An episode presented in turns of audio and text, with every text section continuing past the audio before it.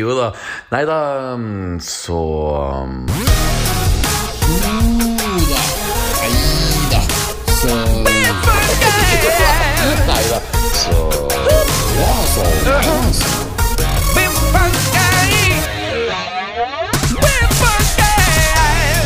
Jo da. Nei da, så Joda. Nei da. Så Mine damer og alle dere andre, hjertelig velkommen skal dere alle være til episode 75 av vår superfreshe Star Wars-podkast. Jo da, nei da, så 75, ja. Ja, det er jo faktisk et minijubileum. Og hvorfor er denne episoden så fresh, du kanskje lurer? Vel, det skal jeg forklare nå. Det er nemlig slik at i dagens podkast så skal vi snakke om episode tre og fire av den nye Asuka-serien, som går eksklusivt på Disney pluss. Og så kommer den sikkert på DVD om noen år. Men det som, ekstra, det som er ekstra spesielt, er jo at episode fire hadde premiere på Disney Pluss for bare to timer siden, så våre tanker og analyser av denne episoden er som sagt superfresh. Det her er noe nytt vi prøver på for å virkelig gi dere 3000 lyttere våre ekte tanker som ikke har blitt filtrert gjennom en rekke YouTube-kanaler, sosial medier-meninger og lignende. Basically, we're the real deal. Mitt navn er Petter Aagaard, and speaking of the real deal, ved min side som alltid så har jeg mannen som til og med vet hvordan man spiller Star Wars-kortspill. Det her må vi spørre han litt om. Mine damer og herrer, her er en mannen som er helt uerstattelig i vår podkast, Mr. Knut Løkse! Takk. Hjertelig takk. Vi har Ja, 75-årsjubileum. ja 75 år, faktisk. Ja, sa jeg det? Sa jeg 75 år? Og en- Combined 75. Vi er Ja. Nå fikk jeg sånn freaky følelse at vi faktisk er inni the world between worlds, og så har vi våknet ut ja. denne Ah. podkasten, og så plutselig hadde det gått ja, ja. 40-30 år. Faen, det er bare 30 Ja. år til jeg er 75. Det var litt Eller 75. Ja, ja. Men, okay, men hvis vi virkelig Hvis vi holder oss friske og bekker sånn 110 og sånn, så rekker vi jo faktisk å feire 75-årsjubileum av vår podkast. ja, Ja, så, så the, You're telling me there is a chance. det var Jeg skjønte ikke hva den droiden gjorde. Hva betyr det? Det ble morsomt, det. Ja, og så nyser man Hæ, hæ, Hazuka! Nei, du, eh, før vi får inn vår gjest, eh, Knut. Eh, har du spilt Star Wars kortspill siden sist, eller, eller snakka du så litt vidt om det i forrige episode også? Ja, jeg snakka om det i forrige episode. Det er derfor du veit det. er Ja. derfor du snakker om det nå, Petter. Nå, Ja. nå, går, nå går det i ball for deg. Ja, du er gammel, vet jeg har spilt det Nå er det noen dager Ja. for det, det som er litt synd nå, at nå datteren min er på leirskole, og der får de ikke lov til å ha med seg en mobiltelefon eller noen ting. Nå har jeg ikke fått snakke med henne heller, så det er jo litt uvanlig følelse. Men uh, Ja, da har vi heller ikke ja. fått spilt dette kortspillet. da. Det er jo ingen andre i familien som har lyst til det. Jeg, jeg får bare med meg datteren på, på, min på de nerdetingene. Men det er, eh, jeg anbefaler det kortspillet. Altså, det Ja. har Det er selvfølgelig et element av flaks og sånn inni det, men den har noen dype taktiske elementer i seg som gjør at du, du blir engasjert i Star Wars-verdenen. Og det, det trodde Ja. jeg faktisk at jeg kom til å bli i et uh, Ja, kall det et enkelt kortspill. Altså, det, er jo, det er jo mer Mm. avansert selvfølgelig enn Vriotter, selvfølgelig, men, eh, Ja. men det er Ja. noe med systemet og hvordan, liksom, eh, hvordan eh, spillmekanikken fungerer der, som er Ja. veldig bra, altså. Tøft, tøft. Ja. Nei, jeg, jeg, jeg, når du viste meg et videoklipp av det, så sa jeg helt ærlig og ordentlig til deg at jeg er litt sjalu. Jeg fikk faktisk lyst til å prøve det også. Så og det er genialt å spille med barna dine. For sånn sånn, jeg driver med det Star Wars Legion, som er sånn? Det tar ti timer å spille det. Du, du må Mm. invitere folk, og de må komme, og så må du legge inn matpauser, og du står, og du blir sliten i beina, og, du må Ja. Det skal males figurer, og det skal lages terreng. Altså, det er, det er så vanskelig å få med folk på det, da. Men et Ja, sånt kortspill det er lett for barn å skjønne, så hvis du vil ha med deg barna på noe kjapt spilt, mm. så Mm, er det, mm. det er veldig anbefalt. Ja, det er notert, altså. Eh, noe annet vi vil veldig gjerne anbefale, er jo så klart eh, konsertturneen til vår kommende gjest. Fordi at uh, dagens gjest, det er jo et uh, familiemedlem å regne. Altså, han her har vært vår podkastgjest en rekke ganger før. Han var faktisk vår aller første podkastgjest, og han driver også en egen filmpodkast sammen med filmjournalist eh, Brita Møyste Engstedt. Og han var gjest nå sist på vår populære forventningsepisode av Asoka. Og da er det jo så klart passende at han er nå tilbake, nå som vi er halvveis i Asoka-serien. Ja, så vi har mye å prate med denne karen om. Har hans forventninger blitt innfridd? Det må vi spørre han om. Så ønsker en hjertelig velkommen tilbake til vår podkast, Mr. Knut Anders Sørum! Som også min kone var veldig forelsket i for 15 år siden. Ja, ja, ja, ja det er artig. May dispense with your pleasantries. Most impressive. Nei, er det noe jeg skal si? You're not a kilogram. Litt stum, ja. Nei, altså Kom, kom på konsert. Ja, ja, ja. ja, men du, la, la oss eh, egentlig bare starte med det, Knut Anders. Også. hjertelig velkommen tilbake. Det er Jo, kjempekoselig å ha Det er jo ikke lenge siden nå, da. Det var Nei, nest, Og- nest ikke forrige, men den før der. At. Riktig, Ja. og, og, og det var jo en veldig bra episode hvor vi skapa mye forventninger og, og hva vi trodde Azuka Tano skulle handle om. Og jeg tror jeg snakker på vegne av oss alle tre at dagens episode, så tror jeg faktisk uh, mange sånne uh, uh, ruter ble kjekt oh. På hva Ja. Oh, yes. Og, Ja. men, men før vi begynner å snakke Star Wars, så må jeg jo så klart spørre deg, Knut Anders. Du har jo eh, strengt tatt en ganske spennende turné eh, ko ko- kommende de neste fire månedene. Har du lyst til å dele våre lyttere litt om det? Ja, nei, det er veldig kjapt. Altså, grunnen til det var at jeg la ut den, eh, den lista nå rett før vi gikk på lufta. Eller rett før vi tok opp dette, og så kommenterte du det. Da, det er jo, det jo veldig taktisk. egentlig, Jeg tenkte ikke på det, men det viser seg jo der. For 3000 lyttere. Nei, eh, jeg, skal, jeg skal rett og slett på juleturné, sånn som i fjor. Sånn som jeg egentlig har vært uh, alltid. Um. Men det som er litt spesielt i år, er at vi gjør kun kulturhus. Oi. og, og gjør det med band, da. Sånn Det er sånn en bor en borgerlig juleturné. Oh, ja. Det er mulig deler av jorden dukker opp uh, uansett, altså, men, men, ja. men, men, men juleturné er liksom blitt veldig sånn kirkete. Og, eh, eller kirkeaktig. Det er liksom kirketurné alle skal på, og det har jeg drevet med Ja. så lenge. Og så tenkte jeg jeg har lyst til å gjøre noe nytt. Tøft. Uh, og så er det jo Det, det er jo man skal, man skal ikke si det liksom eh, negativt om eh, kirkene, men det er ganske behagelig å eh, reise i et kulturhus, da. Mhm. Eh, samtidig som eh, Det er ikke så kaldt. ganske mye enk- Nei, det er ikke så kaldt! Og så har de toaletter og sånne ting. Det er jo ikke Ja, det er sånn, Du må stå må, på toalett, så nei, da må du gå over riksveien, og så må du stå i kø sammen med dem som skal inn på konserten. Ja, Det ja. er veldig koselig. Det er sjarm, liksom. I 35 Ja. år er det skjermen men år 36 Nei da. Ja. ja, men, ja, men Men- det er interessant. Er det en webside alle disse billettene ligger ute på, Knut Ja, Anders? ja. Knutanders.com. .com, ja. ja. Da må dere Ja, sjekke ut det det, er folkens. veldig enkelt. Altså. Ja, det må våre lyttere må dra og se jeg, må, jeg, må, jeg må fullføre resonnementet. For det, det som egentlig er poenget, er jo Mm. eh, at uh, i, i Kulturhuset kan du spille med band, og det er ikke så lett å kjøre, for at det der er det Ah. fryktelig mye klang. da. Så at, eh, Ja. det blir en litt mer funky, litt mer funky konsert enn det har vært før. Vi har med band. Real Yay! funky. Ja, tøft, tøft, Rudolph tøft. the Funky Reindeer. Ja. Ja, ja, ja, ja, skal, hvis, hvis noen dukker opp Ok, greit, nå skal vi ha deal her. Hvis noen Ja. dukker opp med en Yoda Neida stå t-skjorte i salen, Ja. så kommer jeg til å synge På et eller annet tidspunkt så kommer jeg til å synge Real funky! Yeah! Like Hvis noen- Hvis noen gjør det, så skal jeg legge inn real funky midt Ja. inni en låt. Og, noen, og du skal ta bilde. Å ja, ja, da Ja, må du ta bilde. Oh, ja, ta bilde. Altså, Det er virkelig. I know you're out there. Let me Ja. know. Og, og så kan jeg jo eh, si at um, denne episoden er jo litt spesielt siden vi, um, har, vi alle tre har nettopp sett episode fire av Osoka, så møtes vi rett etterpå. Og det som er litt artig med det, er at um, vi da ikke ga ut en podkastepisode forrige uke, siden vi blander episode tre og fire sammen. Og vi har fått flere meldinger fra våre lyttere som lurer på hvor i all verden har det blitt av episode tre. Og en liten shout-out til eh, Sebastian Løberg Sandegård, som bare sånn Hei, eh, jeg får abstinenser her, det har ikke kommet en ny episode på en uke. Og det er en veldig artig måte å, å gi oss et kompliment på. At eh, de liker å høre oss prate. Så jo shout-out skyte inn at det var umulig logistisk å få til i forrige Ja, uke, da. Det var, noen ganger så er vi også litt busy der. Ja.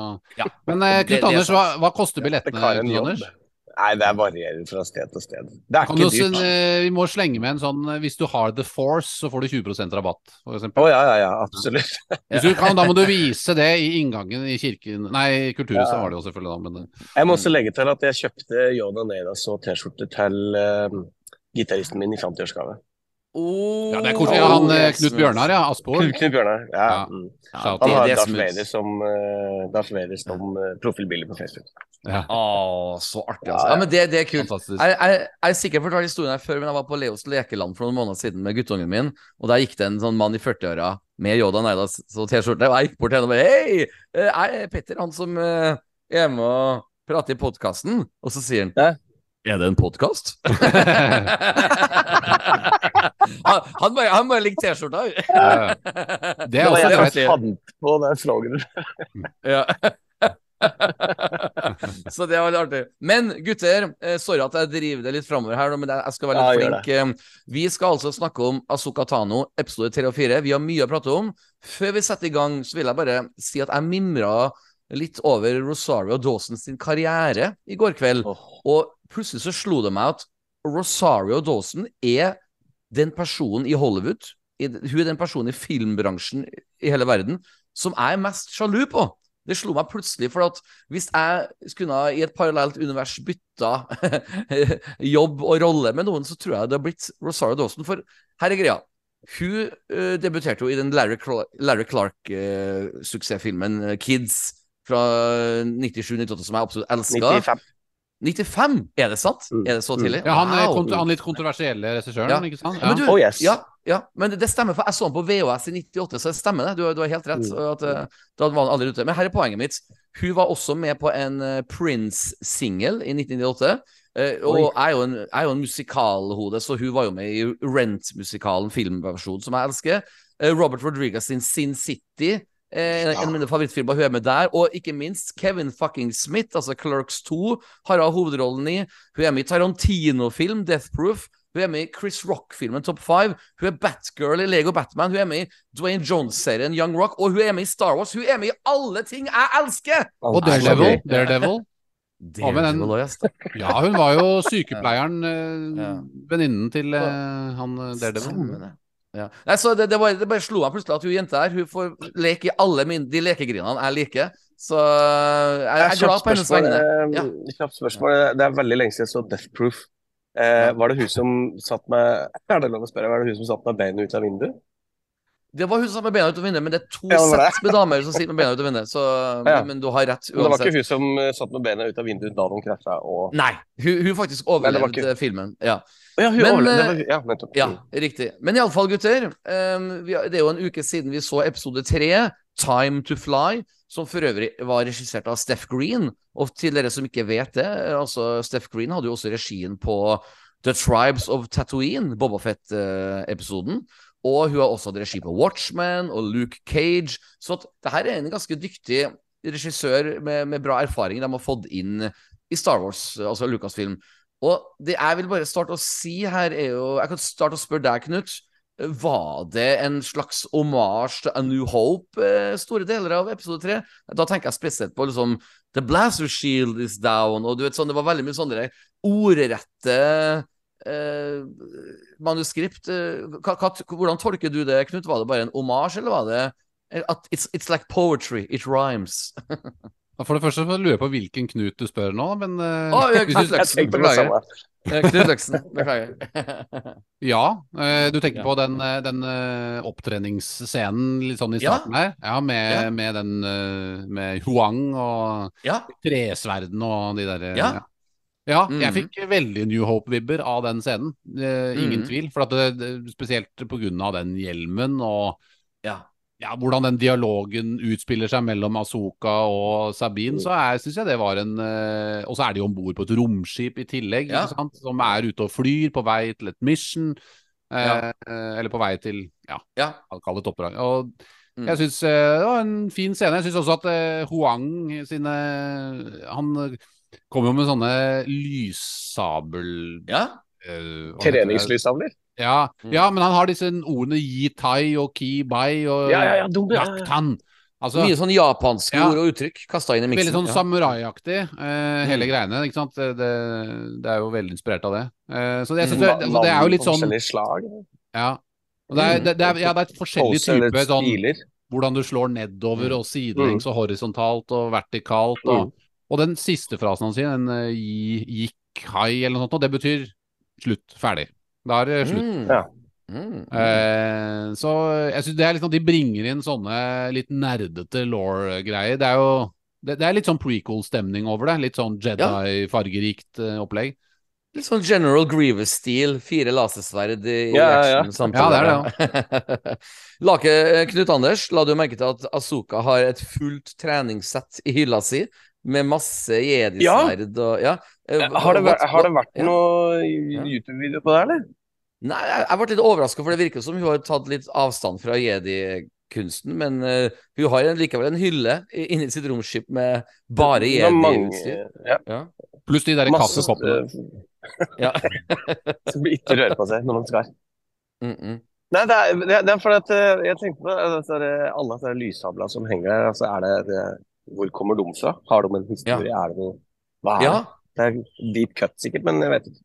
Et eller annet. Det, hva, hva med du, Knut? Tror, har, har det her blitt nevnt i noen bøker, eller at du er praktiserende Grey Jedi? Nei, altså, jeg, altså det, det, det, det jeg kan huske, da ikke, Det er ikke fra en bok, men det er fra en tegneserie, som jo er canon.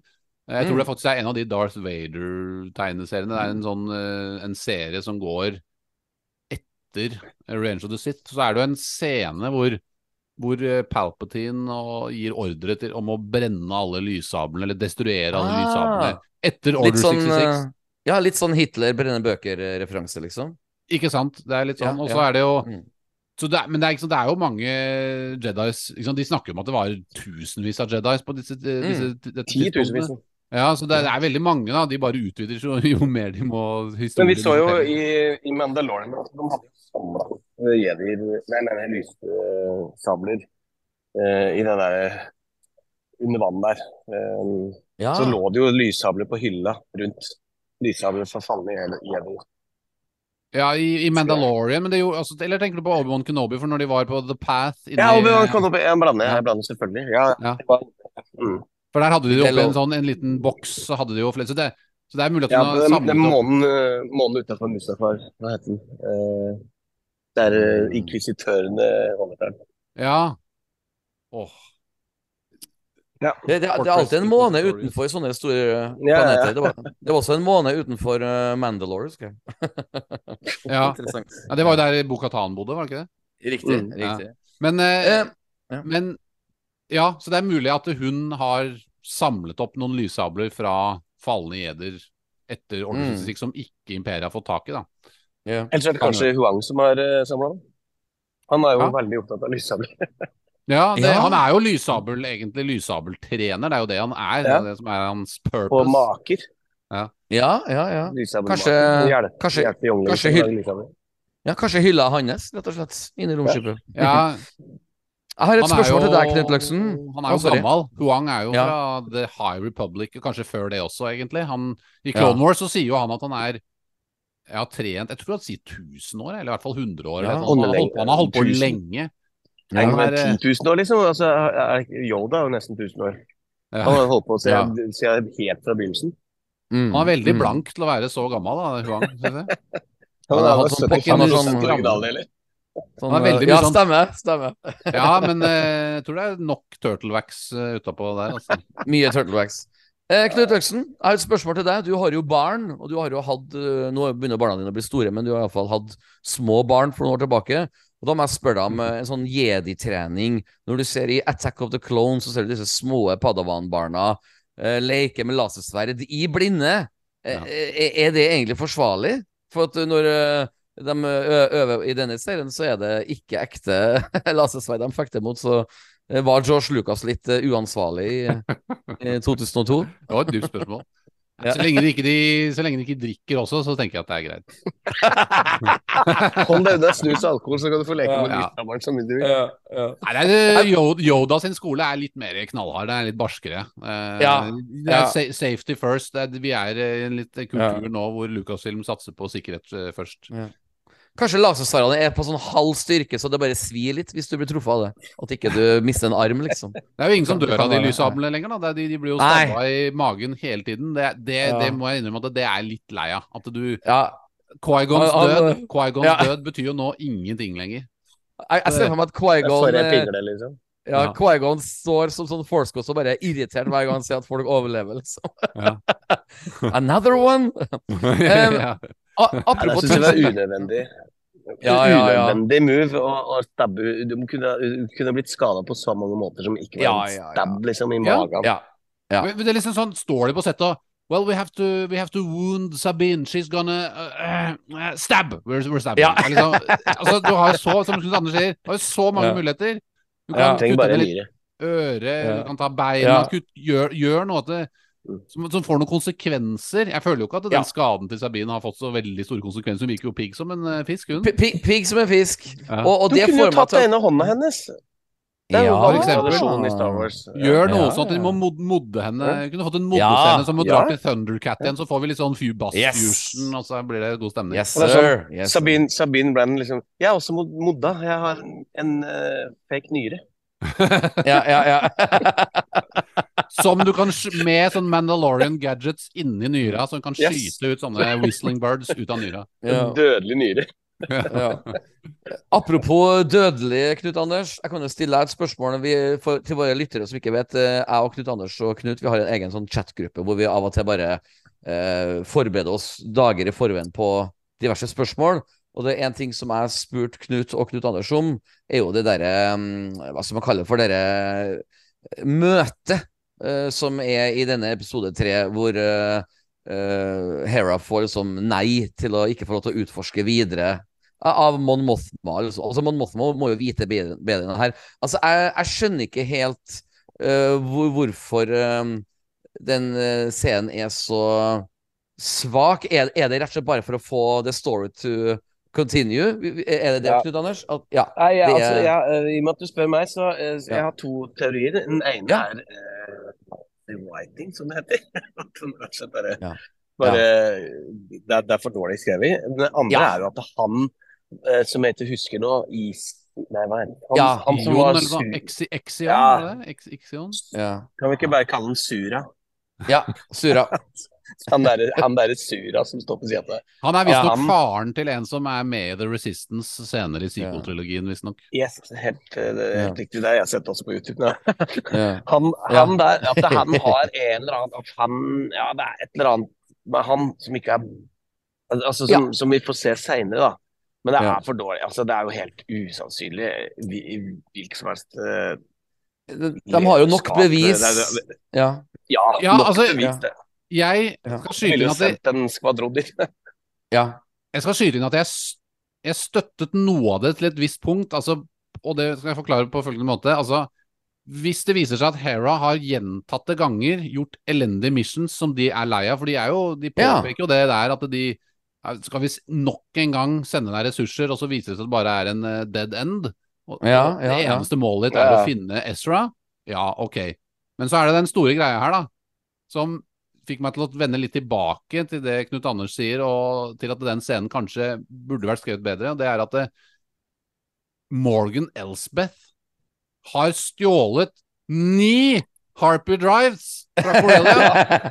Og Enorme. Harper Drives!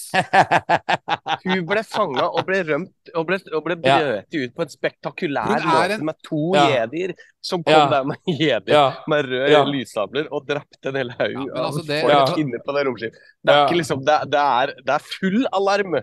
We need Det- more evidence. Ja. Altså, det, det er De eh, kunne heller beskyldt deg for å ljuge. Vi tror ikke jo på deg. De kunne skrive det. Dette er, Ja. dette er for Altså, du skulle skrive at det er så mye bedre. Ja, ja. ja. We Nei, men altså, support the right to strike. ja. Det er så Jævlig bra. The New Republic The New Republic blir fremstilt som døgnikter innimellom i den serien Ja, her, og det, det, det Det sliter er jeg litt kanskje med. meninga.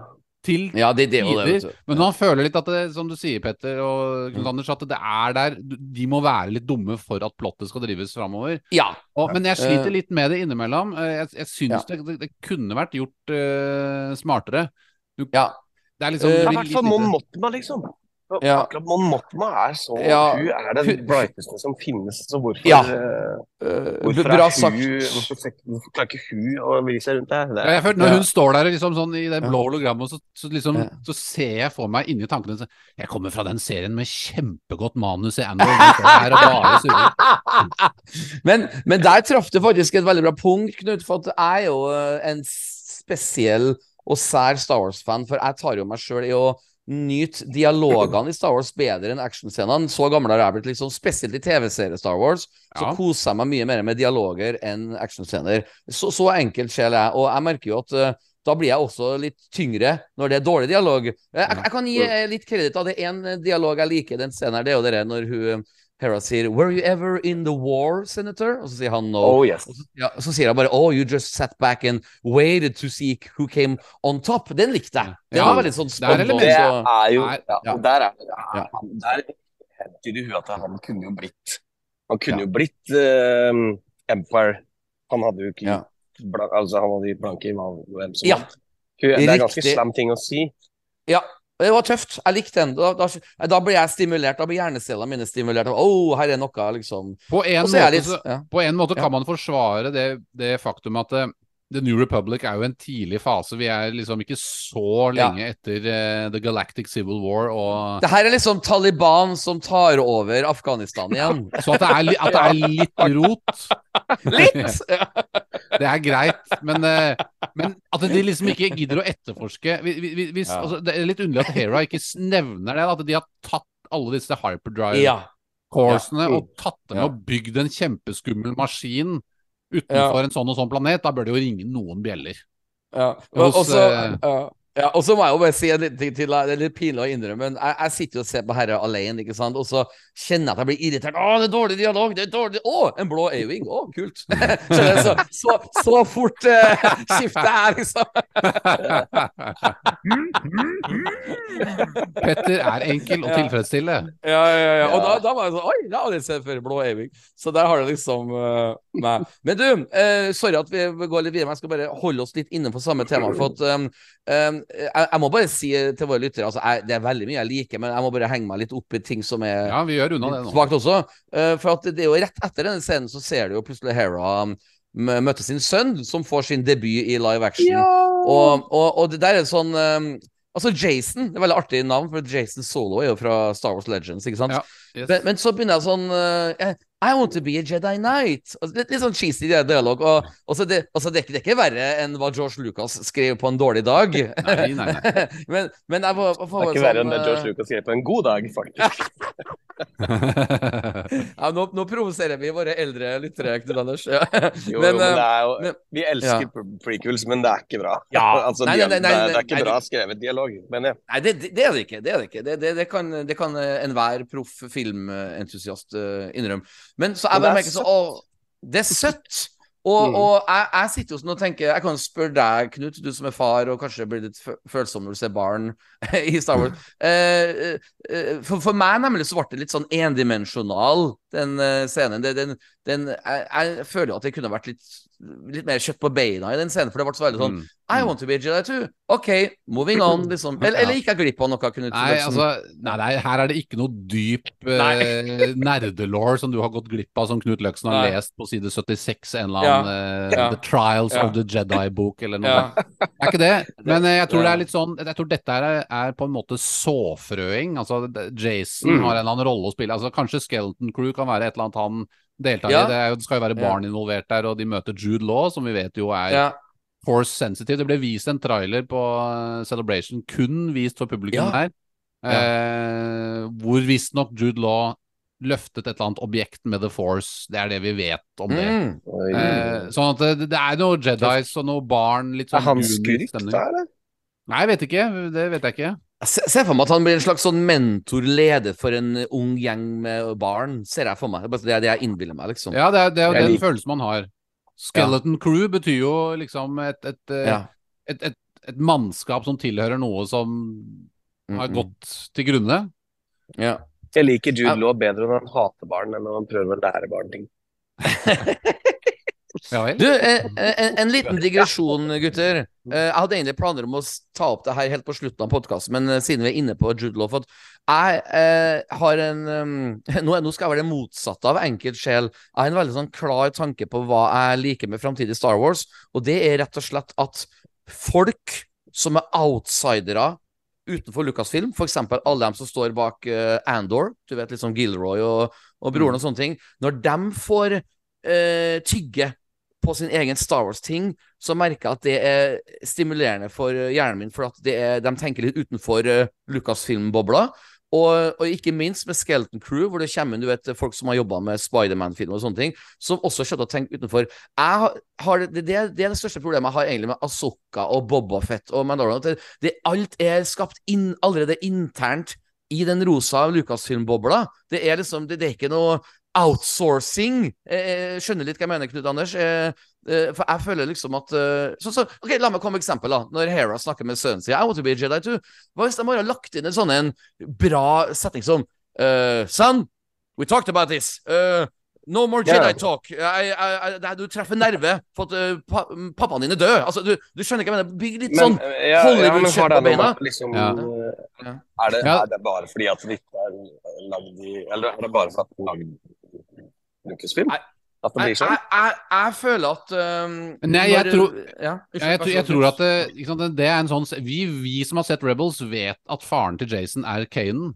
Altså, Så for Ja. oss så skjønner vi mer av den scenen, men det virker ikke som de da gidder å skrive inn mer info om det i den scenen Ja. for å sånn, ja, ja, gjøre det mer spennende det. for andre folk. Og det er jeg jo litt Mm. enig i, at, og det ville også Ja. gitt litt mer Det gir jo mer nerve for meg også, selv om jeg veit at Kanan er faren, men, men det sitter jo ikke like ferskt i minnet mitt heller, som er lenge siden. Jeg har ikke kommet til det punktet heller i Rebels, Nei. eh, det vil se det på nytt nå, men Ja. det, det er eh, Det er litt enig, ikke sant. Det er, det er litt en, Jeg hadde glemt at han fantes, selv om jeg så Rebels. Uh, Åh, jeg. Ja. Jeg òg!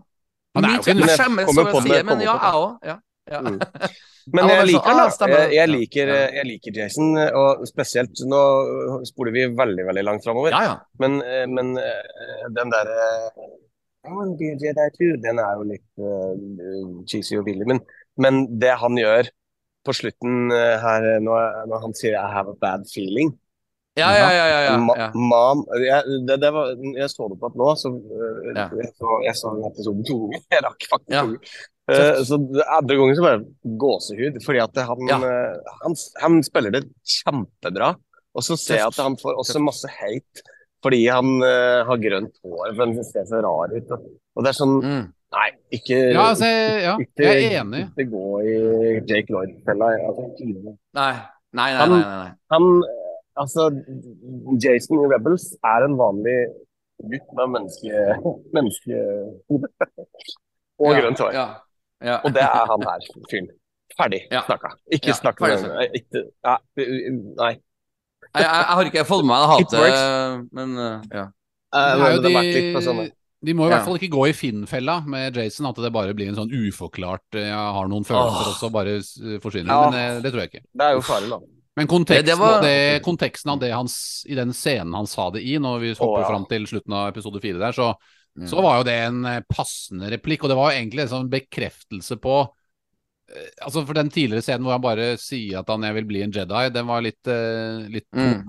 Men nå fikk Mm. vi det litt Mm. mer i en kontekst. Vi fikk egentlig en bekreftelse på at han, ha, at han er force eh, sensitive, Ja. at han har Jedi-ambisjoner. For, han- Ja. for da har vi Yes. allerede kommet til et punkt som er veldig dystert. eh, Vi kommer tilbake til det. ja. Ja. Og, Og så er det, for å- og så er det jeg, må, jeg må bare si en ting til. For, altså, for det, det, det er, den, den, akkurat den scenen har så mye, fordi at det er også en det er også en I have a bad feeling about this uh, obligatorisk scene som skal være i all Star Wars. skal det være en I Mm. have a bad feeling about this. Men dette er første gangen som du faktisk er litt redd. Altså, Du ser du Mm. ser at han faktisk er redd på ordentlig. Man, Ja. I have a bad Og så sier han ikke I have a bad feeling about this, han sier I have a bad feeling. Det er, ja, altså, ja. det er fantastisk bra scene.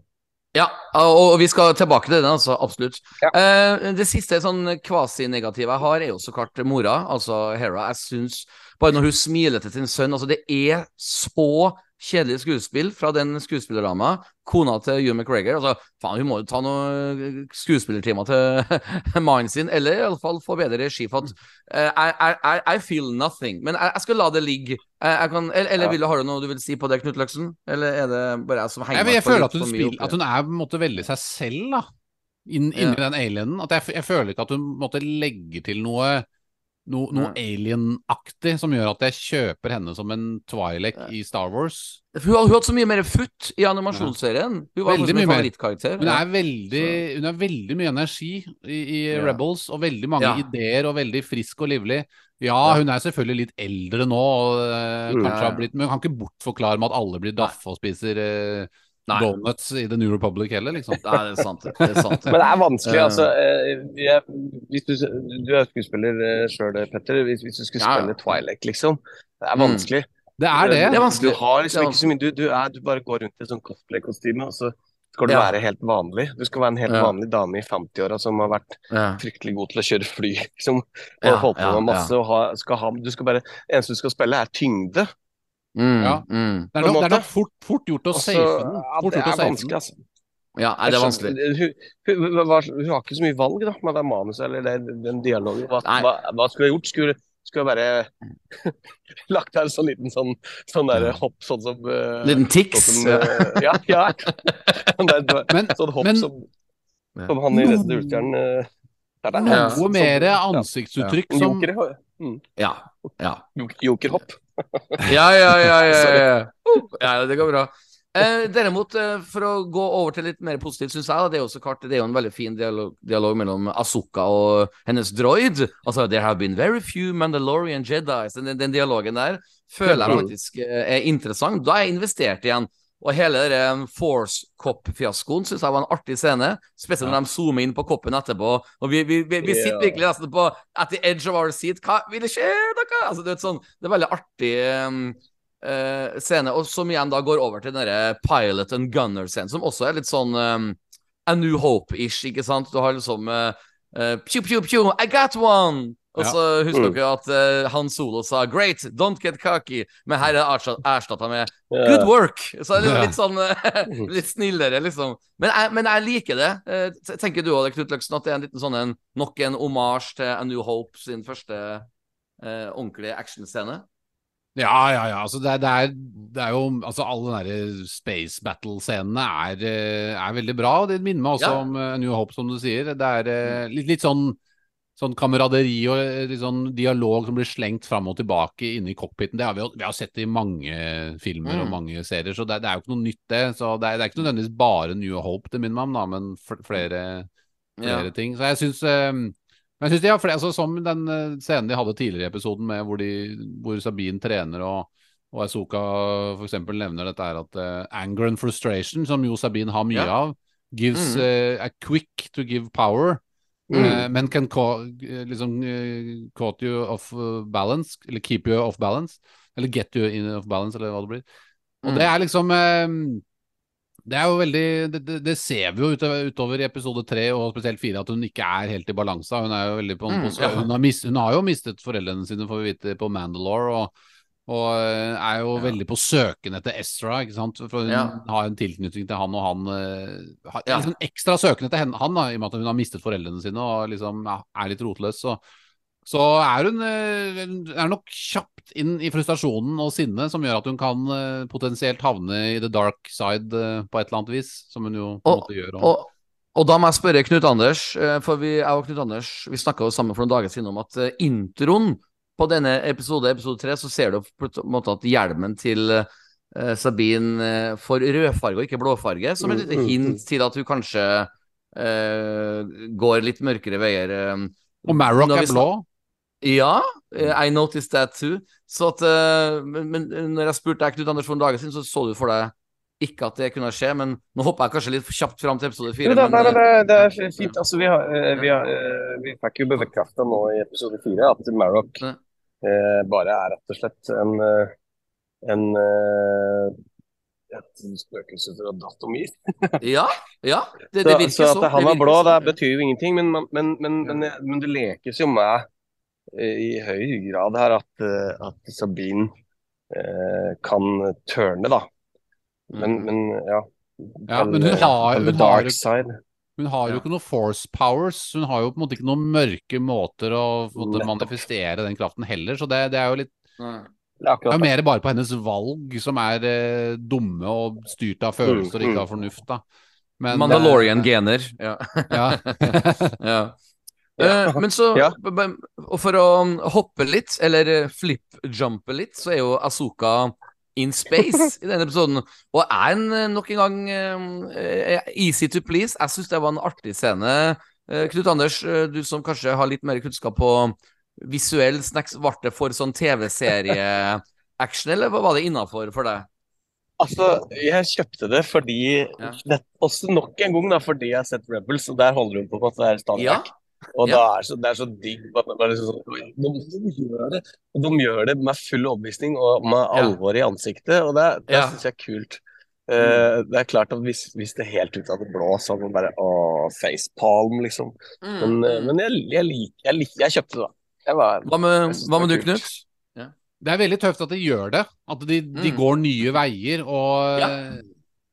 Eh, de stadfester på en måte reglene litt for hva man kan gjøre i Star Wars. Altså, Mm. Det er jo andre scener vi har sett, f.eks. Leia. Hun bare gjorde bank med fingeren, og så bare fløy hun bortover. Det kan tydeligvis ikke Azoka gjøre, men jeg syns det er bedre at det er sånn som Mm, At reglene er sånn som vi ser i denne episoden her, hvis du skjønner hva jeg mener. At det, mm. det er, ja, ok, vi kriger litt her i hva som er lov å utføre i dette universet, men jeg vil jo si at dette er bedre da enn det som skjedde i Last Jedi. Det ble litt for eh, Mm. tullete. Å, tusen takk for at du er enig med meg. Da.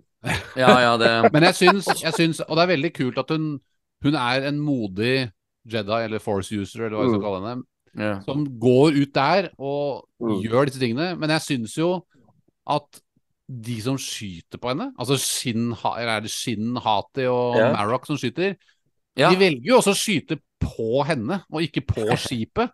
Det er ganske stort, det skipet. Det er sånn ja. Det er en liten prikk utpå det skipet. Nei, jeg kommer til å skyte på den prikken, ikke på vinduet. vingen, sånn at alle ja. dør. ja, ja, ja. Det er jo- sier jo at det er hun skal ut der for å distract dem. Hun skal, hun skal avlede dem. Ikke sant? Ja.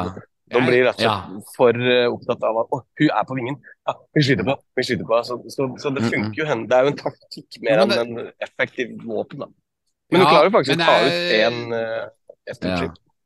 Men hvis, hvis, du, hvis du fløy et jagerfly utenfor jordkloden, og så ser du en satellitt, plutselig så står Og den satellitten, den er den er flere Ja. kilometer stor, og så står Plutselig så popper hit, Hitler opp på toppen av den eh, Knut Anders, og så Hitler har lært seg å deflekte den. Skyt, ødelegger du da den der satellitten så at alt sprenger Ja. med Hitler, eller bare prøver du å treffe Hitler? Skal jeg si en ting? Hvis jeg hadde sett Adolf Hitler på utsida av en satellitt på to lyssabler, så tror jeg jeg Ja. hadde sikta på han, jeg òg. Bra svar. Bra svar. Bra. Bra. Mm, Jeg la jo opp til det der. Ja, det, er faktisk det. Dagens skulle jeg Ja, si. det var, det det, det, er, den, den, eh, havner på min My Story, den der. Ja. Men jeg syns jo at det var en, jeg synes det var en tøff scene. Altså Noen ganger Ja. så, så må du kanskje gjøre noen Eller ha noen logiske brister eller noen valg som er litt dumme for at du skal få frem Ja. en visuelt kul scene. Jeg kan, jeg kan godta det, bare så lenge det ikke blir for mye av det. Ja. Jeg, jeg Logiske litt, brister i Star Wars, ja. det, det, det er jo ikke Ja. Det er jo en- det er- Alt er jo vitenskapelig korrekt der. Det er, ja, ja, en, altså, altså, ja, det er jo ikke science fiction. Det er jo space Nei, opera. det er helt det. Ja. Ja. Så Det er en altså, scene bare I til- virkelig verden så tar det jo mange mange timer å bare ha på seg en romdrakt. Ja. ikke for en Um, Jedi, ikke for en Jedi, men Nei, nei. Super eh, Jedi speed. Jeg, jeg har Men, men jeg, jeg må bare nevne en ting til i forhold til at, det, at actionscener som ikke, som ikke makes no sense. Og det, for det er jo en scene til hvor når de kjører gjennom den ringen De blir angrepet av den ringen til Morgan Elspeth. Ikke sant? Og den skyter jo mot dem. Og så når de liksom kommer seg inn i ringen, da kan ikke den ringen skyte Når de kommer forbi på andre siden, da kan den ikke skyte lenger, liksom. Altså jeg syns, syns, Sånn, Sånne ting syns jeg er litt, litt underlig. da, det er sånn ja, vi, Ja. Vi, vi angriper den fra den siden som Hvis de hadde angrepet på andre siden, så kunne de ikke ha skutt i det hele tatt. Kan ikke de Ja, snu, de turretsene kan ikke Ja. snu seg, liksom? Det er sånn Phantom Menace-feil. Der var vet du, mye det Trade Federation som uh, passa på planeten, uh, og så plutselig senere i filmen så var de ikke der lenger når de skulle besøke planeten igjen. Men det kan jo hende den, det Kan jo hende at den ringen ikke er fully operational. Ja, Oh, bra svar.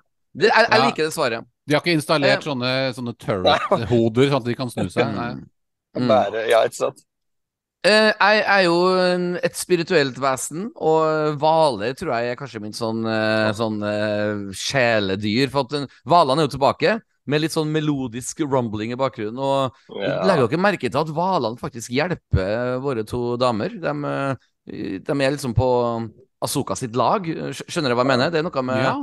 halen deres som prøver å finte ut uh, fienden. De vet hva de driver med. Ja. Jeg tror det er øyekontakt, og de senser og jeg, jeg, jeg, jeg skjønner ikke folk som ikke liker hvalene. Jeg kjøper Nei. det helt rått, det. Det, det synes jeg det, Jeg også har hørt om folk som Vi vil bare ha sånn klassisk Star Wars, og alt skal være likt med Ja. originaltrilogien. Men det er jo Neida. mange nye ting. Altså Underveis i originaltrilogien så får vi, blir vi presentert for Ja. mange sånne wow-øyeblikk. Altså Du har The Rancor, du har, du har den derre meteoritt Eller den derre asteroidemonsteret som Ja, Han ja. Solo sånn bor inni. Den også er jo gigantisk. Du er faktisk et asteroidemonster i vakuum. Ja. Altså, det er ikke noe dummere det enn Star Wars. Enn en Space mener jeg. Nei, nei, nei. Og de, de bruker også tid på å forklare litt om historien og lauren rundt Pergles på slutten her. Huang forklarer liksom, Ja, ikke sant, at, de, at de, det var historier på Jedi Ja, Det likte jeg. det likte jeg. undervisningsrommet Mm. om at det, Purgles var sånne Star Whales som brukte hyperspace lane. Så det var liksom Ja. Her har de tenkt litt, grann, da. Så jeg synes, Mm, ja. Og, og det, det faktum at de Det er jo helt opplagt at det er noe med at det, denne hyperspace-banen som de går i fra denne planeten Cetos, som de, vi er på mm. nå, det er jo derfor de har lagt bygd denne ringen her, fordi at de har skjønt det at disse Purglesene bruker den mm. banen, da. Så Ja. her er det Så dette, er, dette liker Ja, ja. jeg veldig godt. At de har Ja, gjort det ja, ja, ja. Det funker veldig, veldig bra. Um, jeg har egentlig bare ett siste spørsmål angående denne episoden her som jeg ble tatt litt på senga av. Jeg, var på, jeg hadde konsert på en festival forrige helg, og så møter jeg en hyggelig mann som hører på vår podkast, og så klarer jeg da ut av out of the blue å si at um, hun blonde Dark Jedi Jeg glemte navnet på akkurat nå. Finn. Eh, takk, takk, Finn Hati. Jeg, jeg, jeg hadde en rar greie og sa at Altså, mine to favorittkarakterer så langt i Asoka sier, er jo disse to Dark Jedis. eh, Og jeg føler at det handler veldig mye om skuespillerutstrålinga eh, de har. Altså, han, han mannlig er jo hands down superbra. Altså, jeg Ja, ja. investerte bare kameralinsa går på han. Men jeg føler det samme med hun. Jeg føler at hun, for du ser hun er litt, litt sånn eh, ikke, ikke go Jo, kanskje litt sånn gothisk uh, look på henne, selv om hun er blond. Og hun er bare in character, og så sier jeg at jeg kjøper rått, og så sier han fyren jeg snakker med på festivalen og hun er den karakteren jeg liker minst. Så jeg må bare spørre deg, Knut Løksen, hva jeg går glipp av her? For at, eh, er er det bare for at jeg vil like henne, eller, eller hvorfor tror du at folk ikke liker henne? Er det for at hun konstant skal se litt gothisk ut? Er det som provoserer, eller? Kanskje noen føler at det er litt sånn typisk Ok, de bare spiller på at Ja. hun, har, hun er veldig god Ja. hun, er god på å spille, har litt sånn creepy, horror-aktig mimikk. Ja. Jeg kjøper det, Eh. Jeg kjøper det. altså, Hun har, altså, Mm. Jeg også liker henne fordi at hun er en del av Master and Apprentice-dynamikken Ja. med Balen og Shinhati. Mm, mm. Altså, Balen er jo veldig opptatt av ære, eh, lojalitet, eh, det å holde ord, ikke Ja. ljuge. Altså, og hun, er, hun har en sånn, pad, en sånn Padawan-flette, sånn som Anakin har. Ja, ja, ja, ja, det artig. Altså, selv om han virker som han egentlig hater Anakin, da, men, eh, eh, og er veldig uenig i alle hans valg. Og hans, Det er veldig rart å hate Anakin, som ble Darth Vader. ja. Ja, men, ja, men, Men han eh, han han, han, han hinter noe om det i episode Ja. Han har noen dype setninger som eh, blir spennende å utforske videre. Yes. Det kommer Ja, til ja, ja. Og, jeg, Mm. men, eh, ikke sant? og i det faktum at i, i, også i den konteksten da, så liker jeg hun uh, Shin Hati, og jeg syns hun spiller Altså både fysisk sett, hvordan hun utfører actionscenene sine, eh, og hvordan ansiktsuttrykket, skuespillet og hvordan hun leverer dialogen, er kjempebra. Så jeg, Mm, mm. folk må gjerne ikke like henne, men det kan Ja. være andre grunner til det. Men jeg syns ikke at eh, man objektivt kan se, sett kan si at hun Det- gjør en dårlig det- figur. Det er for tidlig å si. Hva tenker du, Knut Anders? Er du enig med meg? At du, du er litt sånn intrigued av hennes karakter, eller? Yeah, um, jeg er ikke forelska, jeg, liksom. Men, at, Nei, eh, nei. men Det vet jeg syns det er Nei da, men, men jeg syns, det er veldig kul. Og jeg, jeg, det, det, jeg, syns det er interessant fordi at hun, hun um, Altså begge de to, som du sa også, er, er ekstremt interessante fordi de er ikke bare ensidig onde. Og hun Mm, følger mm. veldig sin master. Hun følger veldig med, og jeg syns hun har noen utrolig interessante blikk Når han Ja, sier og gjør ja. ting, så ser hun ser veldig mye på han. Ja, Og hun, ser, hun søker bekreftelser i han, og hun, Ja. for, for, for hun så er også han et mysterium, da.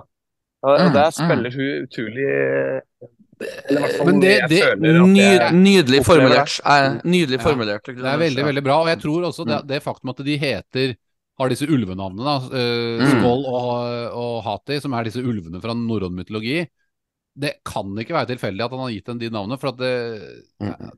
det kan selvfølgelig bare synes, uh, være at uh, Dave Filoni syntes det var, var kult å gi dem det navnet, for han er Ja, veldig Mm. opptatt av ulver. Men Loth Wolves i Rebels-serien er jo veldig viktig i historien der. Så at du har to gråsone-jedier som har ulvenavn som etternavn, Ja. hvor også Ja. da mesteren, altså Balen Skoll, er veldig interessert, får vi vite etter hvert, Mm. i å finne Ezra, eller han vet om Ezra, som jo hadde Ja. en veldig mye kontakt med disse Loth-ulvene. Mm. Eh, Jeg føler ikke at det er tilfeldigheter ute og går her, da, egentlig. da.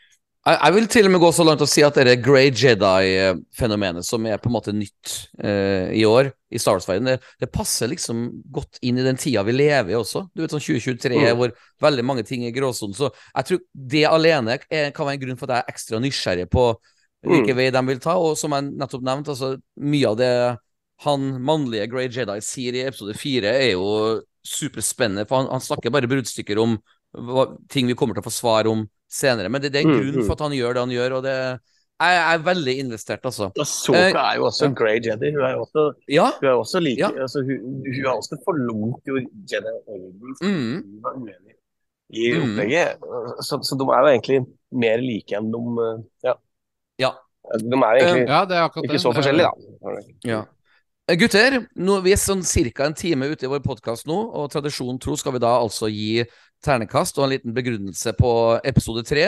Uh, jeg, jeg kan faktisk starte, for jeg har kanskje den mest overraskende ternekastet. For at uh, det jeg likte, likte jeg veldig, veldig godt, og det jeg ikke likte, uh, trakk ned. Så for meg så blir det faktisk en, en solid firer. Eh, men ta det med ro, det, det blir høyere ternekast i neste episode. Men eh, firer for meg eh, eh, altså, jeg, jeg, setter, jeg, har, jeg har visse krav når jeg skal gi ternekast fem, og veldig store krav når jeg gir ternekast seks. Da må alt være perfekt. Og gudene skal vite, jeg har gitt ternekast seks før, altså i Disney pluss Star Wars-serie. Men det her blir en firer for meg. Jeg, er investert, og jeg kjente at jeg gleder meg til neste episode. Eh, så, men uh, kun en fire fra meg. Men en fire er bra, som jeg alltid bruker å si. Fire Ja, er høyt opp. Fire er bra. Ja. Knut, ja. Knut Løksen, eh, dine tanker og terningkast? Nei, jeg har nevnt et par av disse negative tingene men som gikk mer på action-ting. Også denne mm, senat-hologramscenen som Ja. også var litt uh, tam, Ja. og at New Republic opp, Det er litt for billig at de oppfører Ja. seg så dumt, da. Bare for Ja. å we have to Kunne move vært bedre manuskript akkurat der, ja. Ja, men allikevel, det, nå har jeg ikke fått sagt så mye om eh, hva jeg elsker med denne episoden. For det er faktisk veldig mye som er veldig bra. Altså, Vær så god. disse space-hvalene er jo fantastisk, syns jeg. For det, det handler om det, De er jo ikke bare der fordi at eh, Ok, nå skal vi se et monster, dere, fordi det er gøy i Star Wars. Nei, Mm, de mm, er der fordi de mm. er- de skal fly på denne hyperspace-banen sin fra et punkt til et annet, altså sannsynligvis til den andre galaksen vi snakker om. Så de er der av en grunn. Så det er ikke bare, ja. bare visuelt Star Ja. Wars-fanpleasing som du bare har putta inn der. Mm. Eh, For oss som har sett Purgles før, selvfølgelig, så er jo det litt interessant, for de dukker opp i Rebels. Vi ser det i solofilmen, og vi så en liten snutt av dem i Mandalorian sesong tre, var det vel? Grogu- Episode én, riktig. riktig. ja, hvor han ser ut av den lille søte kuppelen sin. Mm. Eh, og så syns jeg altså, Jeg syns også er eh, Det er mye eh, fin dialog også, i tillegg til det som, eh, som var Ja. litt slapt slapp, da. Mellom Asoka og, og, og Sabine i begynnelsen her, mellom Asoka og Huang.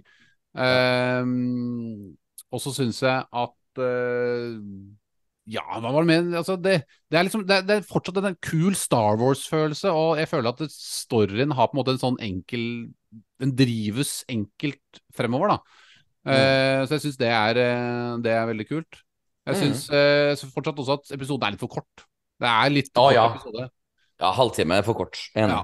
Den er, eh, det var den definitivt korteste episoden så langt. Da, og jeg syns Mm. at uh, det, det, det liksom, Den lider litt under det, for at du får liksom ikke det der måltidet du føler. At du bygger seg opp, og det er den rette dramaturgien hele veien. da. Jeg syns det er litt Mm. eh, synd. Men uh, jeg tror jeg lander på en uh, sterk firer. Jeg syns det er bedre Å, enn en firer. interessant. Ja. Ja, men, ja, men kult, kult. Eh, jeg, jeg, kan jo egentlig si meg enig, jeg også, at det er en sterk firer. Nei, jeg tenker meg om nå, så det, det er jo ikke bare en vanlig firer, men en sterk firer. Uh, Knut Anders, vær så god. Ja, jeg er enig med Altex sier, ehm, faktisk. Det, det, for meg så er det færre ting som trekker ned. Jeg tenkte ikke så veldig over at den var så kort. Men eh, den, den scenen, hologramscenen, den famous, Ja. den trekker ned så mye. At Ja. at det er at det, at, eh, men, men jeg har ikke noe annet. Jeg syns alt annet er helt awesome. Mm. Så for Ja. meg blir det en svak femmer, altså. Ja, Ja, men det er bra. Jeg må vippe det opp dit. Det kan være at de, det er bra, det. Ja, det, kan, det kan være at de syns det var gøy altså, de, er vel på, det- er, de er vel på det samme møterommet igjen som i Return of the Jedi, hvor Mon Mothma har disse Ja. talene sine. Yes, Det er yes, Bare der, det er, gøy å bare med- er en factor. Bare, bare, Ja, bare ja, location ja. er oh. Helt fantastisk. Jeg er enig. Jeg er enig. Jeg er enig. Eh, jeg, jeg, det inntrykket jeg har fått av eh, fanmiljøet rundt på YouTube og Facebook-sider og sånne ting, så er det en terningkast fem den ligger på. Sånn sju av ti på sånne amerikanske uh, scores og sånne ting. Men nå derimot skal vi over til episode fire, som jeg har en følelse kommer til å få mer enn terningkast fire. Vi skal nå snakke altså om The Fallen Jedi, episode fire, eh, regissert av eh, Peter Ramsey. Og for de som ikke vet det, han var en av regissørene bak eh, Spiderman Into the Spider-Verse, en film som er en soleklar sekser i min bok. Han har tidligere regissert um, Chapter 21 av Mandalorian, The, The Pirate. Den har vi diskutert eh, opp og ned i mente. Ja. Så, men jeg kan bare starte å si at jeg trodde at det her skulle være en sånn en jakt i skogen-episode. Altså nærmest en filler. Eh, hva var det han Luke sa igjen i episode fire? I was wrong. Takk Gud, jeg tok feil. Det, det, det ble mye mindre enn Jakt i skog-episode enn jeg trodde. Og jeg kan jo bare starte med det Altså, det, det er jo så mange ting vi skal snakke om her, og vi har jo sett denne episoden for første gang alle sammen bare for tre-fire timer siden. Men Ja, det. jeg, jeg, kan starte med det som var gøy i starten, som man glemmer på slutten, for det er så mange store ting som skjer på slutten. Men det starter Mm. faktisk med at en droid slåss med en droid. En droid Ja. versus droid. Og det tror jeg bare jeg sånn bokseteknikk. ja, og, liksom. og, og, og nå skjemmer jeg sikkert litt, for jeg jeg skjønner å bli arrestert av dere begge to. Men jeg tror ikke jeg har sett det i Star Wars før. Eller, eller har det For det var veldig artig å se to droider eh, i skikkelig slåsskamp. Det var, det var fresh, ny Star Wars for mine øyne. Eh, hva med du, Knut Løksen? Eh, Likte hun, og føler du at det der var noe du har sett før i Star Wars? Nei, altså jeg har jo sett at uh, battle droids har blitt Ja. programmert av andre, men da tror jeg de bare har Ja. stort sett bare skutt på hverandre. Jeg tror ikke de har gått sånn ha Korrekt. korrekt. hand to ja. hand. Ja, Det, det, skjedde jo i ja. Clone Wars. eh, Så Ja. nei, dette, dette Ja. føler jeg var noe nytt, ja. Vi har Mm. Og det var jævlig kult. Bra, bra er CGI. Ja. Gøy å se at uh, Huang har noen moves inne, da. Jeg synes det var Oh, litt yes. han, han har noen sånne protokoller inne i huset sitt, liksom, at uh, hvis han blir truet, så så drar han fram eh, noen eh, Jeg syns Ja. det er litt rart, da, hvis han er en sånn lyssabelekspert, at han ikke Ja. har noen egne lyssabler, da. Ja, Kunne ja. eh, kjørt Og- noen Grievous Og, han var og jo- sånn Han var jo ute Ja. på reparasjon. Ja, han var det. Det er sant, det. eh, og, Ja. og, Jo, men han, hvis du går ut i en mørk skog og du er en Jedi lyssabeltrener, så bør du jo ta Han er jo ikke Huang er jo smarting, da. Han er ikke programmert for mørkredd, vet du. Nei, så, og så hadde han litt sånn en help, help. Ja. Ja, det var veldig morsomt. Jeg, jeg, jeg flira. Det- Jeg, jeg elsker Star Wars-humor, og det var liksom sånn help. Det var ikke Altså, noe var det jo- walkietalkie eller noe sånt, det var bare help. Ja. Veldig smart uh, måte han varsla dem på. For han dro ut Ja. eh, sikringa. Og det, Yes. han gjorde det, men det var ikke noe som skjedde med uhell. Det gjorde han med vilje for å varsle dem at noe skjer. Ja, Ja. gjorde han det, ja? Ja, det, Ja, ja, det, det, Ja, ja. det Ja. synes jeg så veldig tydelig. I hvert fall sånn jeg så det. Så så så, så, så, så, dro ut Ja.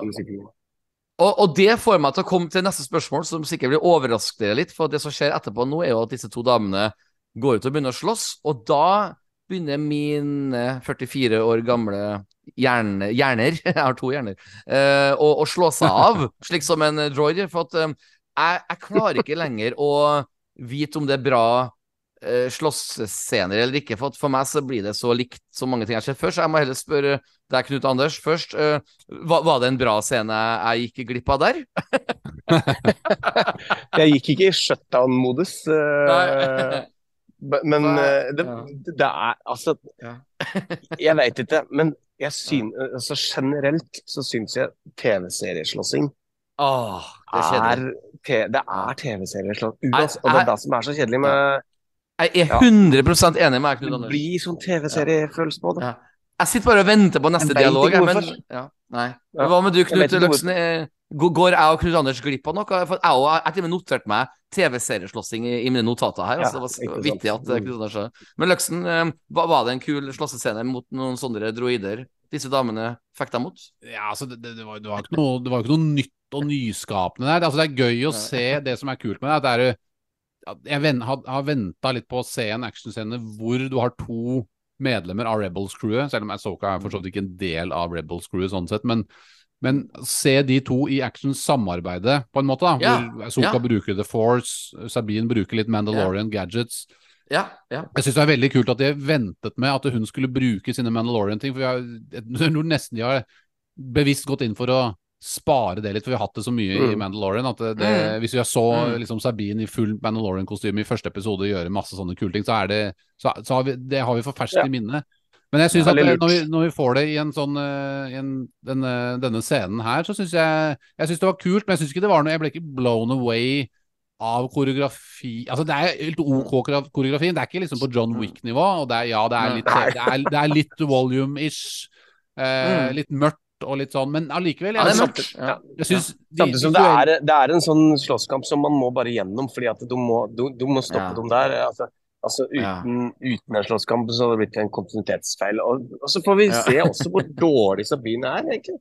Det, det er overraskende. Ja. Hun var jo så helt insane på slutten av Rebels.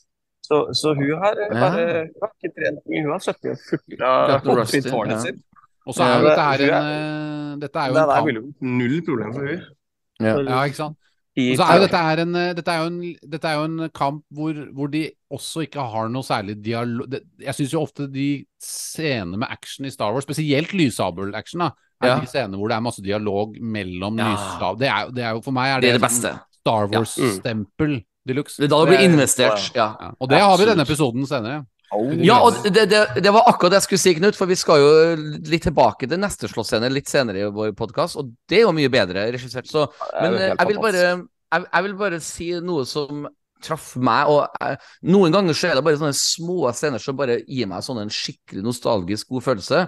Og for meg, ganske tidlig i denne episoden, så var det jo rett og slett når eh, Hera får disse fem-seks X-wingene rundt seg.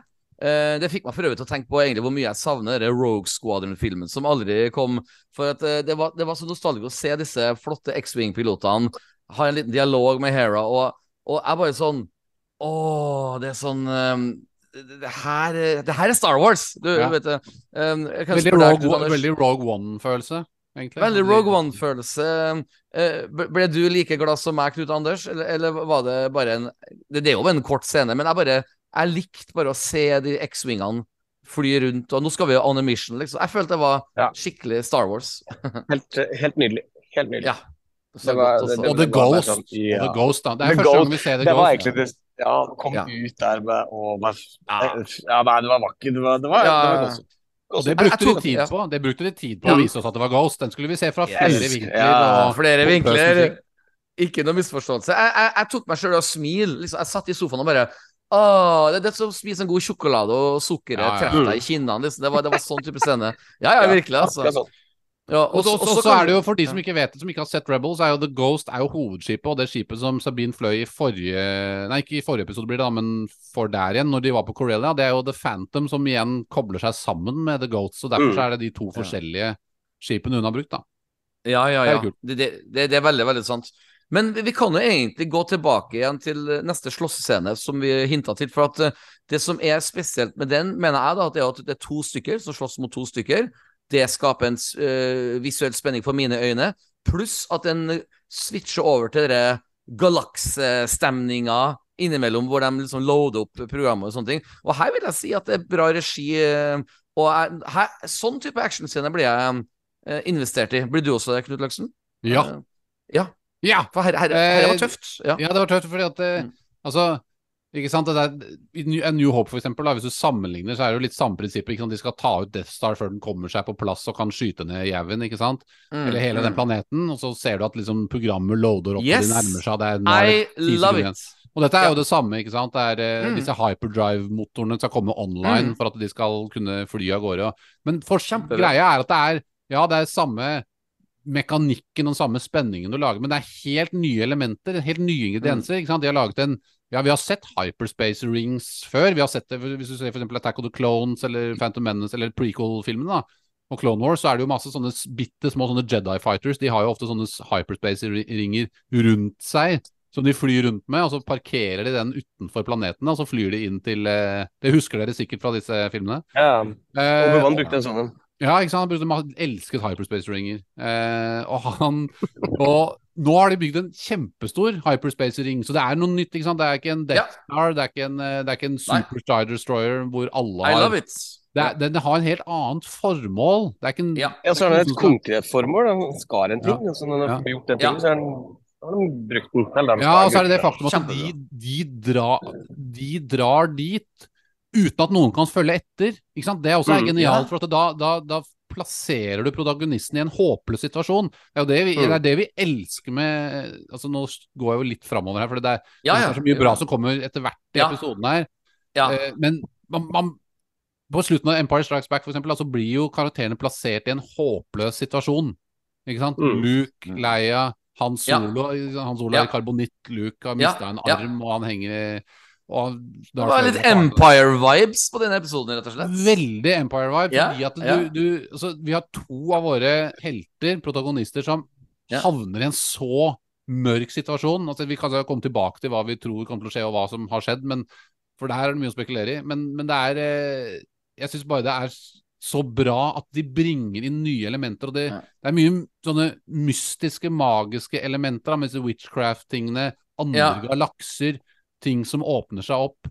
Eh, Ja. altså, å gjøre sånne ting i Star Wars er jo det Star Wars trenger nå. Fordi Ja. at vi kan ikke gå i en sånn stalemate-situasjon hvor vi bare er Sånn som du sier da, Petter. For det var dette Mm. som var litt motargumentet det du sa i stad. At Ja. eh, du er litt lei av at folk inni Lucas vil bare leke med hverandre inni den lille boblen Ja, sin. ja, ja. Men jeg syns at de som er inni den boblen, har nå på en måte klart å Ja.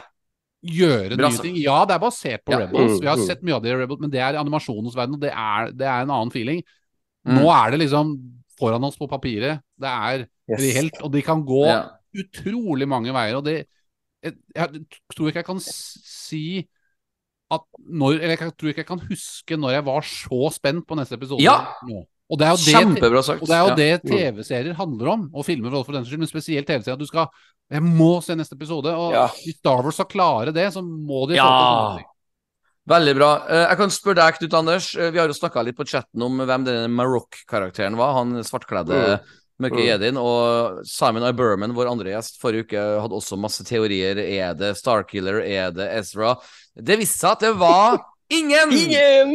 Eh, ja, men, men, men altså, det er, det er Det er jo en person inni der, for så vidt. Ja, Ja, men jeg okay. tror ikke sant, det, Du sa det jo litt i starten, Knut Anders. Altså en Dathomir eh, Det er noe Dathomir-magi ute og går her. Mm. Ja. Og det er Ja. jo Det kan ha en koble altså, For de som ikke veit det, så var jo Mother Thalsin var jo hun som eh, reparerte Darth Maul ved hjelp av Mm. Ja. Derfor, sånn heksemagi, da. Også han broren eh, ble også reparert. Savage av og Press, ja. Og de, Savage. ja, han grønne. Ja. Ja. Mm. Og de er jo Night eh, De er jo det som kalles Night Brothers. Det var jo da de mannlige gutta Mannlige gutter, faktisk. Som bodde på Dathomir sammen med Night Sisters. Det fins jo mannlige gutter. Ja, det finnes Eh. Ja. Jeg, jeg, har, eh, jeg kan avbryte bitte litt her, for nå er vi midt i dere. At Jo, men det jeg eh, mente, da Ah, Kan, unnskyld, dette, kan dette være et, et Night Brother-spøkelse? En Night Brother-zombie? Ja. Sa- Savage og Press Altså Nå går jeg veldig langt. En Savage og Press Ja, ja. zombie. Darth. Maul-zombie, for å dra det veldig langt. Det er sikkert ikke det, men, men det er koblinger mellom riktig- Night Sisters og disse gutta. Altså det er, det er, Absolutt. Hvis jeg husker riktig, når Savage og Press døde, så For han fikk jo masse Night Sister magic eh, inni seg, Ja. Mm. og, og ble stor og grønn, skulle jeg si. Eh, Men når han døde, så Lucky så bastard. Da, yes. da han døde, så, så, så bare kom det Får jeg ikke til dette her uten å le. Så da, da skrumpa han sammen og ble en sånn som, Og ble bare En vanlig, vanlig ja, Skrumpa sammen. Ja. en vanlig dude. Og Ja. mens det kom masse grønt som bare vella ut av Litt sånn som når han Marokk døde nå. Det er sikkert Jeg- de, de, jeg kan jo, de kan jo vekke opp et lik og bare putte noe grønn magi inn i, og så putte på en dress med maske og være Ja. visitør.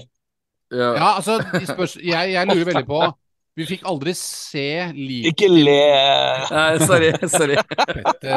Han, du er akkurat sånn som de der når jeg skulle ha foredrag på ungdomsskolen. Ja, Da fikk jeg sånn. alltid øyekontakt med sånne Petter Aagaarder i klasserommet, og da fikk jeg alltid latterkrampe, så det ble aldri noe foredrag. Da fikk du latterkrampe. Ja, ja, ja, jeg klarte, klarte ikke jeg, jeg, jeg tror jeg må skru av skjermen til Petter, faktisk. Jeg, ja. Nei, men altså, Det er altså, noen vi- ting som er vanskelig å si. Ja. Jeg tror uh, Marrock Altså, vi fikk jo aldri se liket hans, det var det som var poenget mitt. Uh, Vi så at det kom sånn grønn guffe ut av han, ikke sant? og uh, Og um, Ja. mistet, altså. og altså, det kan være en blanding da at hvis han er en zombie, altså et, et, et, at han har en kropp Og så er det Men- så men- kroppen men tror fortsatt- vi kommer til å se igjen?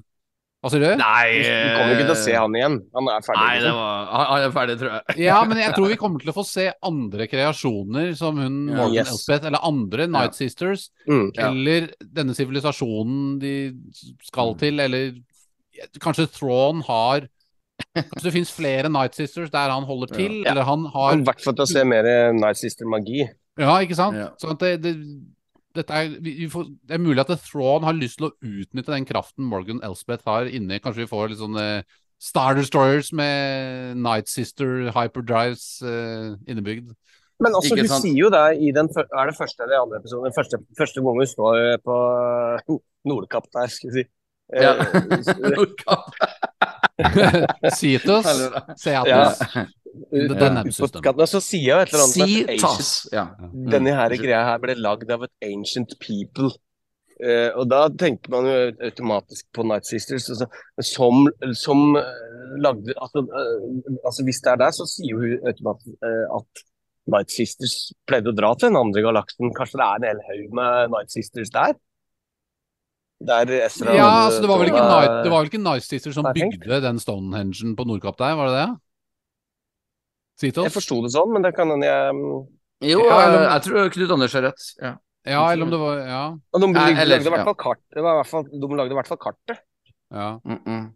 Ja, ikke sant? Nei, ikke. de er, det virker som Night Sisters er i hvert fall hvis, hvis det er det Hvis faktum er at de har bygd dette her for å komme seg til den sivilisasjonen som er i den andre Ja. galaksen, så er det jo fans av denne På en eller annen måte av denne andre sivilisasjonen Ja. og vil ut, altså, utveksle kunnskap eller et eller annet. Mm. Kanskje, kanskje The Night Sisters laga flyeren. Jeg får vi sikkert eh, vite. Ja. Eh, gutter, eh, apropos sånn big reveals, nå viste det seg at han Maroc var Uh, ingen Grønn. av de eh, han, han var grønn. Uh, Full of eh, the green goo. Og, og det, det, det minner meg litt om denne solofilmen, han solofilmen, hvor eh, helt på slutten av filmen så er en spennende person med stor sånn en maske, og det skal være en big reveal. Jeg, var på premieren, husker jeg, i Trondheim, og hele kinosalen holdt på å vippe foran på stolen når den maska gikk av. Og det var en fest nest, en person ingen hadde hørt om, liksom. Alle som trodde det skulle være noe spennende, liksom. Jeg følte det var litt sånn type øyeblikk igjen, hvor du bare Men det er jo vår fansen vår sin skyld. Vi kan Yes. ta tak i alle. Ja. Selv om vi ikke, har- vi har ikke sett kanskje den endelige konklusjonen, konk, eh, Mm. Det er jo egentlig ingen grunn til å skulle tro at han var noe mer enn det det han var. Men, Nei, men, men, vi, vi eh, ønsker det, vi håper vi lager fanteorier, og det er det som er Det vi gjør det, vet du. Ja. Mm. Um, jeg har et spørsmål nå som det kan hende at dere ikke har tenkt på, men det er iallfall mitt største issue med den episoden. Det er jo at eh, rett etter han var blir drept, så står jo Asuka da ca. 15 meter unna Sabine, som fortsatt slåss med eh, hun blonde Dark Jedi. Og istedenfor å da hjelpe Sabine, som for øvrig hennes Ja. droid sa, 'stick together', Og, og vi vet jo hva som skjedde for to-tre episoder siden, at hun ble stukket i magen av hun blonde. Så, Ja. så Asoka da bare forlater området og Ja. lar uh, Sabine fortsette å slåss uh, for Bare, å gå I videre til neste I don't get it! Knut Ja, men Løksen. Hun sa jo bare 'I got this', liksom. Ja, og Nei, det er så dumt. altså, det er så dumt. Jeg, jeg, jeg, da, da haka mi ramla på gulvet. Men vær så god, Knut Løksen.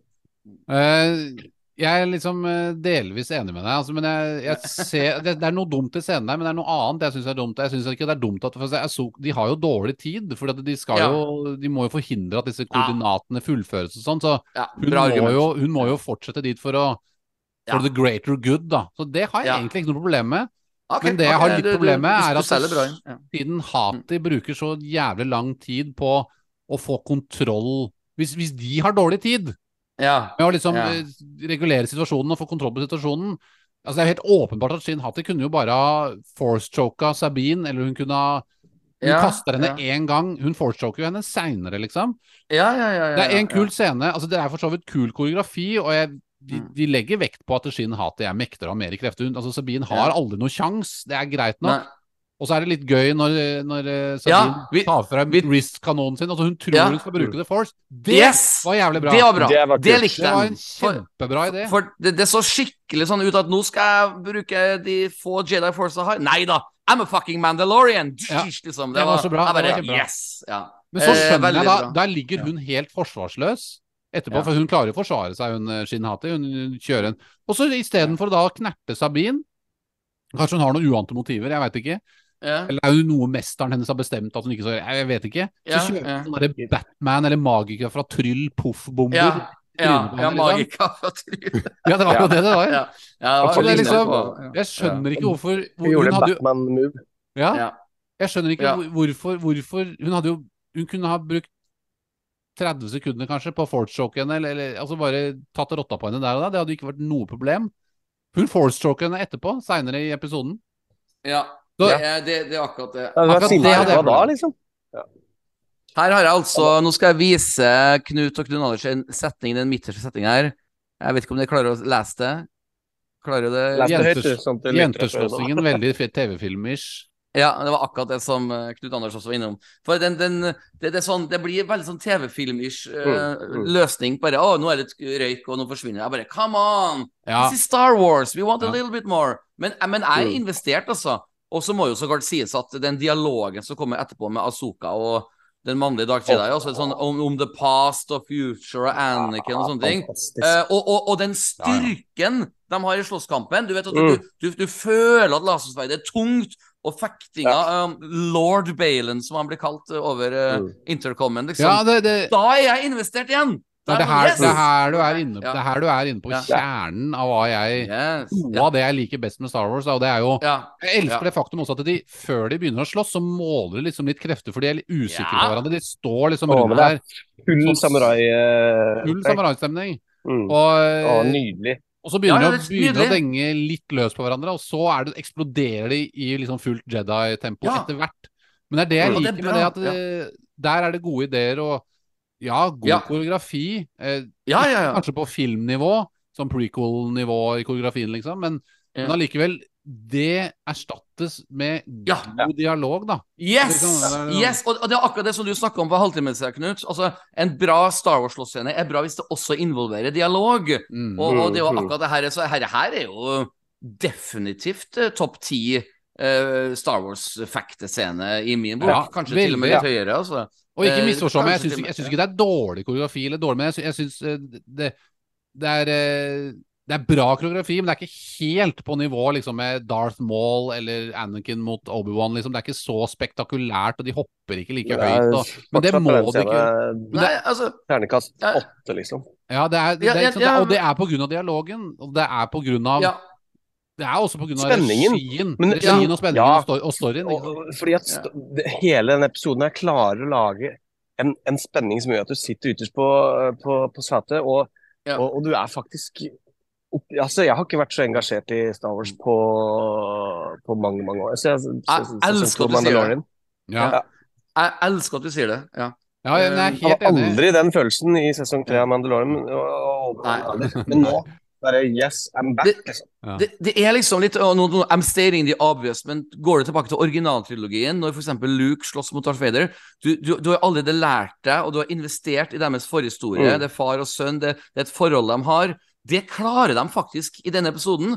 Med å, Ja. På grunn av dialogen så tror du på eh, og, og det er til og med mystiske svar han kommer med, og du vet sånn at Og, og jeg bare Mm. kjenner sånn Det her er jo bedre enn nesten alle slåssscener i prequel-trilogien, spør du meg. For der er det ofte bare å vise dem hvor flink man er å slåss, men det er for ja, ja. lite uh, story. Så dette her er Ja. applaus. Ja. Ja, det er, det er utrolig bortsett fra den uh, i snøen da, med Kylo Ren og Ray i Force Awakens. Den er bra. Ja, den er veldig Den er god. Alt ja. Force Awakens drit. Ja. Men det er, ikke sant, det er mange interessante Det er, det er veldig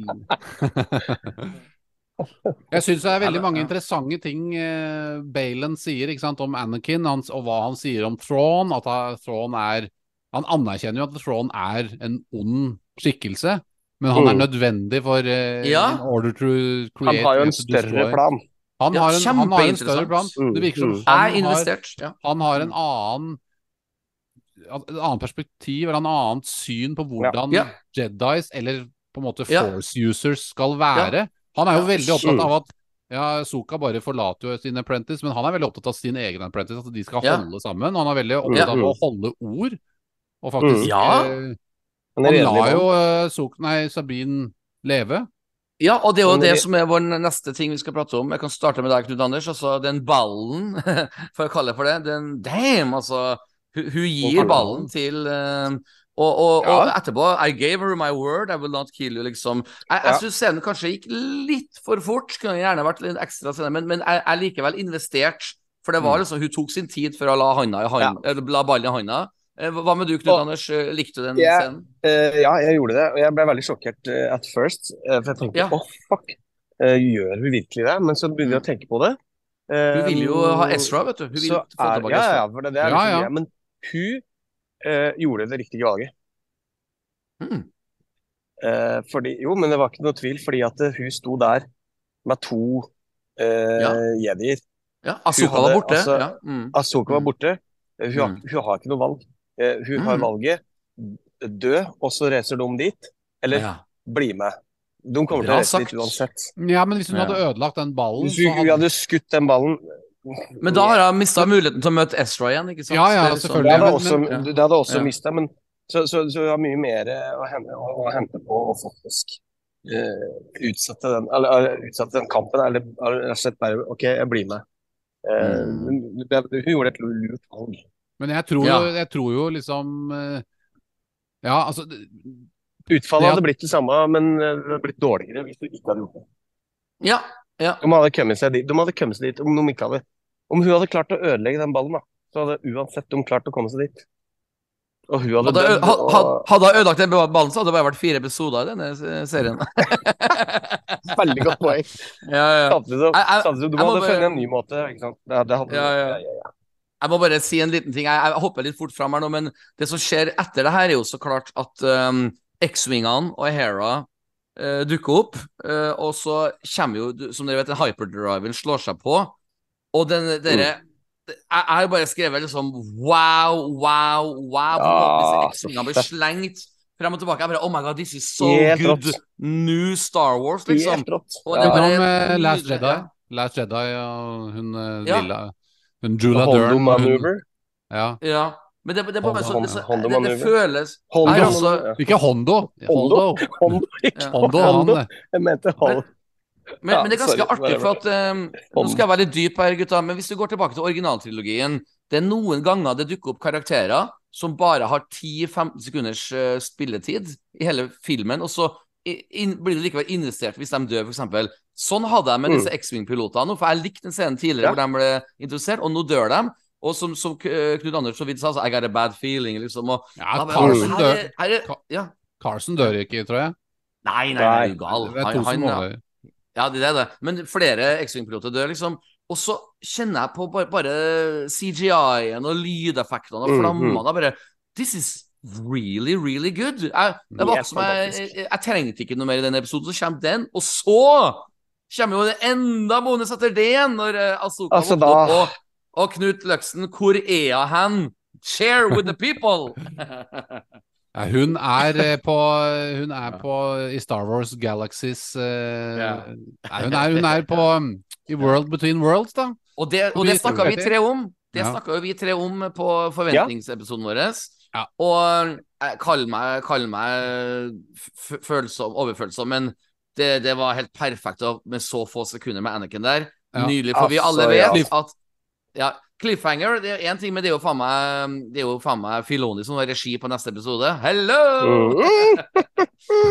Selvfølgelig. Så, så jeg kan jo, nydelig. jeg kan jo, kan jo spørre deg, Knut Anders, hva følte du og tenka du når Anakin dukka opp der? Altså, jeg har Jeg, jeg, jeg hadde ingen tårer eh, på lager, Ja. for at det var Ja. altfor tidlig på morgenen. Men jeg Ja. mentalt gråt. Jeg var revna inni meg, liksom. Det var helt magisk. Det er Ja, det, det best, altså, den episoden her Nå skal jeg si noe kontroversielt, Ja. men den episoden her ja. rager høyere for meg enn siste episoden i Mandalorian sesong 2. Oi! Ja, Ja, ja, ja, men men, det- og, og, og, og det, det, det er kontroversielt, men jeg skjønner hva du Ja. mener, og jeg, og jeg respekterer det. For jeg satt og sa Hei, nå er vi i gang! Nå er vi i gang! Let, Ja. Nå er Mm. serien i gang! Og det følte jeg aldri f.eks. for eksempel med Mandalorian sesong tre. Etter hver episode bare når, når, når, skal vi komme i gang? Ja. Og jeg er nesten fascinert nå over hvor mange feil de gjorde i Mandalorian sesong tre. For her er vi i sesong, episode fire av uh, Ashoka, og jeg er bare sånn Yes! We are on Ja, ja. roll! det, det, Og det, ingen detour, ikke noe filler-episoder, ikke noe dritt. Ikke Nei, nei. noe folk som skal drive og ja. flyge rundt på Coruscant og være, være Ja. Nei.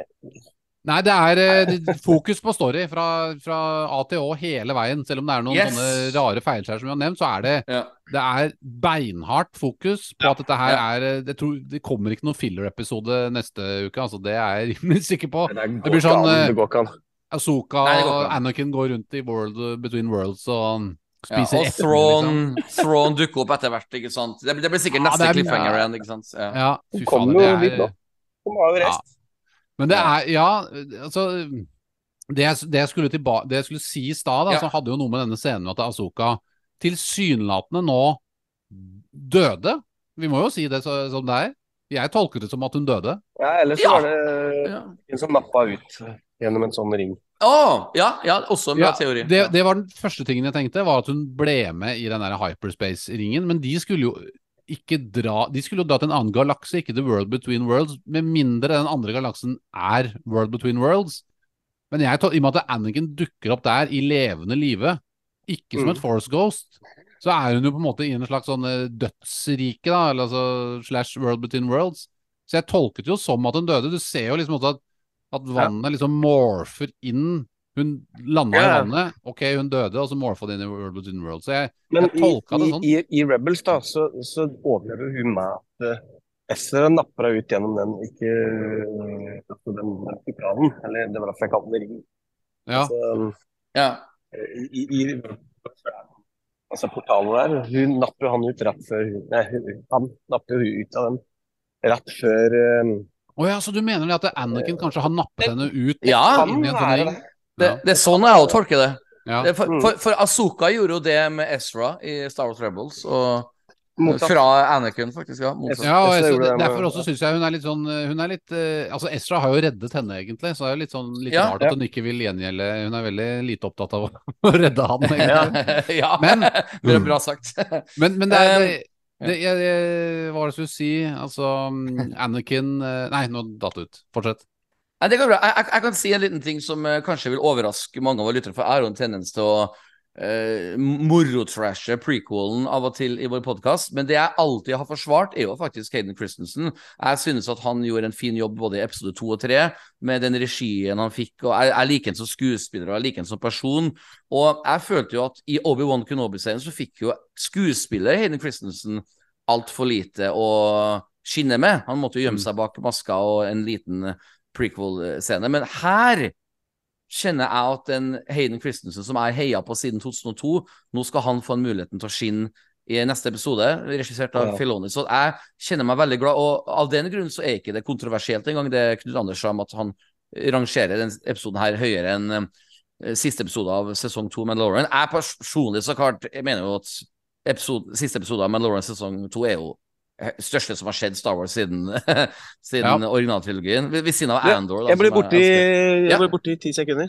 Det går bra. Ja, ja. det går bra Så, så Knut, eh, eh, for å spørre et litt sånn rart spørsmål, for vi har jo tulla mye om prequelen. Vi- Ironisk nok så har vi sikkert sett prequel-filmene mer de siste 20 årene enn vi har sett originaltrilogien. Men følte du eh, eh, la, la meg om- for- omformulere spørsmålet. Når jeg så Attack of the Clones for første gang, så satt jeg sammen med en skuespillerstudent, venn av meg.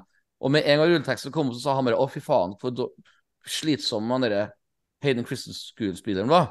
Og jeg sa 'Oi, det tenkte jeg ikke på'. Hva tenkte Nei. du, Knut? Mm. I, så- altså under hvordan Ja, Hayden Christensen fremsto i, Ja. i Gjør prequel-trilogien. Ja, vi hører Ja, deg, ja. Knut Anders. Det er litt, Mm, mm. var litt sånn uh... Litt sånn X-Wing-pilotlyd på Knut Anders. Er. Han, han, Ja. ja, men det går bra. Det går bra. Uh, se Roger, Roger. Ja, det, det er jo Wolf Trapper himself. ja, ja, Ja, det var det. det var. faktisk.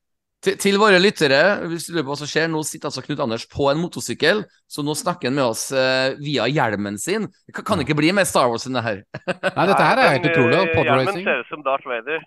Ja. Og Marrock. Litt sånn kombinasjon av begge deler, egentlig. Ja. Men eh, jeg kan bare stille spørsmål til Ja. En gang til. Altså, hvilket, hvordan så du på Hayden Christensen i episode to og tre eh, av Star Nei. Wars? Uh, Altså, I utgangspunktet så syns jeg at uh, jeg var Man ble jo litt overrumplet av prequel-trilogien. Det var liksom ikke det man forventa i forhold til at man hadde or- mm. i, i minne. Og Ja. i kontekst av det så var ting litt uvant. Så jeg syns liksom ikke Jeg, jeg, Mm. jeg syntes vel ikke noe sånn verken fram eller tilbake om, okay. uh, om Hayden, men jeg husker at jeg syns Ja. at i Revenge of the Sith så var det veldig mye bedre. Men det er fordi okay. også at storyen er bedre. Så mitt Ja. førsteinntrykk var at Ok, i Revenge of the Sith, da, er vi, da, da leverte han en bedre prestasjon. Men han er også inne i en, en bedre historiekontekst, da. Ja. Det er jo forferdelig mye dårlige greier i Attack of the Clones som gjør at hans eh, vesen altså Det bare ser så dumt ut. Da tenker jeg I'm sorry, my lady. Ja. I'm sorry, my lady. I don't Mm, like yeah. politics. I, I wish to start uh, Og det er liksom.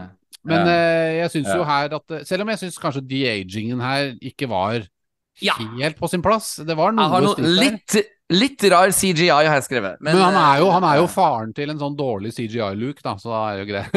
Ja, ja, ja. Oh, bra sagt. Men, men eh, det, det egentlige spørsmålet jeg skulle spørre deg, Knut, er jo egentlig at ble du også like glad som jeg og Knut Anders ble når liksom uh, Hayden, altså da Anakin, dukker opp, og der er det Ja. Jeg syns det er en magisk Ja. scene, for folk glemmer at det er, det er en enorm tidsperspektiv mellom denne scenen og den, Yes. fra da den scenen hvor Asoka 40, forlater 40 år, sikkert. Ja. Fra da Asoka forlater Jedi-ordenen, da ser jo ikke hun han noe mer. Nei. Eh, eller jo, vent da, hun ser han vel i episode Nei, i sesong syv så ser vel de De sier ha det til hverandre i en eller annen scene i, ja, men det, det, eh, det er likevel 40 år. ja, det er liksom. likevel 40 år. Så det er, det er Mm. veldig, veldig veldig lenge siden. Eh, sånn at det, og hennes forhold til Anakin var jo mye viktigere enn det i hvert fall folk som ikke har sett animasjonen, eh, vet. da. Mm, mm. Sånn at eh, det at de gjenforenes nå, og kombinert med en sånn Anakin Skywalker redemption arc, eller yeah. at han yeah. bor eller er til stede i denne World Between yeah. Worlds og styrer The Force, eller gjør ting og trekker i tråder og sånn, det er Og at hun, og at hun er litt Ja. rotløs eh, og egentlig ikke Hun har jo mistet troen på Jedien. Er det dette her som kan få henne til å snu igjen?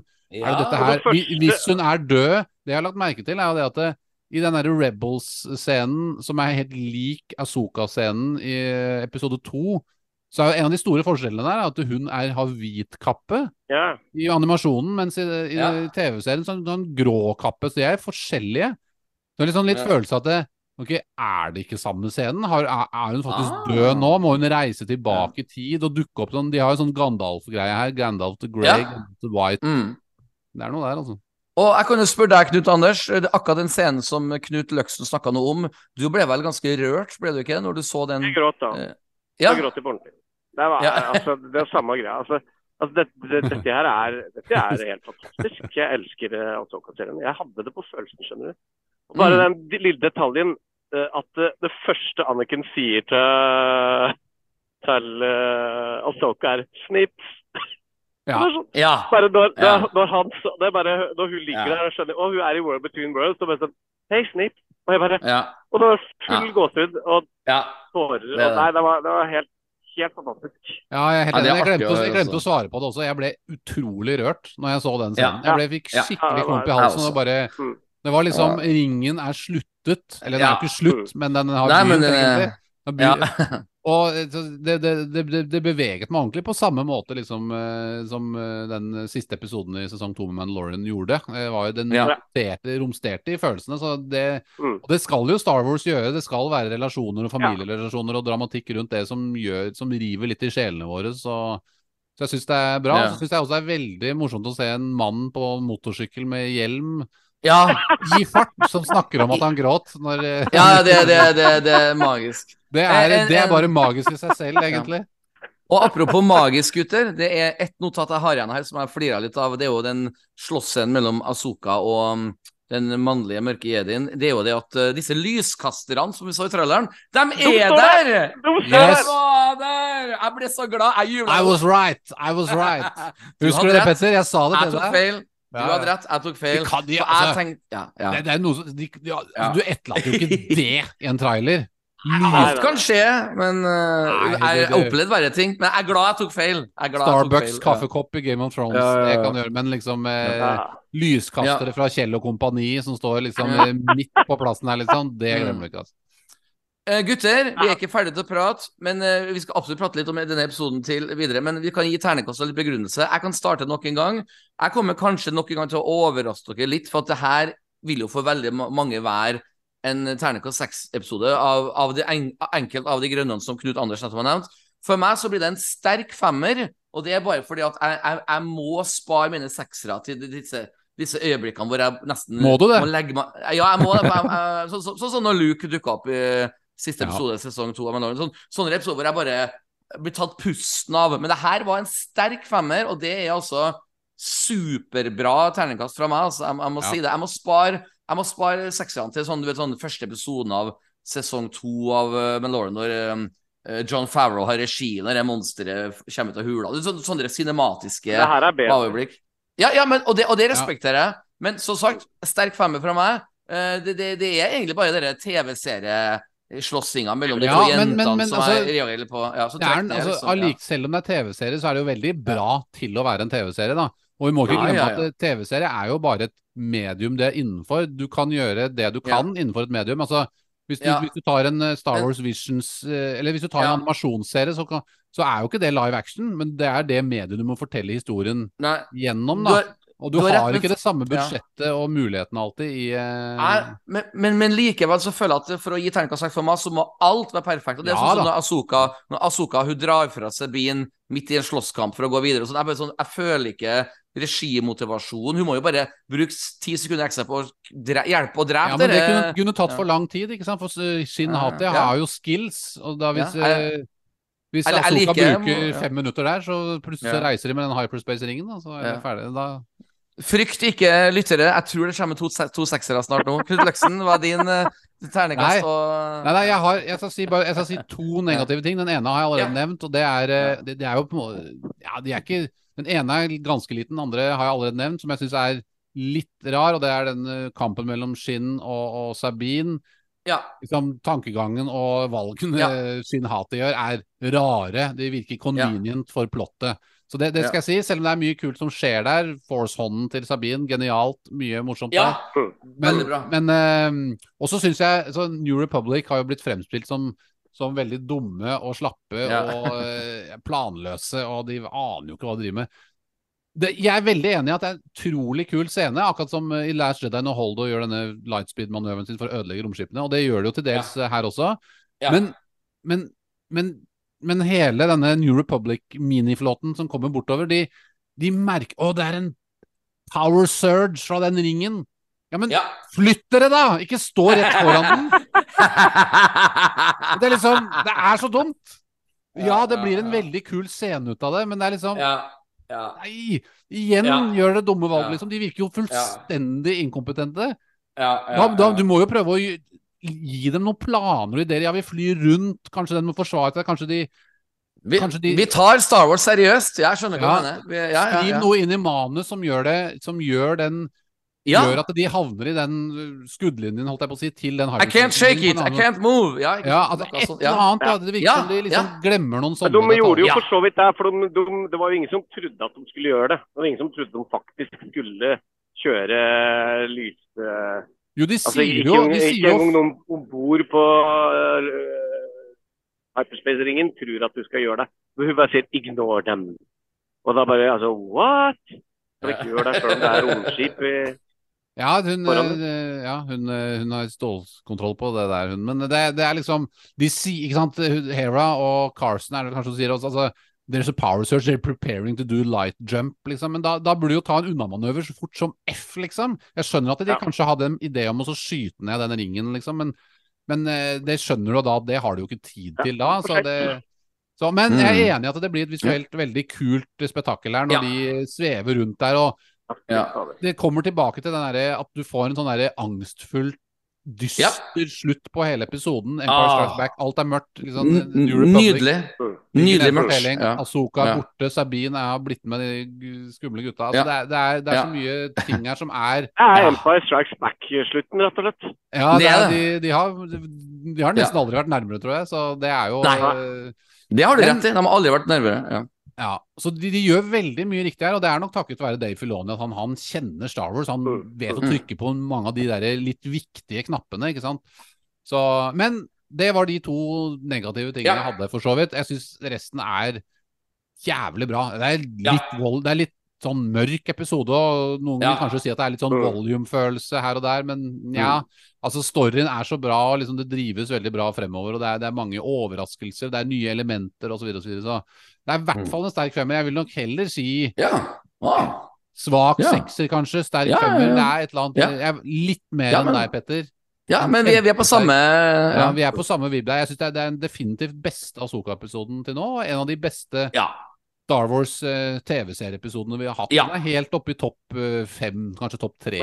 Oi, oi, oi. Ja, men Det er artig å høre. Definitivt. Knut Anders, vær så god. Ja, jeg- sitter jo og tripper her på motorsykkelen min, og det er jo liksom sånn Jeg er jo helt enig i at, eh, at uh, skal henge høyt. Men, men eh, du får det ikke ved altså Når det er topp tre av alle Star Wars-episoder, så er det jo en uh, soleklar sekser. Jeg er helt enig i at TV-serieslåtting trekker ned.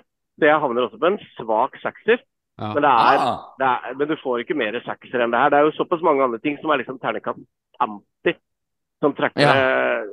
drar det opp igjen. Og det, og det, og jeg, det er som jeg sa, det, det, det er, det er den raver på den eh, høyeste ja, på topp tre av alle Star Wars-episoder som er lagd noen gang. Nei, så artig, altså. Jeg, jeg, jeg er glad Ja, ja.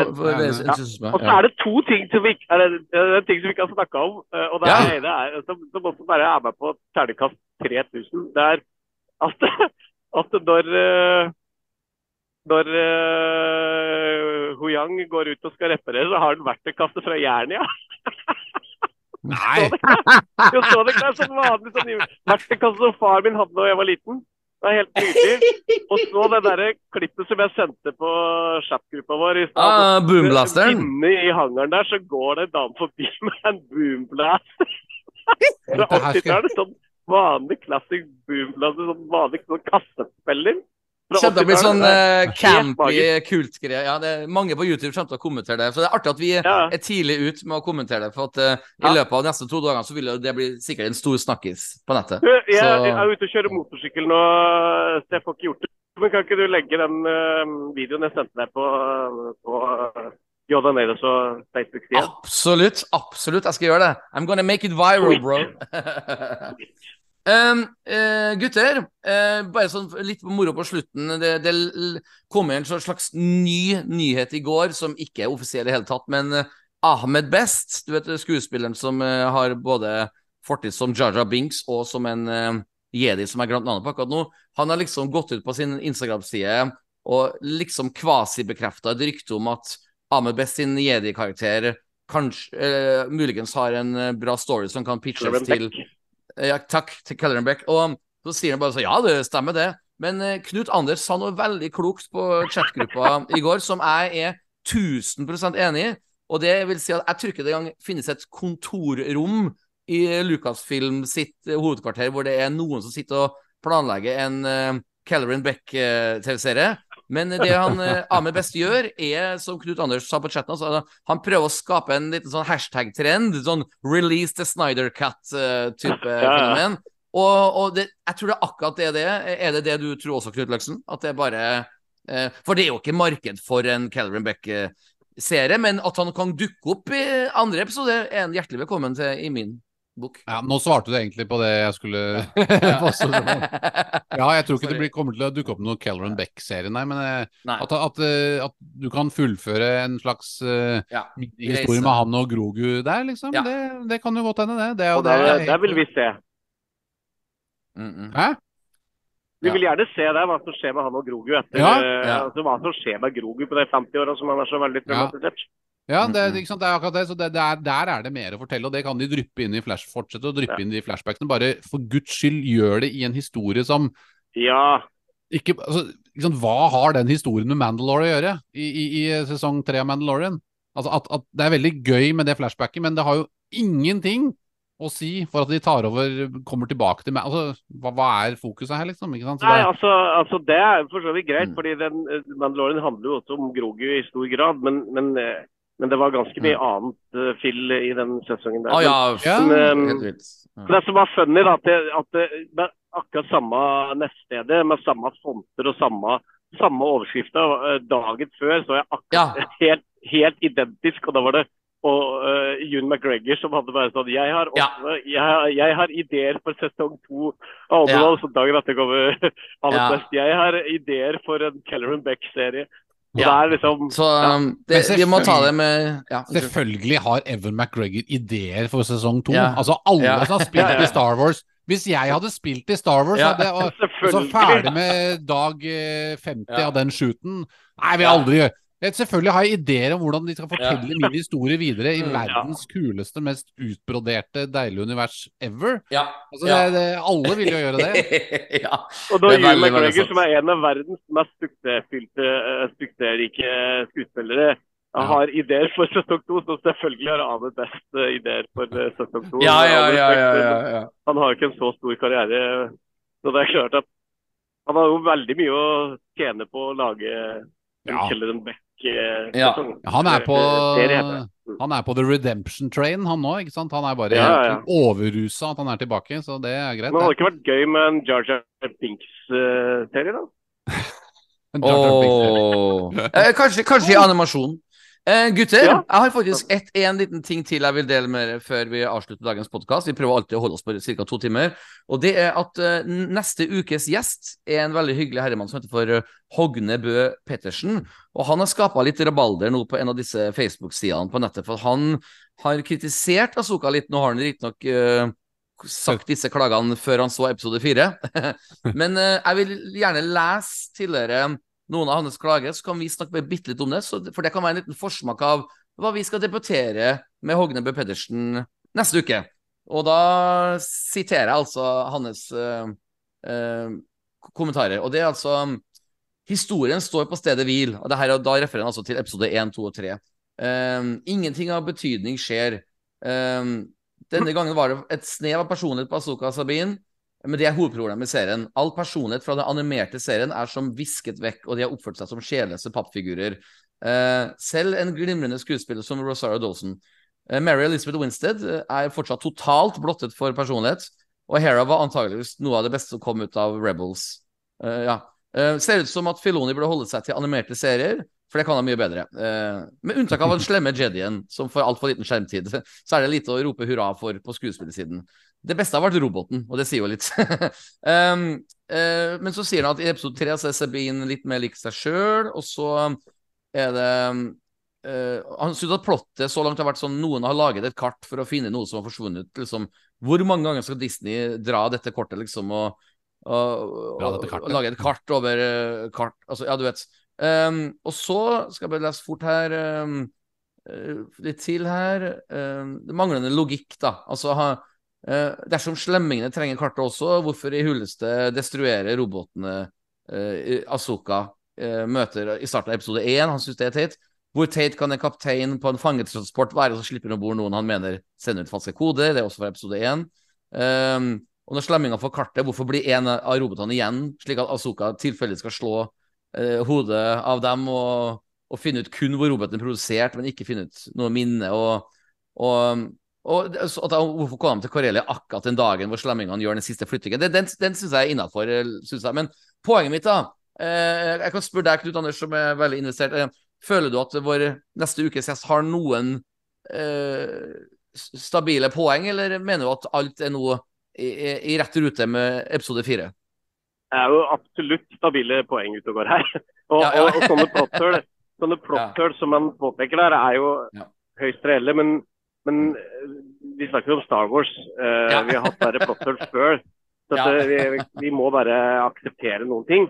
Um, og, det, og, og det er innafor det jeg aksepterer uh, Ja. i forhold til mye annet. da. Det, er- Mm. det, det som er virkelig problemet, som jeg påpeker er jo over, altså overføre karakterer fra animasjon Yes. til live action er en helt umulig oppgave. Ja. ja. Eh, og, motsatt vei, helt eh, greit. Det er jo ingen som klager over utseendet på Count Dooku mm. i, i eh, Mm. animert versjon, selv om han ser jo Mm. helt uh, noldus ut. Og hvis, skulle, hvis, det hadde vært, hvis animert hadde vært først, altså, så klager vi over at eh, folk har for små huer og for korte huer, og folk er for Ja. blå eller for lite blå. Eller, ja. det er alltid, ikke sant? Og Hera hun ser jo ut som en cosplayer nå, fordi at altså Med all respekt til cosplay, jeg elsker cosplay. altså det, jeg, jeg er virkelig, jeg, Det er ingenting som berører meg mer enn cosplay. så Jeg må bare, bare. Ja. Men, men hun, ser, hun, ser, hun, hun ser ut som um, Hun ser ut som Ja. en sinnssykt bra cosplayer.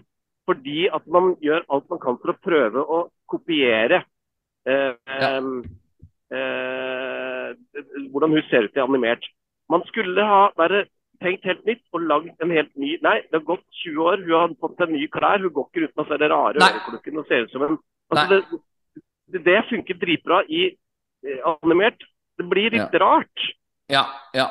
Eh, nydelige svar, eh, Knut Anders. Eh, Knut Løksen, du skal få samme spørsmål. Jeg skal bare komme med et lite, lite tilleggsspørsmål til deg, Knut Løksen. For du nemlig tok opp noe tidligere i denne podkastepisoden som denne karakteren Hogne Bø Pedersen eh, avslutter med, og det er altså Det som irriterer meg mest, det er altså Jeg er gammel nok til å huske på at når du ble truffet av en lyssabel gjennom kroppen, så døde du.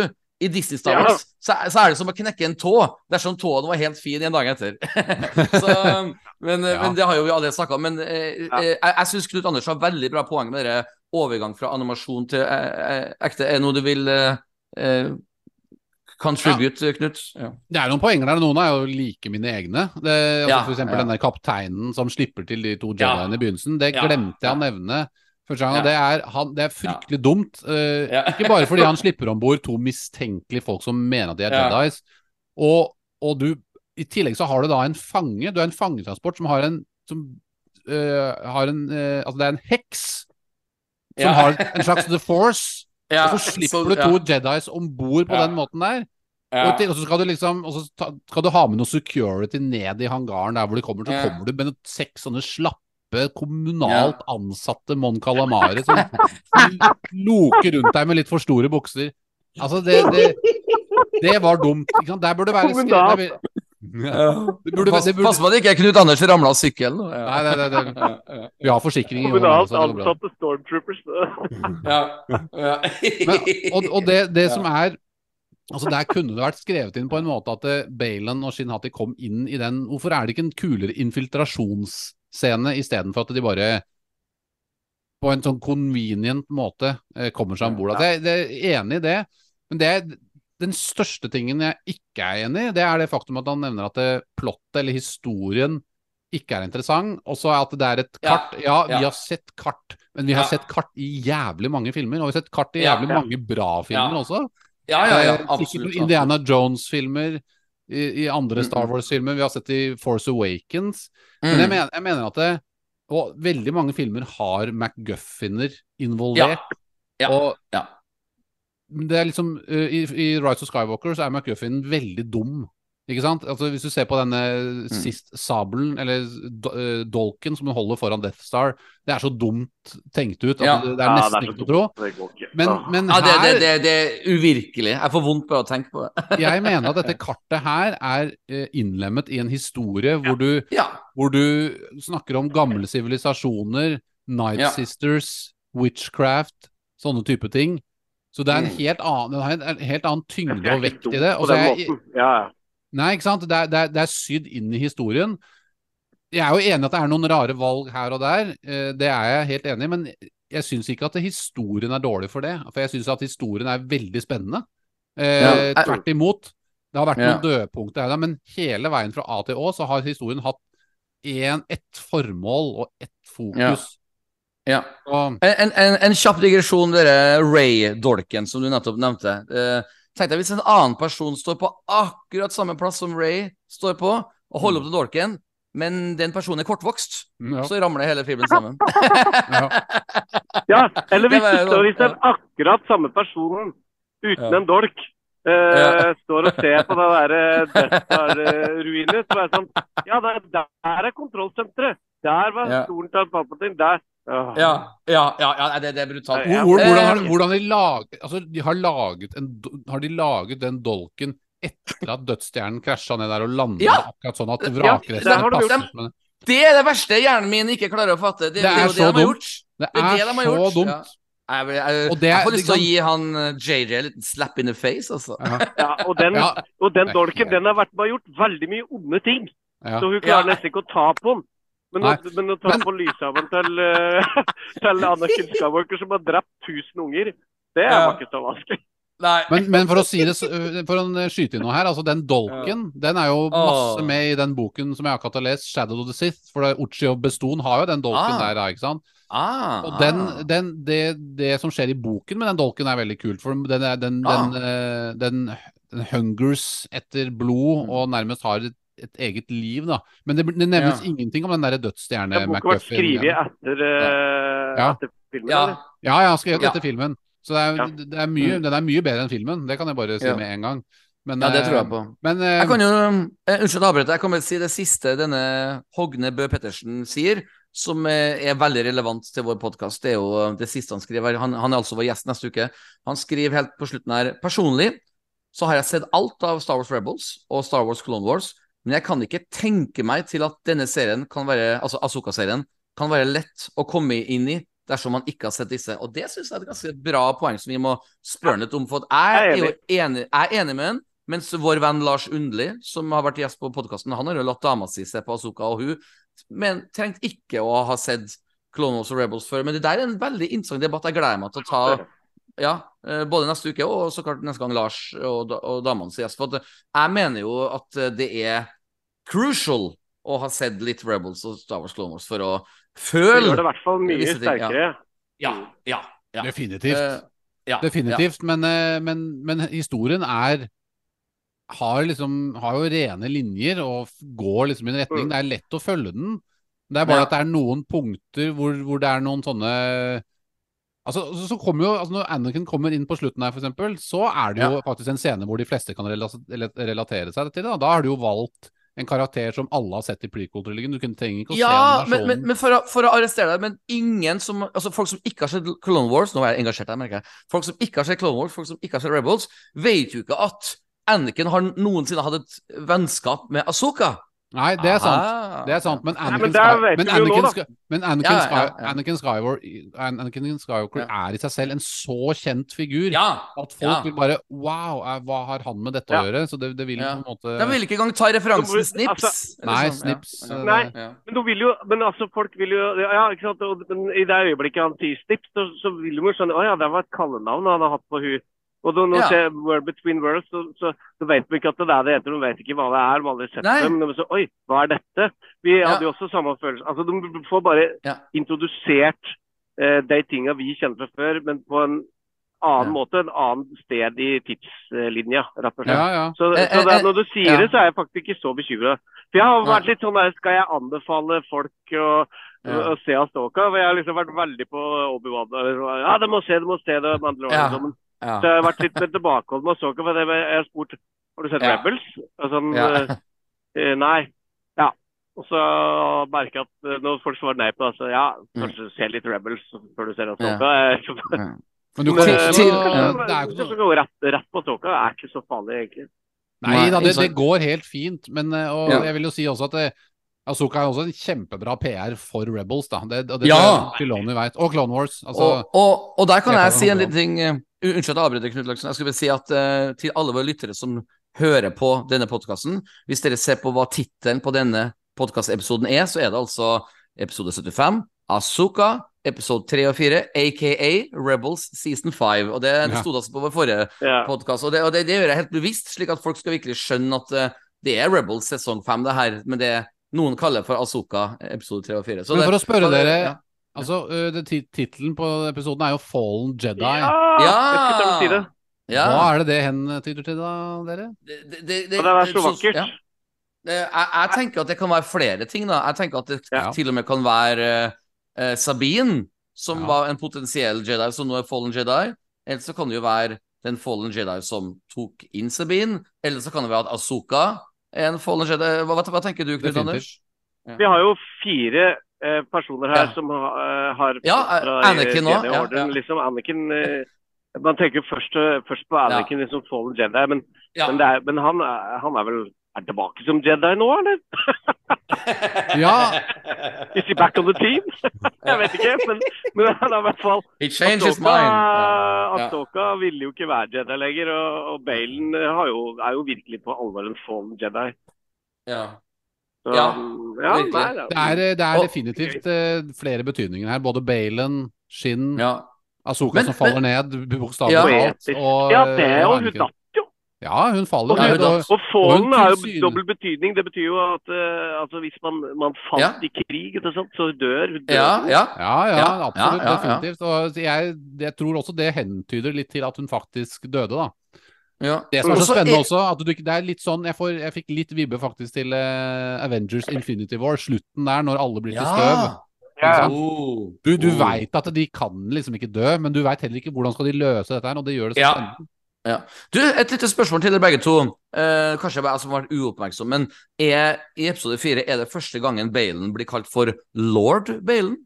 For det blir han nemlig kalt for her, og det er litt artig for lord Wader, ikke sant? Lord Balen. Det, du, han er en lord. Han Ja. slåss litt som Wader også, la jeg merke til. Måten han holdt Ah, lyshabelen Ja. litt, litt den derre. Ja. der endimensjonelle og Ja. endimensjonale og litt sånn hardtslående teknikken. Ja, Mm. for, for, for, det er artig, altså. Jeg Nei, lurer på om han ble kalt lord, eh, lord Balen tidligere, men jeg skal ikke okay. si sikkert. Men jeg Okay. Har du på det, er i hvert fall veldig, det er veldig kult, i alle fall, for da får han litt mer status med en gang. liksom, Som en person som heksa respekterer, men, og, men også trenger, på en måte. du vet sånn, Det er sånn, det er sånn samarbeid, på en måte, Ja, eh, mellom eh, hekser og fallen Jedi, skulle jeg si. ja, Så jeg, jeg, jeg er utrolig investert. Jeg, jeg gleder meg neste uke til å, altså til neste onsdag å se hva Dave Filoni som regissør og historieforteller, forfatter, skal, skal det med oss. Det, det, det, det må jo bli noe episk neste uke. Jeg kan Ja, ikke forstå det, det, noe det, annet. men, altså, også med tanke på de andre episodene han har regissert, så har det vært veldig mye snacks i de episodene. Ja. ja, absolutt. Absolutt. Men fra, bortsett fra, bortsett fra, bortsett fra den første Bortsett fra den første han gjorde, de to altså Ja, det var, det var sagt svakt. Ja, der, kan, der kan vi ikke si det samme, bortsett fra støvlene til Nei. Liksom. Ja. Men uh, i uh, de to andre, der, altså, Ja. der er det mye mat. Ja, enig. mye Han, han, har vokst, ja. Han har vokst i rollen Han har vokst i rollen som regissør. Knut Anders, du skulle si noe? Jeg tipper at øh, Jeg tipper at øh, vi får nå en, øh, en ganske lang scene, sekvens med de to inne i i World Between Worlds. Mm. Og så ender det med at han slapper av Asoka Ja. I ja. den andre galaksen, så hun Ah. står og venter på dem. Jeg, jeg har akkurat samme Ja. eh, teori, ja. Eh, Jeg har også en annen teori, og det er at vår gode venn Vidar Magnussen, som skal være gjest i vår siste episode, han eh, kom jo med den kontroversielle uttalelsen i siste episode av Mandalorian sesong 3 at han ikke lenger ser på seg selv som Star Wars-fan. Og når jeg så den episoden i dag, tenkte ja, ja, ja, ja. Og da når jeg så episoden her, tenkte jeg oi! Det her kan faktisk være en episode hvor vi kan get him back on board. Ja. For at uh, det her var jo veldig Star Wars, og veldig George Lucas Star Wars, og veldig Filoni Star Wars. Og Mm. jeg, jeg vil gå så langt og si at alle disse prequel-loversen, og alle sequel-lovers, og alle original trilogy lovers, vil være enige at det her var en veldig bra episode. Dette er noe vi kan ja. møtes i enighet om. Uh, tror ikke du det, Knut? At det her kan være en sånn en Ja. Ja, jeg tror også at den, ehm, den eh, Det kommer til å bli en enda lengre episode også, eh, har jeg følelsen av. Ja. Jeg tror ikke De to foregående episodene som, eh, som eh, Filoni har regissert, de er ganske Skal vi se her hvor lange de er. Eh, der, der, der, Er det åtte episoder i denne sesongen her? Ja. Ja. Ja, mm. Eh, Vi er bare halvveis. ja, vi er det. det. Det er veldig gøy. Vi har faktisk fire uker igjen.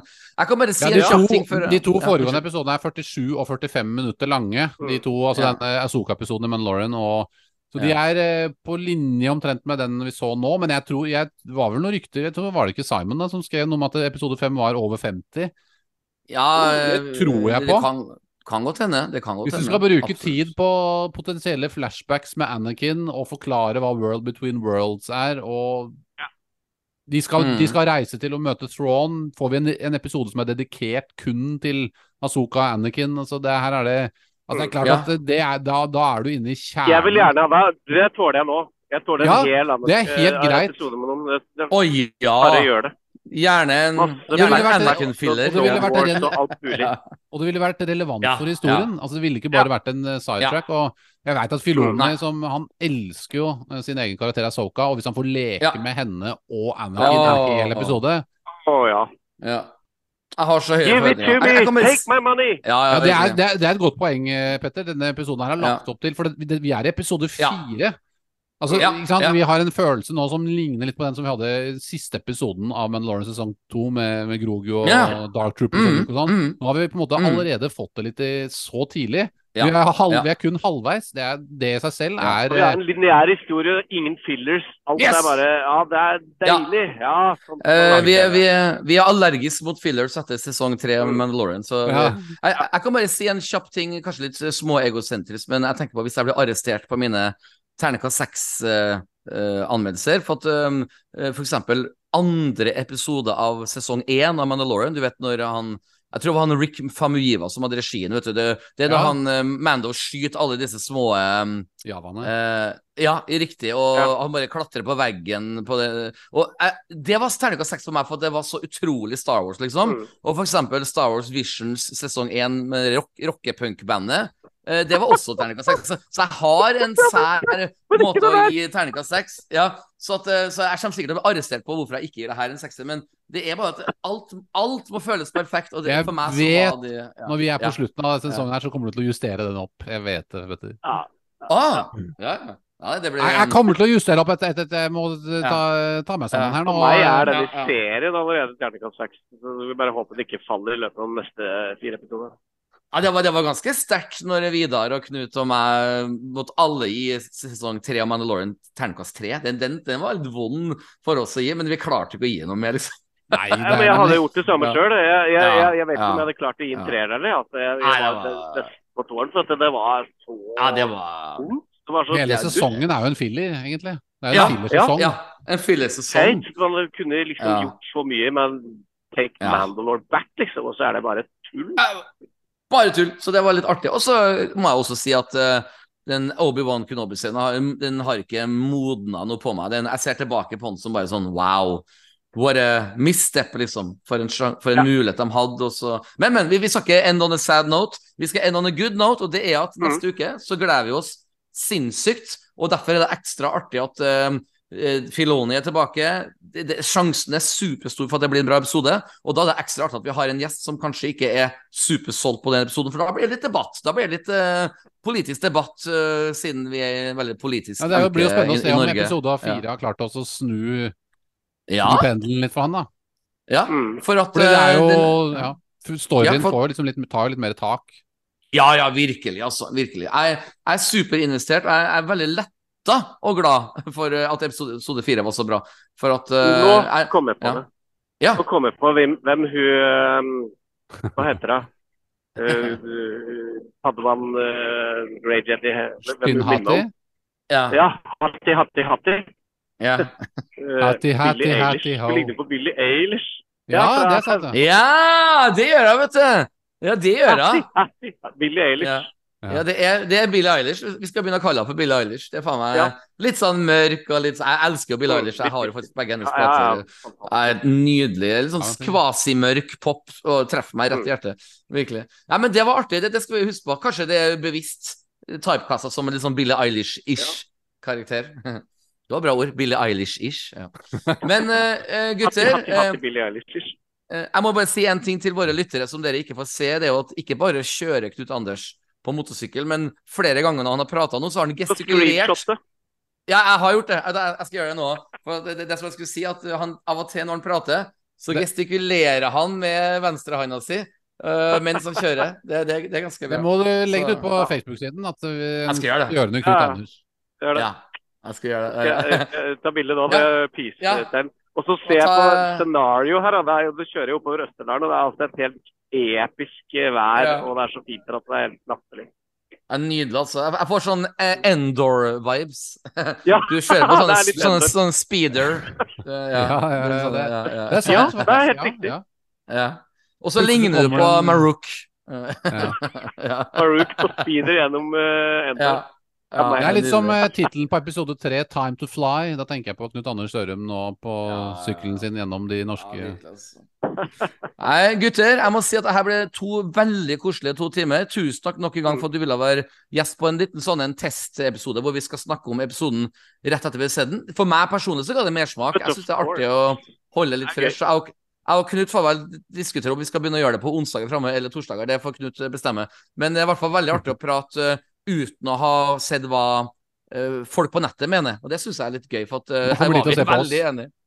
Ja, ja, ikke sant? Ja, for vi eh, kommer jo faktisk ut med podkasten og legger den ut uh, i dag, den 6. Yes. september. Så kjør forsiktig, Knut Anders. Uh, Knut Løksen eh, skal begynne å øve på um, eh, Jeg skulle til å si Miss America, men eh, Miss Saigon. En musikal på Folketeatret. Der skal Knut Løksen hoppe inn som pianist. Gleder du deg, Knut? Ja, får vel si det. Ja. Jeg er litt er nervøs, Den har men fått veldig gode kritikker. ja, det skal vi gjøre Ja. noe med i morgen. Og, og, ja, ikke sant? og jeg eh, skal faktisk eh, ut og reise til Fornebu.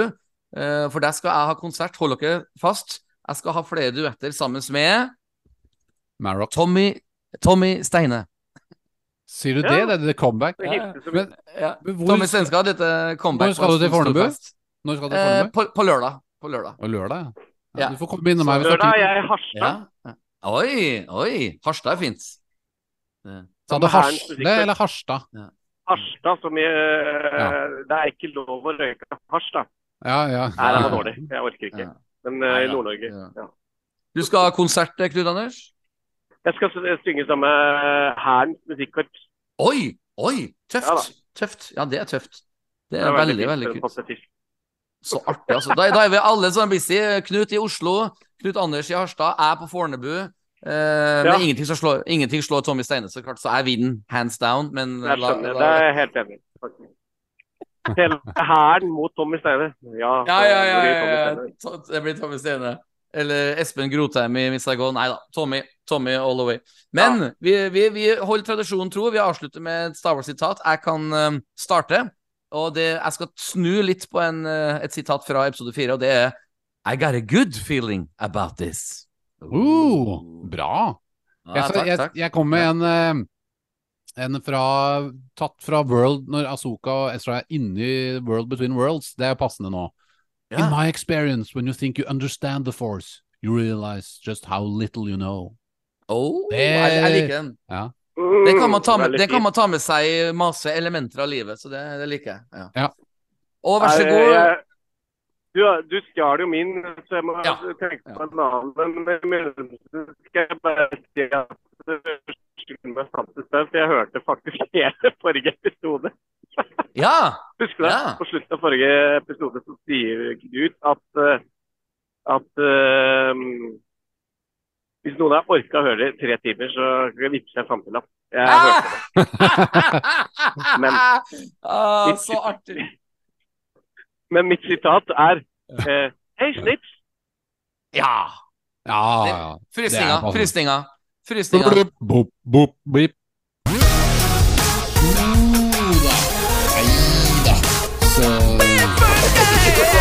Neida. Jo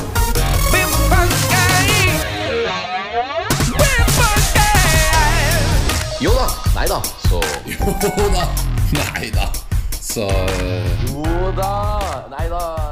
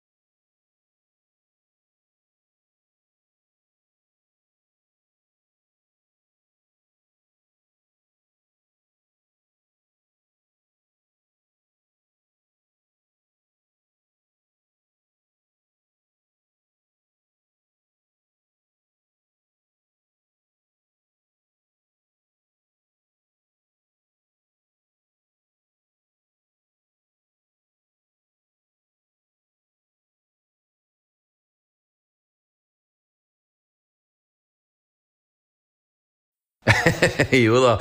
Nei da, mm, mm. Nei da. Nei da, så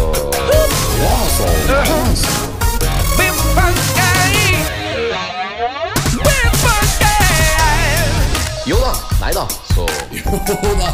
Nei da. Så Mine damer og alle dere andre.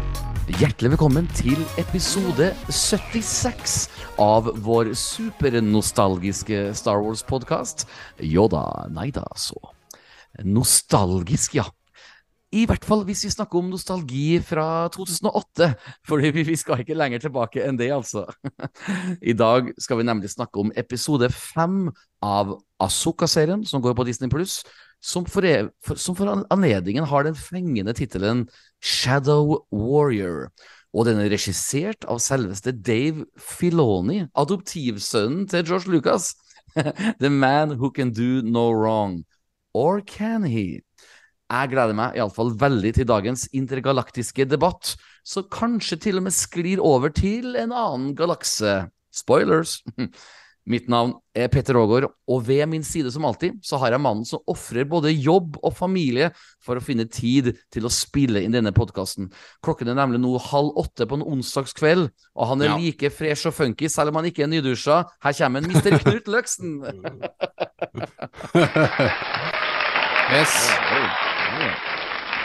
Jeg kommer rett fra trening, gjennomsvett, har ikke rukket å dusje, rett i Star Wars-podkast. Så det er, Og Ja. Men det er deilig og- å være svett. altså Man liker jo svette nerder, så det er jo det er veldig greit. I USA så er faktisk nerds ofte kalt for eh, sweaties. Ja, det er akkurat det der, ikke sant. Også, Ja. dag, eh, I'm paying homage. Ja, du er det. Og så, om jeg ikke har tatt det helt feil, Knut, du har til og med sett deler av denne episode fem på din telefon, kan det stemme? På toget? Ja, ja, jeg har det. Jeg, så, jeg, har, jeg har faktisk sett, rukket å se episoden to ganger i dag, selv om jeg har vært på jobb Ja. i hele dag. Så har jeg sett litt på toget, litt på en båt, og så har jeg sett Ja. på nytt hjemme. Og det, det, da har gått det ett. Det er det vi kaller for uh, lidenskap.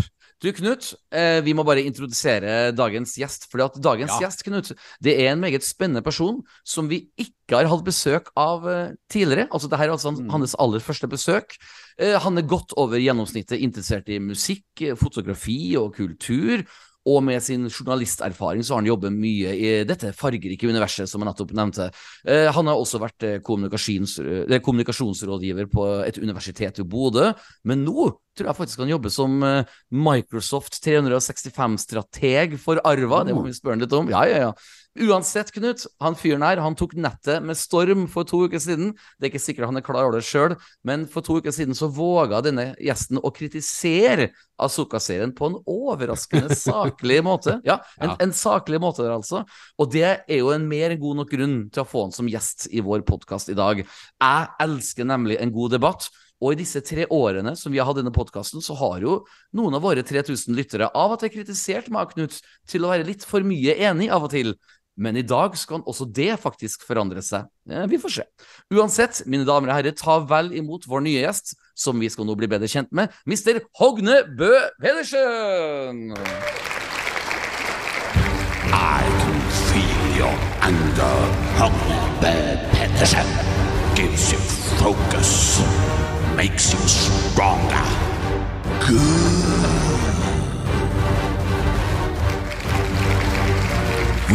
Be honored if you would join us, Lars Undli. Spoilers, Lars Lundli eh, jeg hører på hva nå. Redigeringsglipp de luxe. Redigeringsglipp. Eh, Hogne, velkommen til oss. Tusen takk. Det er altså slik at eh, det du kanskje ikke vet, Hogne, er jo at eh, vi har gjennomsnittlig 3000 lyttere hver uke.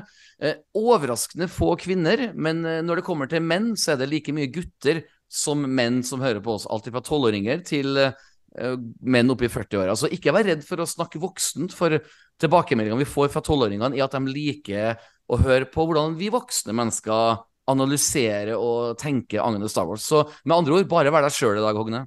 Ja, men Det høres bra ut. Veldig, veldig bra. Du, eh, Knut og Hogne, jeg tenkte først å starte denne podkasten på en litt sånn annerledes måte. Eh, for det, altså, altså For å si det rett ut, la oss prate litt politikk. Eh, som våre 3000 lyttere vet, det har nettopp vært eh, kommunevalg i Norge. Og det er jo ingenting som er mer Star Wars enn kommunevalg. episode fire, A New Hope, har jo Vietnamkrigen som en ramme. Og ikke minst nazi-uniformer til imperiet. Og det at de onde snakker britisk, kan jo så klart minne om colonialism back in the day. Og i episode tre, Revenge of the Sith, så har vi Anakin som en George W. Bush-klone som sier If you're not with me, you are my enemy. Som er nesten et direkte sitat fra hva Bush sa til en rekke europeiske land i 2003, da vi ikke ville støtte hans invasjon av Irak. Det, han sa, var riktignok If you're not with me, you are against me. Så nesten det samme.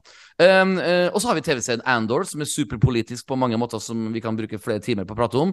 Og så klart Phantom Menace, som diskuterer skatteutfordringer mellom forskjellige trade routes uh, og planeter. Altså, som sagt, kommunepolitikk. så nå, kjære Knut og Hogne, nå skal jeg være så unorsk og spørre dere hva dere stemte for noe. Fordi at eh, jeg skal nemlig sette det i et lite Star Wars is point of view. Så skal vi etterpå finne ut av, du, om deres politiske syn vil ha noe effekt på hvordan dere likte episode fem av Asoka. Er Knut og Hogne klar for det? Ja. ja. bra. Ok, da kan jeg starte. Eh, Det partiet jeg stemte på, det er Venstre. Så det putter meg på en måte inne i Cloud City. Du vet, Jeg er liksom i planeten Bespin sammen med Lando og hans venner. Du vet, Ikke så veldig provoserende. Ganske åpen for å finne måter med å samarbeide både med de slemme og de snille, for å sette det litt på spissen. Så Venstre vet du, er ganske få i antall mennesker, men likevel så er det mulighet til å være med og forandre ting i kommunepolitikken. Så der har du altså meg. Eh, Knut Løksen, eh, hvilket parti stemte du på? Ja, altså, jeg tenker på, jeg tenker på at du, Petter Hvis du hadde vært i regjering, så hadde det blitt et sånt, et sånt lilla slør Ja. over hele politikken. Ja. Funkpartiet De Lilla, for eksempel. Ja, Veldig det- det kosmisk. Ja, Ja. ja, Det er ikke noe hold i noen ting, alt bare flyter. Nei, Ja, jeg, bor, jeg bor jo i en Høyre-kommune, og der går det jo veldig bra. Så jeg stemte Ja. på Høyre. Eh, så, ja. så vi er på helt forskjellige kanter. Så jeg vet jo hvor du kommer til å plassere meg. meg igjen. Ja, jeg, jeg tenker Høyre, da er du litt mer sånn på den menneskesiden av planeten Naboo. Ja, jeg. ikke sant? Ja. Ja. ja, Det er veldig sånn klassisk Høyre. Ikke noe formuesskatt, for eksempel, og sånn. Men det er det jo mange. Venstre er vel også for det, hvis ikke jeg husker helt feil den der valgomaten jeg tok. Jeg tok en sånn valgomat, og da Faktisk på valgomaten så var det Senterpartiet som kom best ut på meg, da. Så jeg stemte jo ikke på det som kom best ut på akkurat den. Til meg, til meg var det Pensjonistpartiet, så tolk den som hvordan dere vil.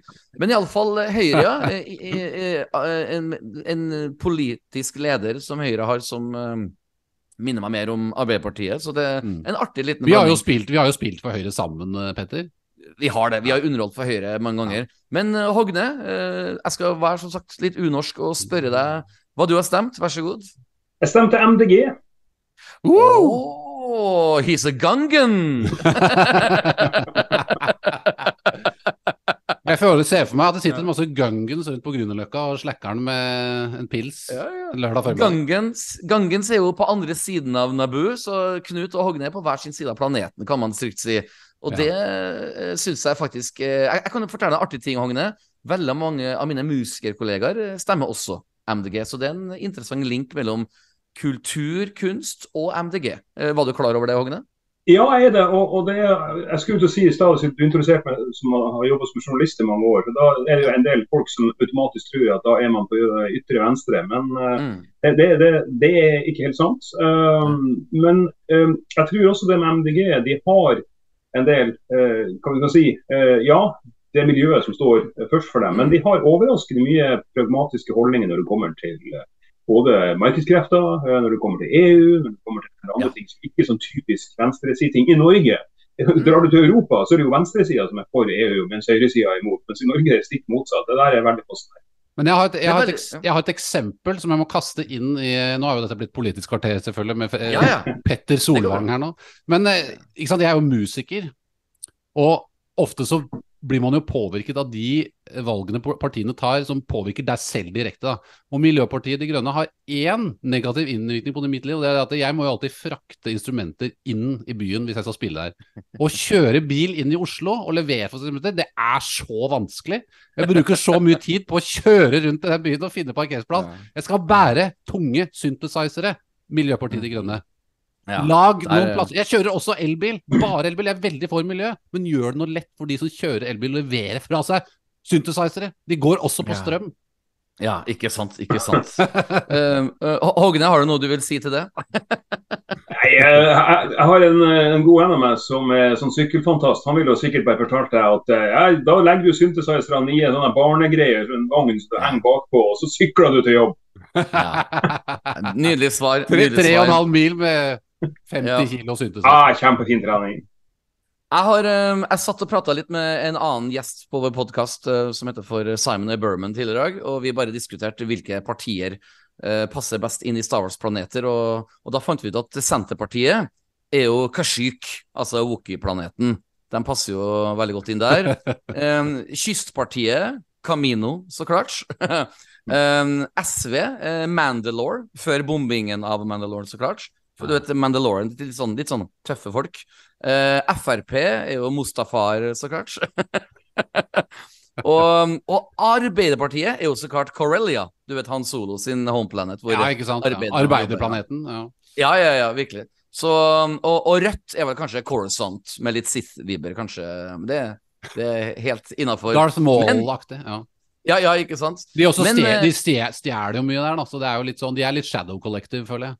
Ja, Jeg, tenk, jeg tenker ja, på veldig, veldig- Moxnes, ja, solbrillene. Ja, ja, ja. Jeg, jeg, tok en, Jeg tok en, Jeg tok referansen. Uh, for øvrig en veldig hyggelig fyr som jeg har møtt eh, ved flere anledninger. Så I, I hope you're doing okay, Moxnes. Um, Hogne, tilbake til deg. Uh, siden vi har, du har vært, første gang du har vært gjest, så har vi noen standard Star Wars-spørsmål du skal få lov til å svare på. Vi starter med kanskje det mest interessante. Hvordan oppdaga du Star Wars?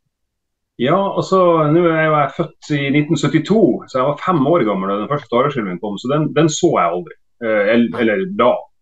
Eh, og så, så for, Til de som husker gode gamle Donald Duck og kompani, det kommer jo fortsatt ut da. Men eh, Ja, på, på side, to så pleide det, pleide det, alltid, pleide det i hvert fall alltid å være sånn reklame. Og Da husker jeg så C-3PO og R2D2 på en tegning. Jeg synes de var veldig fascinerende, eh, to figurer.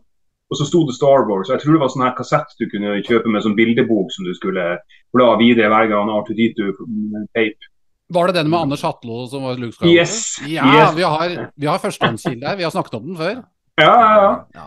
Eh, så den, uh, den eh, Det var første gang jeg var litt sånn oppmerksom på det. da. Men jeg, jeg tenkte det var litt sånn Buck Rogers-greie, for det hadde jeg sett på svensk TV. da. Det, det var litt, Mm. litt sånn, sånn, det jeg var på sommerferie i Sverige. Men så plutselig eh, Jeg vet ikke om Return of the Jedi kom til Norge i 84, eller om den kom seint i 83. Eh, jeg husker i hvert fall at faren min plutselig sa Han visste jo da å være interessert i verdensrommet og sånne ting. Jeg så jo Kosmos og Carl Sagen som gikk på NRK tidlig 80-tallet. og sånn. Så, ja, den romfilmen det var jo noe han kunne ta sønnen sin med på. Så han tok meg med på kino uten å ane hva det ville avstedkomme av eh, Ja. konsekvenser i framtida. Så, og, og, så, så den første Star Wars-en jeg så, var Return of the Jedi. Så jeg så jo, jeg så jo filmene i komplett feil rekkefølge. Men jeg, jeg var helt solgt. Jeg var bare helt Ja. totalt fascinert. ja. Return of the Jedi er en bra film å se som første film òg for et barn. da. For den er jo... Ja. Og, og, og, og det, det som fascinerte meg, husker jeg jeg så den, var liksom det er voksne folk som leker. liksom, det, det, det, altså, og, og det er lysverdene, sånn, det er utrolig kult. Og etter det så var det liksom Star Wars, Star Wars, Star Wars uh, i mange mange år. Og det som var litt gøy, det var at i 2005, når Revenge of the Sith skulle ha premiere, uh, og det var jo da ja, Vi trodde jo alle det var den siste Star Wars-filmen. Mm, mm. Så eh, gjengjeldte tjenesten, så jeg tok han pappa med på eh, kino. og sånn midnattspremiere på Fauske. da. Eh, og det her det tok da eh, lokalavisa eh, tak i og lagde en liten sak på det. og da husker jeg at Mm. da journalisten spurte han pappa sånn, ja, hva det synes om å se kino rundt midnatt. Og da sier faren min at eh, det blir jo litt sent, men jeg kan ikke la guttungen gå alene ut om natta.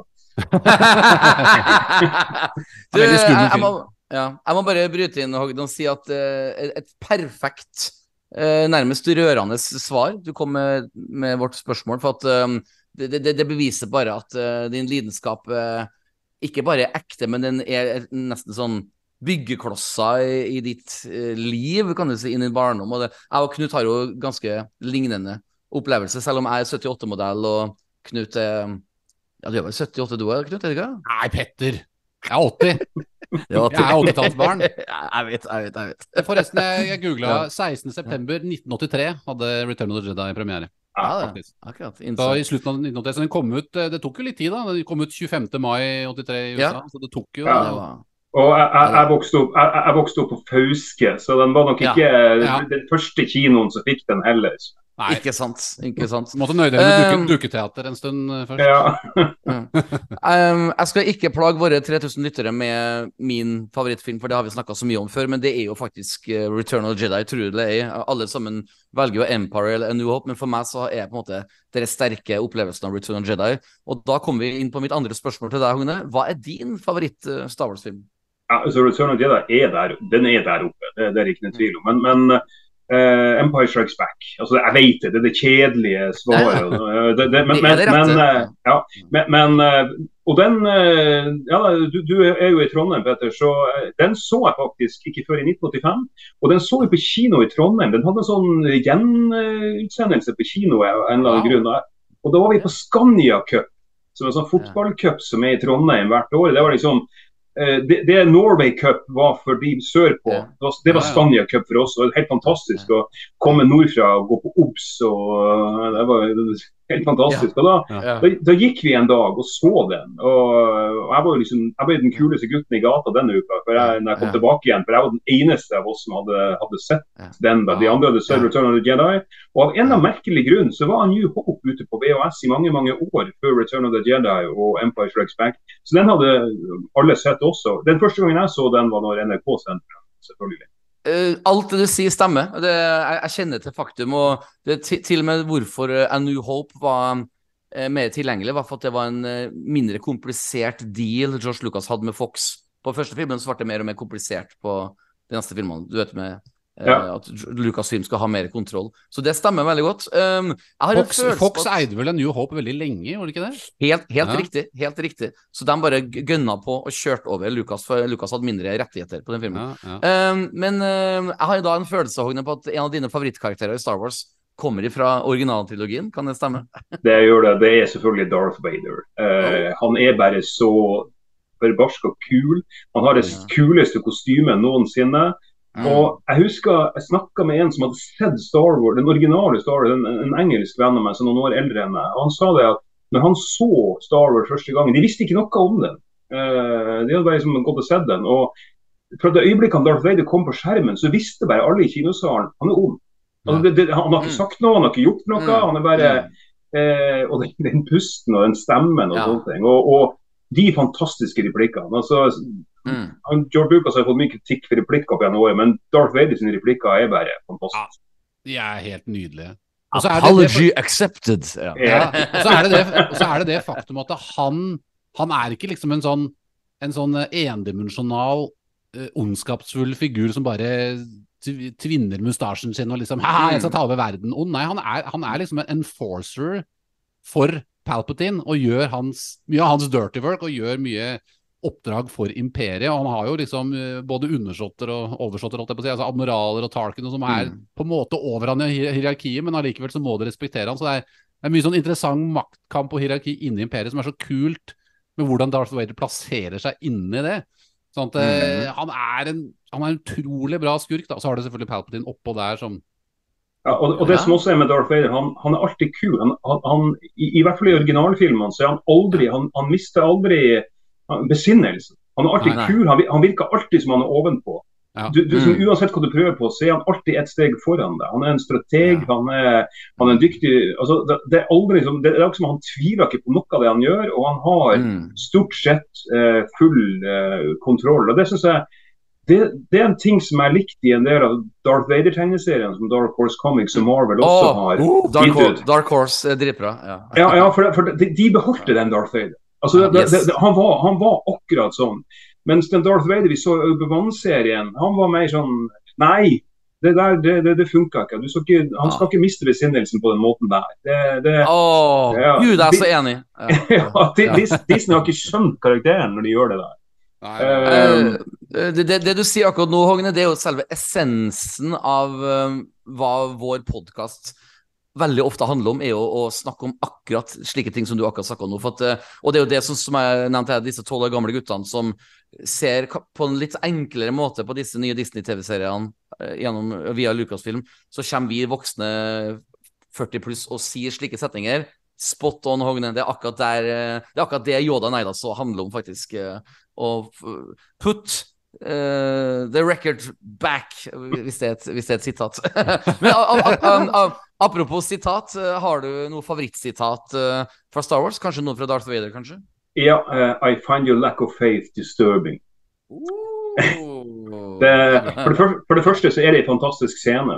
Den er helt uh, briljant spilt. De her skuespillerne er jo klassiske teaterskuespillere fra Yes. England. Yes.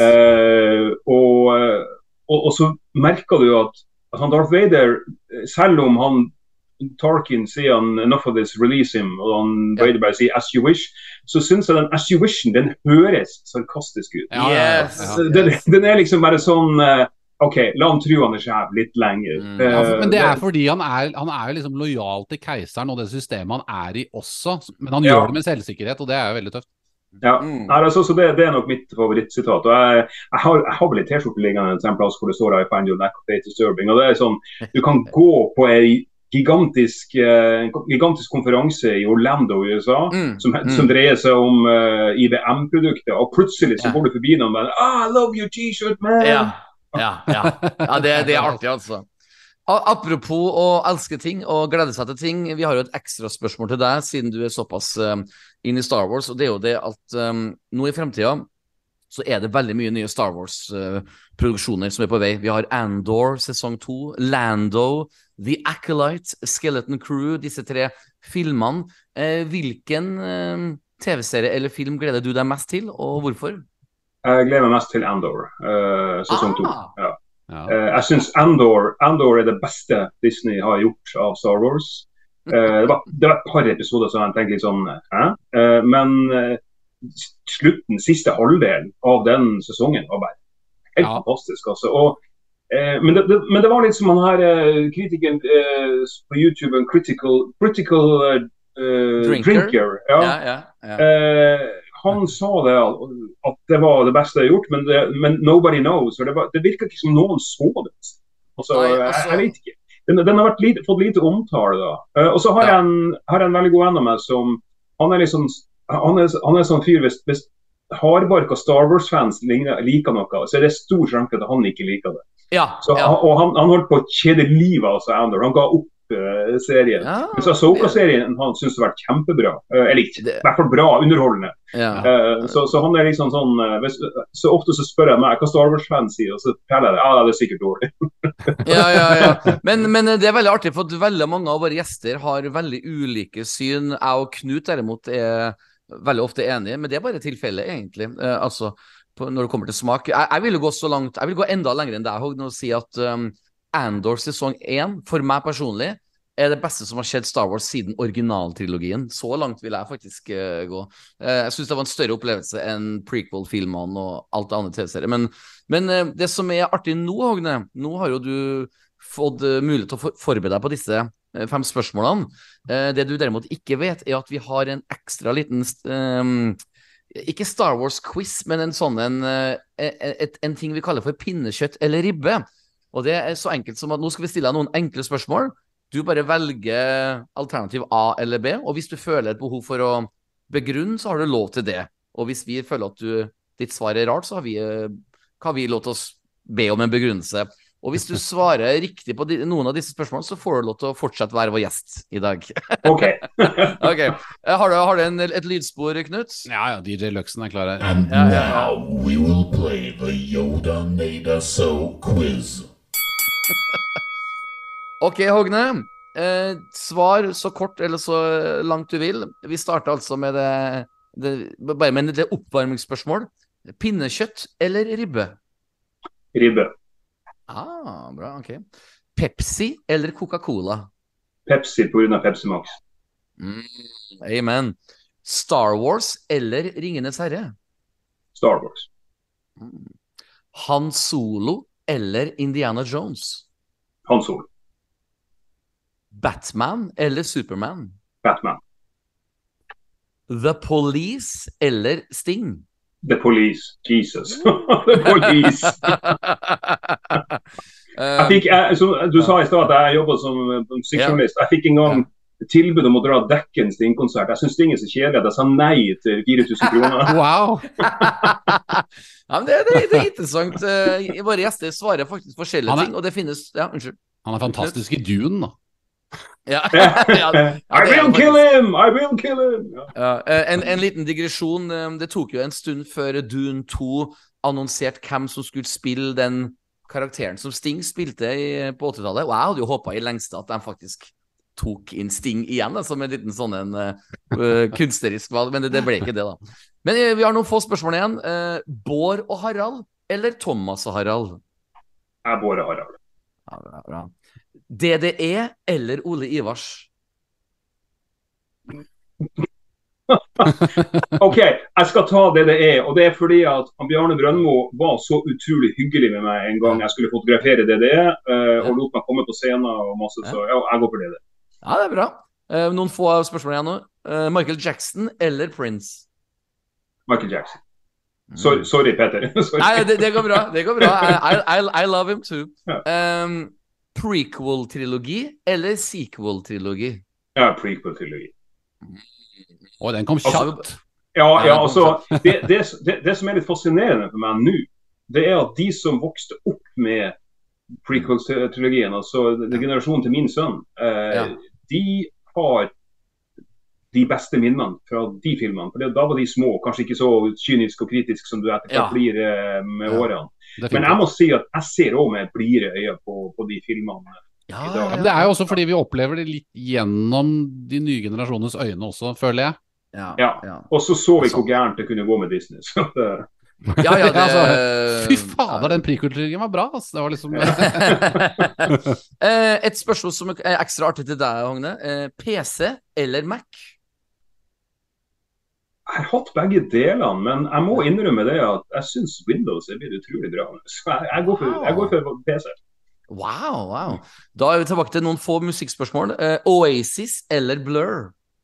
Blur. Bra. Eh, siste spørsmål. Beatles eller Rolling Stones? Ja, Beatles. Ah, no No competition. da, da tar vi en bonusspørsmål, da. Sjokolade i kjøleskapet eller sjokolade i romtemperatur? I romtemperatur. Det, vet du hva, Knut Løksen, jeg synes at Hogne altså Ikke bare har han svart riktig på mange av spørsmålene, men uh, har du noen analyse, Knut, om uh, hvilken person Hogne er? now you have completed the trials of the Dark Lords of the Quiz. Jeg måtte bare spille av deg, det er så lenge siden. Det er det som er så gøy med en ny gjest, at vi får tilbake dette segmentet her, føler jeg. Ja, ja, det er Kvikken godt. og forfriskende. Nei, jeg syns eh, det er liksom Jeg liker alle som svarer Batman istedenfor Supermann. Supermann er litt sånn kjedelig superhelt, for han kan kan knuse jo alle og alt hele tiden. Batman har, er liksom underlegen, han er en underdog. Han, Ja. må, han, må, han må øve og trene. Du føler liksom aldri at Det er sjelden Ja. du ser en training-montasje med Supermann løfte vekter og Ja. komme seg opp igjen. Det er liksom bare Ja. kryptonitt. Og så er det jo det er også helt ulogisk at Supermann skal ha store muskler. For store muskler får du med motstand.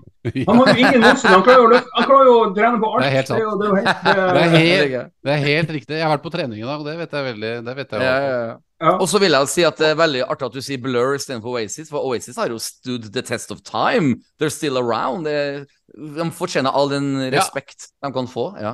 Jeg var jo overrasket. Altså, Blur eller altså Oasis ligner jo litt mer på Beatles. Jeg, nå jeg, jeg har ikke hørt nok Ja, på Oasis men og det, Blur. det, var, men- det var en britpopkrig på midten av 90-tallet mellom Blur Ja, og Oasis. Men Blur er jo litt mer sånn indie-brit-pop-aktig, er det ikke det? da? Ja, jo da, det er jo det. Men, men jeg, har, jeg har stor sans for Damon Albarn, og jeg, jeg elsker Ja. Gorillas og det prosjektet der. Å, Eh, elsker det. Elsker. Eh, og, ja. så så, så det, det er nok det eh, som gjør det. Og så, Du sa det, Oasis og Beatles er veldig likt. altså det, eh, jeg, jeg, jeg tror han George Harrison en gang var sitert på at eh, når noen spurte om han hørte på Oasis, så svarte han et eller annet sånt som Hvorfor skal jeg høre på dem, jeg kan bare høre på mine egne plater.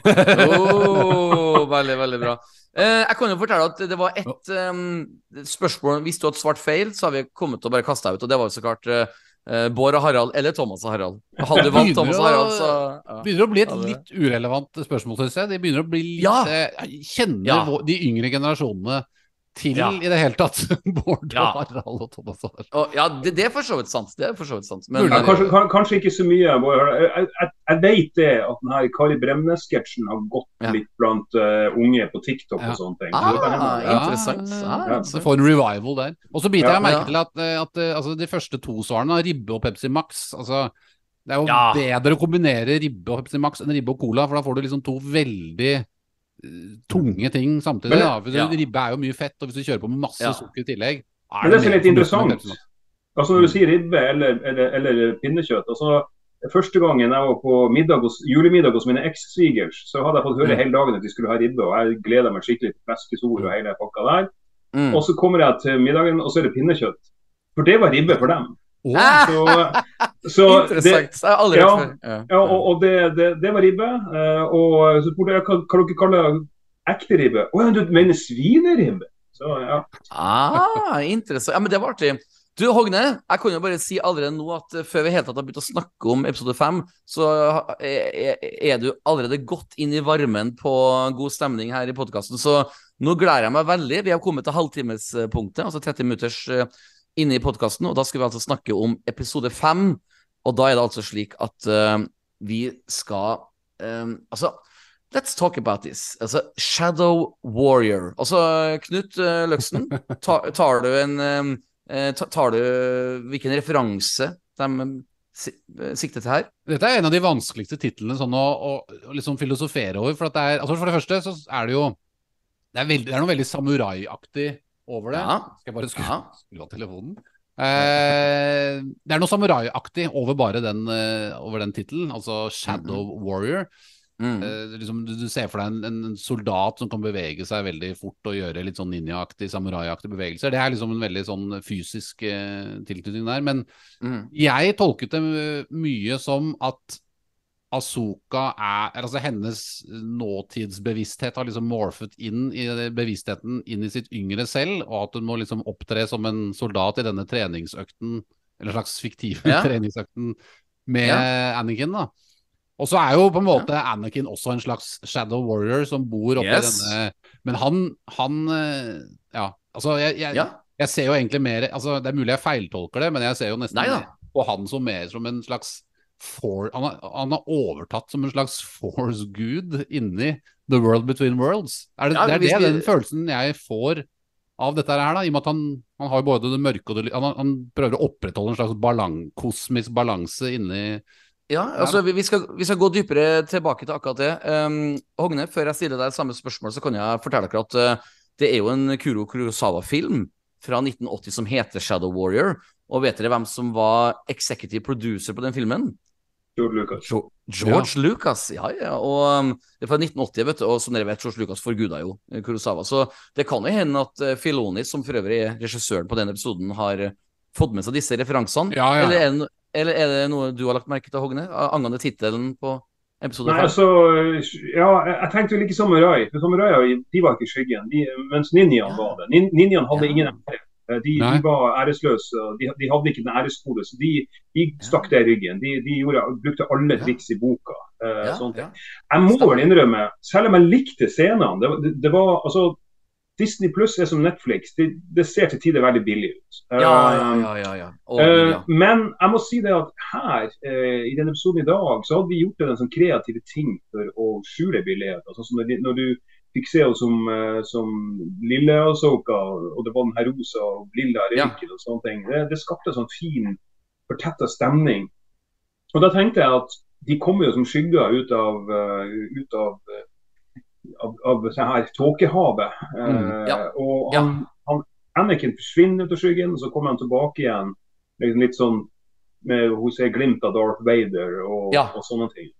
Men jeg, så, sånn helhetlig, jeg likte det, men jeg så liksom ikke helt hva er det episoden prøver å fortelle oss her. Hva, hva er det hun hva er det Asoka skal overvinne her? Hvorfor Åh, Ja. du, stiller, du, du stiller bra spørsmål, Agne. Det, det var, Ja, eh, dette var akkurat et av de spørsmålene jeg stilte også, som jeg Ja. Altså, egentlig så, så det, det, det, det var jo noe jeg, som jeg skrev i den, den lille anmeldelsen som du refererte til i stad. Jeg, jeg føler at det, er, det, det bruker så mye tid på ingenting. Eh, Ja. Og det her, det her episoden, Vi kunne ha sett han Thrawn mye mer, f.eks. Vi kunne ha Ja, ja, ja. Over til det andre universet i tidlig i episoden istedenfor å bruke tid på det. Nå har vi er det to episoder igjen. ja, tre, tror jeg. Ja, Tre, tre, ja. Og det er sånn, Mm. Det, gjøres en del ting der som ikke helt eh, Jeg, skjø, jeg skjønte ikke hva han Dave Filoni eh, forsøkte å fortelle her med denne Åh, gud. Altså, altså, unnskyld at jeg avbryter. Jeg må bare si at du treffer jo spikeren midt på hodet her, Hogne. Og det må også sies at i vår forrige podkast, de siste ti minuttene i vår forrige podkast, så snakka vi litt om deg og dine meninger på den eh, Facebook-sida, og det skal vi så klart komme tilbake til, så vi kan snakke med deg også om det. Men uh, vi, vi er jo veldig enige i, i veldig mange av dine eh, synspunkt. Jeg, jeg ville bare starte å bare gå på en liten rant her og si at denne episoden her det er jo porno for dem som liker Clone Wars og Rebels. Altså, men for en del andre så vet jeg ikke om effekten er like sterk. Eller Knut Løksen, tar jeg feil, eller er det liksom For det her er jo virkelig For folk som kan Star Wars, uh, Rebels og Clone Wars, så er jo Å, vi får se det, det og det og det som live action. Men det er jo egentlig bare visuelt snacks. Eh, Ja, ja. Eller Ja. Nei, altså, det, det, altså jeg, jeg stilte et spørsmål Eller jeg hadde noen viktige spørsmål til denne episoden. For jeg visste jo, tatt i betraktning hva som skjedde på slutten av forrige episode, at vi kom til å gå inn i The World Between Worlds. da. Mm. Eh, Og for vi som har sett Rebel, så vet vi litt hva det er. Men Mm. jeg, da går jeg inn med en Selv om jeg har sett det, så er det jo selvfølgelig ganske lenge siden jeg har sett det. Og så er det også fortsatt mange spørsmål jeg har rundt World Between, Wor- eh, World Mm. Between Worlds. Mm. Og så er det jo sånn at den episoden som kom i dag, gir ingen svar på hva det er, eller hvorfor Nothing. Er der. Det er ingenting. Det er, det er veldig Altså, jeg, jeg skal komme med noen positive bemerkninger først, før jeg går litt Altså, jeg har Jeg likte episoden, men jeg har noen liksom graverende spørsmål her. Eh, Men noe av det positive er Hayden Christensen. Altså han ja. De to mest positive tingene er faktisk Hayden Christensen og Kevin Kiner, altså komponisten. De Ja. to leverer en meget eh, solid episode. ja. Eh, og Hayden er veldig kraftfull i alt han gjør, og jeg syns han, han er kvikk i bevegelse. Altså både fysikalsk og det han, hvordan han leverer replikkene. Mm. Men det er veldig mye sånn overflatesnakk som til tider høres dypt ut, men allikevel ikke klarer å klø deg nok nedi dypt oh, nedi historien. Altså, det Som jeg ja. håper kommer seinere, for at jeg føler jo liksom ikke at vi, vi Hvis dette var det som var med Anakin, så er det altfor grunt. Det er, på Ja. måte, det, er måte veldig, det er på en måte veldig dypt på den måten at du Ja, vi får se ting i live action visuelt. Det er dritkult, og vi får se flashbacks fra Mandalore-scener fra Mm. da Asoka var der uten Anakin. Og det Mm. er noen fine dialogutvekslinger mellom de to, men du Mm. får ikke noe svar på hva er det han vil med denne treningen med henne? Hvorfor er han der? Hva er The World Between Worlds? Det, det, Ja. altså de, de kaller det jo ikke det heller. De, de, hun bare Nei. er inne i et kosmisk force-rom, Ja. liksom. Og for de som ikke har sett Rebel, så er det jo nesten enda mer uforståelig. Da. Ja, jeg, Jeg spørre- spurte, ja. jeg spurte eh, kompisen min eh, om det der. Han, han har aldri sett de animerte seriene. Han har, han har ikke tenkt å se dem heller. Eh. Mm. så, jeg, så, jeg, så jeg sa til han, skjønte du noe av det han slutten av forrige episode? Nå har ikke han sett dagens ennå, da. Men så sier han Mm. nei, han ante ikke hva det betydde. Men han regner med det skulle bli forklart i neste episode. Og Ja. det, som, det som du sier, det blir jo overhodet ikke. Og hvis dere husker fra, fra Rebels, så var jo The World Between Worlds sånn at han, eh, han eh, Ezra kunne fysisk gå og dra hun eh, Asoka ut av kampen sin med Darth Vader og Ja. inn i sikkerhet. Eh, Og det fikk vi jo ikke egentlig se noe av det her. Her var det mye mer eh, spirituelt enn Ja. eh, Ja. enn noe der. Og så Spot syns on. ja. og så synes jeg også det var fint at du nevnte Hayden Christens. For jeg elsker det faktum at Hayden Christensen plutselig blir omfavna av Star Wars-fans. Altså, han var jo, med Mm, unntak, mm. med unntak av han Ahmed Best og, og Jake Lloyd, så var han jo det verste som noensinne hadde skjedd i verden, eh, siden. Hitler omtrent. Ja. Og, og på midten av 2000-tallet. Og, Ja. og jeg har alltid forsvart Hayden Christensen. For jeg synes, også. eh, fordi at jeg, jeg syns overhodet ikke han har vært så dårlig som folk skal ha det til. Og jeg syns det var utrolig rørende når han kom på Star Wars Celebration og ble møtt med den jubelen. Og han ble Ja. jo sjøl rørt. Du ser jo det, han sier jo det sjøl. ja. Jeg syns Ja, det er klart. flott at han Og så kan noen si at ja, det eneste han ble huska for, is so fucking what? ja, Det, er ja. det må jo være helt utfattelig kult å bli huska for noe som hundrevis av millioner folk er fans Ja. for, hvis det er den ene tingen. Ja, Ja. Det er mer enn hva de fleste av oss bekjent husker. Ja, altså, det var en one hit one, var en, det var en one wonder-artist som sa her forleden A one hit wonder is better than none hit wonder. Så, så Ja, ja, ja, T- T- Timbuk 3, som hadde denne hiten med The Future So Bright I Gotta Wear Shades. De ble Ja, intervjua ja. en sånn eh, VH1 One Hit Wonder. Så spurte jeg om de syntes det var plagsomt, det her One Hit Wonder. Så, så sier han at Er det bedre enn å være two hit wonders? For det er ingen som lager TV-program om two hit wonders. det var veldig bra. Eh, jeg må bare gå litt tilbake, Hogne. Altså, når du snakker om at eh, Hayden blir rørt. eh, jeg blir rørt av at han blir rørt, så så, til, så meta var den opplevelsen for meg. Jeg må bare spørre deg, Hogne. Altså, det spørs jo så klart på hvilke premisser man skal dømme en opplevelse på. Men eh, jeg er jo som sagt litt sånn som partiet Venstre. I'm somewhere in between når det kommer denne episoden her. Men altså, jeg likte episoden her, men jeg elska den ikke. Men det var fordi at mine forventninger var altfor store denne uken her. Eh, Spesielt siden Lucasfilm arrangerte kinovisninger av denne mid-season-episoden i både England og USA. Og, altså, jeg bare spør deg rett ut, Hogne. Hvorfor tror du de gjorde det? Hvorfor tror du Lucasfilm plutselig ah, Nå skal vi putte dette på kino, bare. Er det rett og slett for at de skal få frem noen reaksjoner fra blod, blodfans som kjenner igjen referanser fra Clone Wars og Rebels, og så blir det sånn artsy Star Wars uh, at, at Lucasfilm lager en promovideo av hysteriske fans på den offisielle Star Wars-sida. Altså, det, det er det bare rett og slett til syvende og sist bare sleip marketing for å få flere folk til å abonnere på Disney Pluss? Jeg, jeg tror det. Jeg, og jeg tror de, jeg tror også de gjorde det fordi at det blir noe annet når du ser det på, på et stort lerret, og det er masse folk som sitter i lag og opplever den at du sitter alene hjemme i stua, og så pauser du kanskje litt for å sjekke sosiale medier osv. Så, videre. så, Ja. så da tror jeg nok den får en stor rating. Og jeg kan tenke meg til at denne episoden var fantastisk å se på et stort lerret. Og, Ja. og, og, og det er litt interessant å spørre om det, fordi de siste ti minuttene av episoden likte jeg faktisk best. Den, ja. de, de, de siste scenen Nå spoiler alert, men de, Nei, de, ja. de, siste, siste scenene hvor de her romskipene flyr mellom de her space whales, og musikken er der, og, Yes, sir. og, og du endelig ser litt sånn et smil og litt personlighet i Asoka, hvor hun liksom Mm. er sånn fandenivold skal er sånn, I don't know, we're going somewhere, it's better than going nowhere. Og så sier hun Hera May the force be with you, og så flyr de av gårde. Jeg hadde gåsehud! Ja, ja. Mm, Det var mm, vakkert! mm. Det var, og tenkte jeg, yes, det er endelig noe som kjennes som Star Wars. Det her kjennes Ah. faktisk som Star Wars. Mm. Ja, det- er jeg veldig enig, det er veldig enig i. Og det, er- det, det, det, det er litt det samme som den derre Altså, det Force Awakens gjorde som ikke var så veldig eh, bra, var jo det at de kopierte veldig mye. Det er en, Ja. enda en ny Death Star-planet, ikke sant. Og i Rise of Skywalker så kommer Nei, vi har bare masse Star Destroyers, og alle har eh, nye Ah. supervåpen. Men jeg føler Ja. at denne hyperspace-ringen de bygde, eksempel, er en ny Ja. en ny Ja. ting, en ny gadget de bruker i den serien her, som er litt interessant. da. De, de skaper nye elementer. og Det er jo disse hvalene også, selv om det ikke er nytt for oss som har sett Rebel, så er det fantastisk å se dem i live action. Det er veldig god animasjon hos DJI på dem. Og det, de scenene med de skipene hvor de flyr ved siden av sånn, som ligner litt på de scenene fra Rebels, da, for der er det jo flere, et par sånne scener Ja. hvor de Purglesene flyr ved siden av der. Og så Mm, vi, et, eh, vi ser vel et glimt av dem, de space-hvalene i Han Solo-filmen også. Ja, det, ja, det er jo en som de det er en litt sånn intim eh, Ja. med en sånn det. Det er veldig Stemmer det. Ja, ja, ja. Den, og den er faktisk en veldig bra, en veldig kul scene i solofilmen. Høydepunkt. Så, så Og den er- filmen ja. er en bra oppfinnelse. Så det gjør denne serien bra. At det introduserer noen nye ele visuelle elementer da, som, eh, som føles som Star Wars. Og det, det skal Asoka og denne episoden her ha. At, eh, at det er veldig mye som føles som Star Wars. Og, og Mm. Noe av tempo det jo, Vi kommer sikkert til å snakke mye om tempo her. At det er, det er Ja. noen scener hvor jeg tenker at Ok, her bruker vi veldig lang tid. Ja, det var kanskje litt sånn old school. Det er litt Kurosawa, litt Lucas, uh, A New Hope. Ja, litt. A New Hope. Ja. Men Mm. jeg føler også at ok, den tiden vi brukte på denne scenen, der kunne vi vel kanskje ha brukt litt mer tid på for eksempel forklare World Between Worlds, eller Anakin og altså, Ja. har litt mer juicy Ja. ting i bånn. Altså, skjønner du hva jeg mener? Ja. Det, det, det, jeg liker at det er noe av det sakte tempoet, men noen ganger så de er overdoing it innimellom, føler jeg.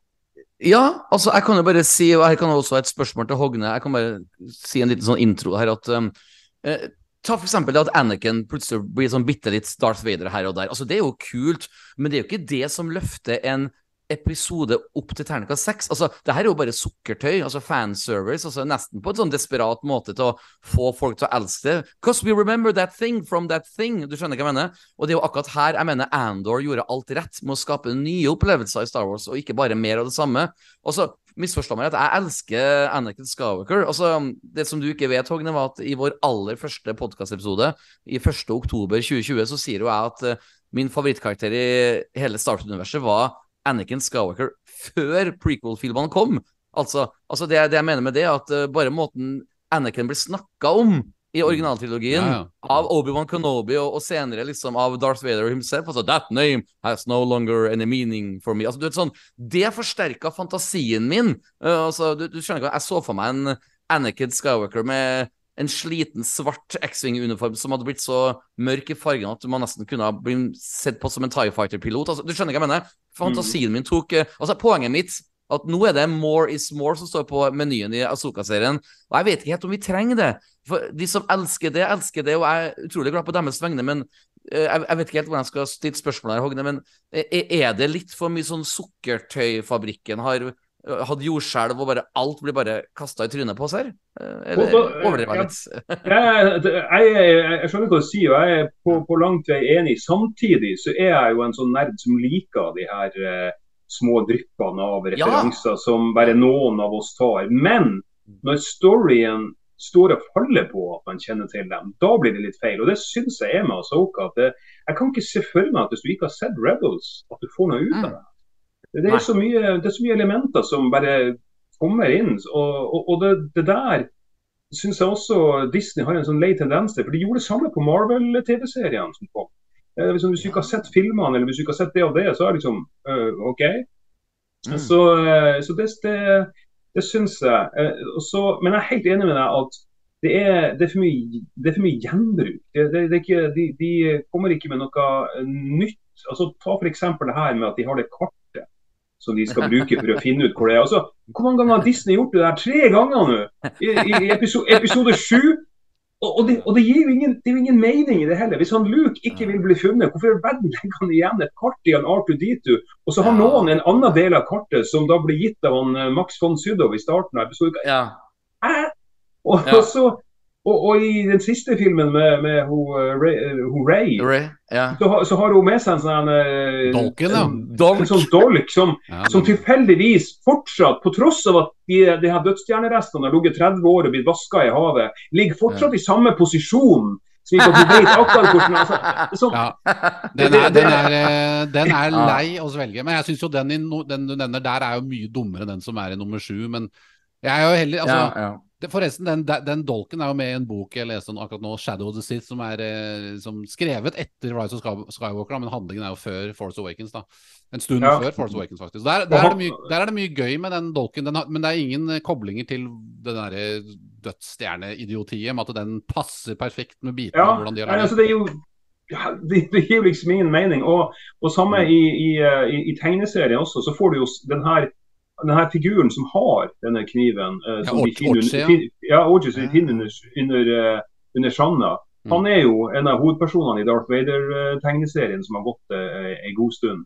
Eh, så han er jo med der. Ja, Han er også med i den boken boken, i den Shadow of the Sith. Han er Ja, en av nettopp. hoved- hovedkarakterene i den. Og det er jo egentlig veldig bra skrevet, akkurat hans karakter i den boken òg.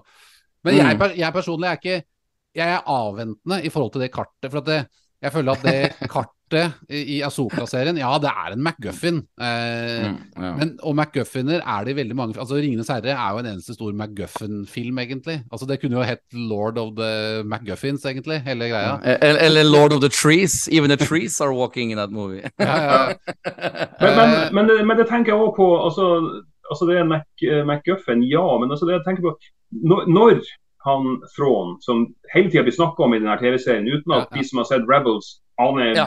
Hvorfor han er Ja. viktig Ja. eh, Når de, eh, i den siste episoden av Rebels, når de forsvant med de her spacehvalene altså, hvem, hvem klarte å lage et kart over det? Hvordan, hvordan vet de hvor de dro altså, jeg, jeg tror, og det er her det er, her det er litt uh, Ja da, det er litt, det er litt uh, Ja, grø, grøtete akkurat der, men altså, jeg tror at det, dette kartet er laget Det er helt laget helt uavhengig av hva som har skjedd med Thrawn. Dette er noe som tilhører denne gamle sivilisasjonen. Det er derfor jeg syns det er litt spennende, fordi at de skal strekke mytologien til en annen galakse og en annen sivilisasjon, og det kan gi oss noen wow-øyeblikk. så Foreløpig så ser jeg på det kartet som ja, det, er, altså, det finnes jo mange eventyrfilmer med kart, MacGuffins, liksom. Så jeg er litt Ja. sånn avventende på akkurat om jeg syns det kartet fører til noe bra eller Ja. ikke. Men jeg, foreløpig så syns jeg storyen er ganske sånn Den går jo i en retning, selv om denne, denne episoden har noen, eh, noen litt sånne grøtete spirituelle Ja. basifilosofiske partier inni seg som er selvfølgelig i utgangspunktet veldig relevant for historien, fordi vi følger jo Den heter jo Asoka, og det handler om at hun skal Ja. kanskje falle for å reise seg igjen. Mm. Eh, å bli Gandalf the White. Eh, Ja, ikke, ja og, og, og det kommer vi tilbake på. Ja. Å stå på Mount Weathertop. Ja. Og, og, og apropos grøt, eh, Knut og Hogne. Altså, nå skal vi altså ikke gå rundt grøten, vi skal gå rett på. For eh, nå skal vi faktisk starte bitte litt fra toppen igjen. Og til våre lyttere som tror at vi bare skal snakke negativt, ta med ro. Jeg har masse positivt jeg skal si om denne episoden, men det blir litt sånn eh, kvasinegativt kvasi-negativt start her nå. For at helt fra toppen av hvis dere ser den guttungen til Hera, altså J eh, Jason, den dialogen der liksom når han står i romskipet og sier Is it safe to come outside?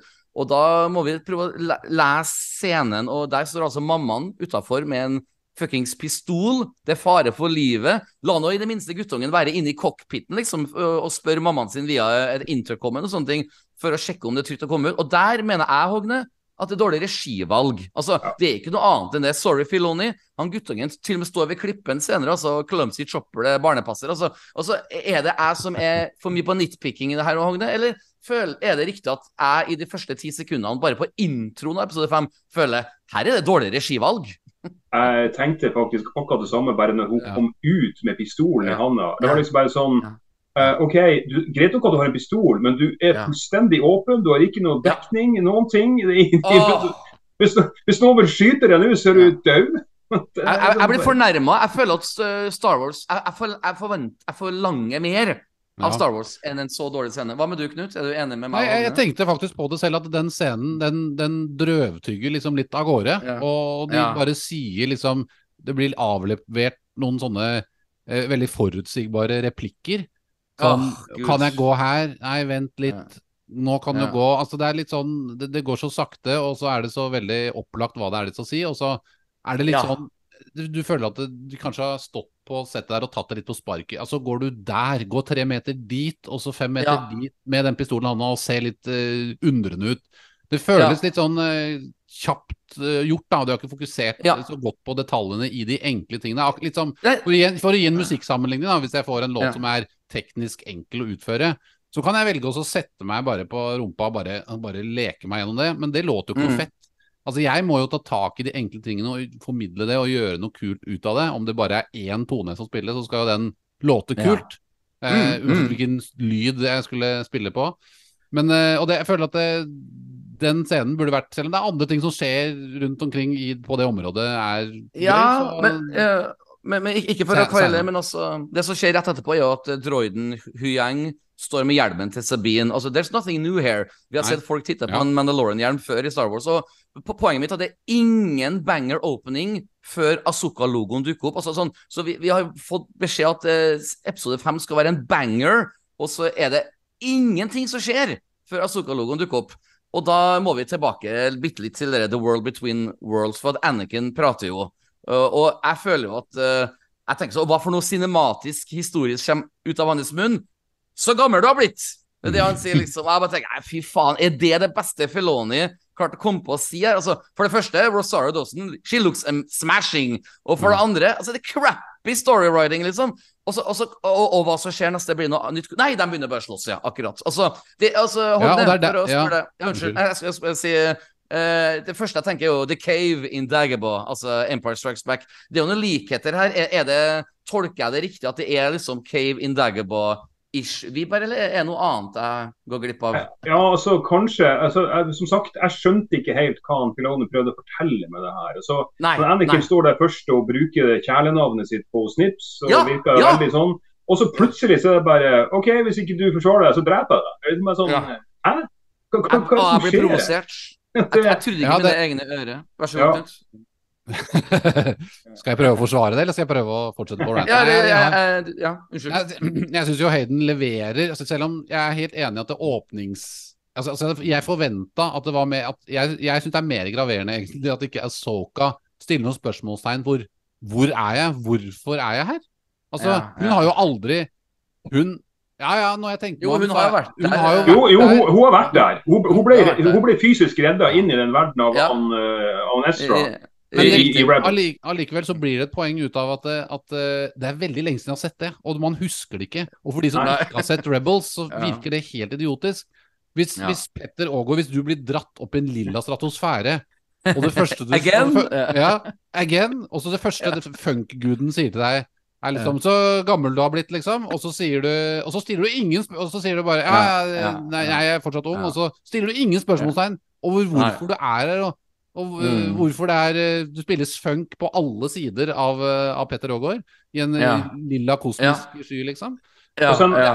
en, eh, Det er liksom ikke noe, Hvorfor har du ikke noe eksistensielle spørsmål rundt det? Hun møter jo Anakin Skywalker Sin, sin læremester. sin master. Ja, Ja. ja. ja. fra Ågne, vær så god. Ja, nei, også, og En annen ting er også, når de opprinnelig gikk inn i den her eh, World Between Worlds, så var det jo faktisk en fysisk inngang de gikk igjennom. Her har hun ramla ned fra et stup, og så er hun plutselig der. Eh, Ja. og, det, og det er også noe som ikke var i det, The World Between Worlds før. så Det virka nesten for meg som at kanskje det her foregikk i hodet på henne når hun lå Ja. eh, og drukna i eh, Kanskje ikke det er The World Between Worlds, kanskje det er noe hun bare relaterer det til, fordi at det er noe hun husker. Eh, Interesting kan- theory. Kan, Ja. kan være. Ja. Kan være. ja, eh, så for at eh, som sagt, de sier verken World Between Worlds, det er ikke noe fysisk Nei. med det. Eh, hun bare tenker tilbake, og så, og så blir hun, så blir hun berga. da. Ja, og, det- det, det ja. Selv, om, selv om det er noen, det er noen sånne subtile eh, Du ser at Anakin, rett før hun kommer tilbake til eh, at hun våkner opp i, i havet igjen, så ser du at Anakin i, i, han gløtter liksom litt opp mot ja, skyene eller stjernene, kall det hva du vil. ja, Akkurat ja. han gir et signal til Jeg tolket det nesten som han på en måte gir gir et slags sånn nod til Det er jo Jason som på en måte senser hele Mm, greiene som mm. foregår der. Og da Mm. tenker jeg Ja, hvis hun drømmer det, så kan jo en annen sense det også. Eller hvis hun tenker det innvendig. Men, men jeg, jeg, jeg tolket det nesten som at det, Anakin fikk en slags link mellom den virkelige verden og The World Between Worlds fordi Jason Ja, sto nære der hvor hun var, da, og hun så, yeah. Fordi at det virker som han på en måte Ok, nå har de Han merker at de har funnet henne, så da var det greit å slippe henne, liksom. da. ja, ikke sant. Hvis du ser det om igjen, så ser du at han gir en sånn lite signal på slutten der.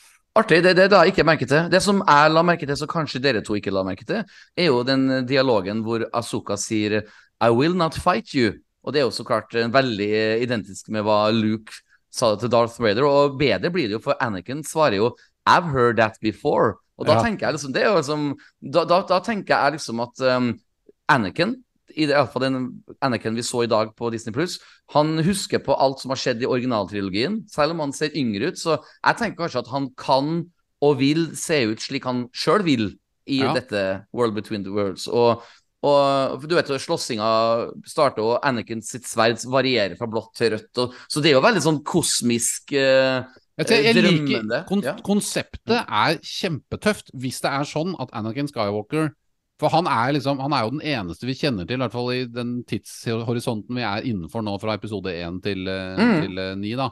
Eneste Mm. personen, eller ene Jedien, som har liksom Han har både operert som en agent for den mørke siden og for den lyse siden. Helt på begge sider av skalaen, ikke sant? Så han er jo den som på en måte kjenner til hvordan det er å være på begge sider, og derfor han, er han den rette personen til å opptre eller regjere som en gud Ja. i en sånn type Å! Der, og, der, og, og unnskyld. det, og det konseptet er genialt, men de, men de går liksom ikke nok inn i det. De, gjør litt Ja. av det, men ikke uh, sorry at jeg ble så ivrig. Knut. Jeg skal bare spørre Hogne et spørsmål som er akkurat relatert når du sa Gud. Altså, hva er Anakin akkurat her? Er han en force ghost? Er han en Mordis gud? Er han en illusjon? Er han en drøm? En, en fantasi? Hva tror du Anakin er akkurat her? Eh, Vi har vært litt inne på det, men ja. Ja, for å, for å hoppe inn i litt, et annet franchise, Ja. så sier jo Harry Potter når han møter igjen uh, uh, han uh, Dumbledore, så sier han Mm. det her er, er ikke det her bare en drøm, sier han til Dumbledore. Og så sier Ja. Dumbledore Does it matter? Oh, og det- herlig svar. Herlig Ja, svar. det er og, og det, det synes jeg for det er tydeligvis noe som har hjulpet hun, Asoka, den opplevelsen her. Så det kan ha vært i hennes fantasi, det kan ha vært eh, Force Ghost. det kan ha Ja. vært, eh, Jeg tror ikke han hadde blitt en sånn Mortar-gud. så for, de som, for de som ikke har sett The Clone Wars, så skjønner ja. Mm. overhodet ikke hva vi prater om. her, antagelig. Det er greit. men, men, eh, men, det, men det, var- du, du nevnte at han Jason sensa det. og det der det, det her med Jason det åpna jo en del. For det første så åpna det vel en haug med seksuelle fantasier som deler folk med at uh, mennesker og Twilex kan uh, Ja. det. Eh, det, det andre er at Det han heter Jason. Ja. Hvor har vi Jason ifra? Jason, Jason Solo. Jason Solo. Altså, Ja, ja, ja, ja. I den Star Wars-kontinuiteten som ble annullert av Disney, så hadde jo Mm. Leia Mm. og Solo tre barn. Og, Mhm. og, og tvillingene heter jo Jason og Jaina. Så jeg syns det er interessant Yes, at de, har vært Jason der. Det, det, Ja, det, det, Det er en homa- det er en plukka. Ja. ja, det det. Ja, ja, det Jeg, kan- jeg, jeg, jeg kan jo bare bryte fort inn og si at akkurat den scenen hvor Jason hører lasersverd gjennom bølgene I really, really like that. For meg så var det noe nytt og originalt. Og Veldig bra. this is- that, that is my kind of Star Wars. Så Ja. akkurat da, da var jeg OK, I'm, I'm on board. Her, her. Og så, så jeg, jeg er åpen for uh, nye gå. Dette var sånn perfekt. Og så til og med når Anakin knuser gulvet. Og, og- og det, det, er jo litt sånn klassisk Anakin, for han gjorde jo faktisk slike ting både i prequelsen, når han uh, Ja, ja. mot uh, flere folk og du vet, ødela litt kabler, og til og med originaltrilogien, uh, som eh, Darth Vader, så ødelegger han litt. Um, så, men iallfall, altså, Clone Wars og Rebels-ekstravagansen eh, Disse scenene er jo Skal vi snakke om nå? Jeg føler jo for å være litt eh, start med negativ, jeg føler at vi er veldig inne i the volume. Um, uh, det, det kan jeg la gå. Uh, for de er jo på en måte på besøk inn i fortida, for du hører at de snakker om hva gjør vi her og sånt. Men så plutselig så er de in character. Du vet når den døende clone trooperen Da er de på en måte inne i selve storyen. Uh, og så skal, bør man holde seg til én ting, Knut, eller har jeg gått glipp av noe her? Uh, på, det, det er veldig meta her. her. Ja, du mener at, de, at det blir et for dypt sidesprang? At de går inn i en historie som allerede har skjedd? På en måte? Nei, nei, altså, nei, altså jeg, jeg skal prøve å ordlegge meg litt bedre. Altså, det er jo egentlig sånn tre forskjellige scener vi ser i fortida. Ja, ja, Og ja. den første delen av fortida det er jo den første kampen, krigen, eh, Ja. Asoka er med i. Og da er jeg sånn Da sier jeg jo Men her har jo jeg vært før, og hvorfor er vi her? Men plutselig, i neste scene, når hun prøver å holde handa til den Claude Trouble, så er det bare en, en spillescene fra ja, ja. fortida. Ja. Altså, det, det du tenker på, at hun går fra å Ja. være observatør til å være en del av uh, historien. Thank you. Thank you. Så, Mm. så er, er, er jeg, det jeg, tolk, jeg tolket det som hun Ja. var observatør der også, i den scenen hvor altså, Jeg tolket også at de, den første og den andre scenen var fra samme oppdraget, egentlig. Altså når hun møter okay. de døende Ja. klonene, mens den tredje er helt opplagt på et nytt sted. Og for der dukker jo Ja. for På de to første så er jo Anakin Altså Det er jo fortids-Anakin vi ser, men siden tredje eh, slaget vi kommer til, på Mandalore, når okay. vi slåss mot Shadow Collective, så, det, så kommer jo da guden okay. Anakin inn. da Sorry, Knut, jeg skal prøve å ordlegge meg for tredje gang. Eh, I den første scenen så er det jo en ung eh, Asoka, men det er Ja. på en måte den voksne Asoka som er inni Ja, den andre kroppen. ja. I den andre scenen hvor hun holdt på med Clone så ser det ut som hun er det, det er den unge Asoka som prater. Og så igjen, i den siste scenen i Mandalore, så er det på en måte den voksne Ja. Asoka i ung kropp. Så det, det, jeg føler jeg skjønner ikke hvor regivalget jeg, her. jeg tror det var henne hele veien. Det var det den andre okay, okay. scenen også.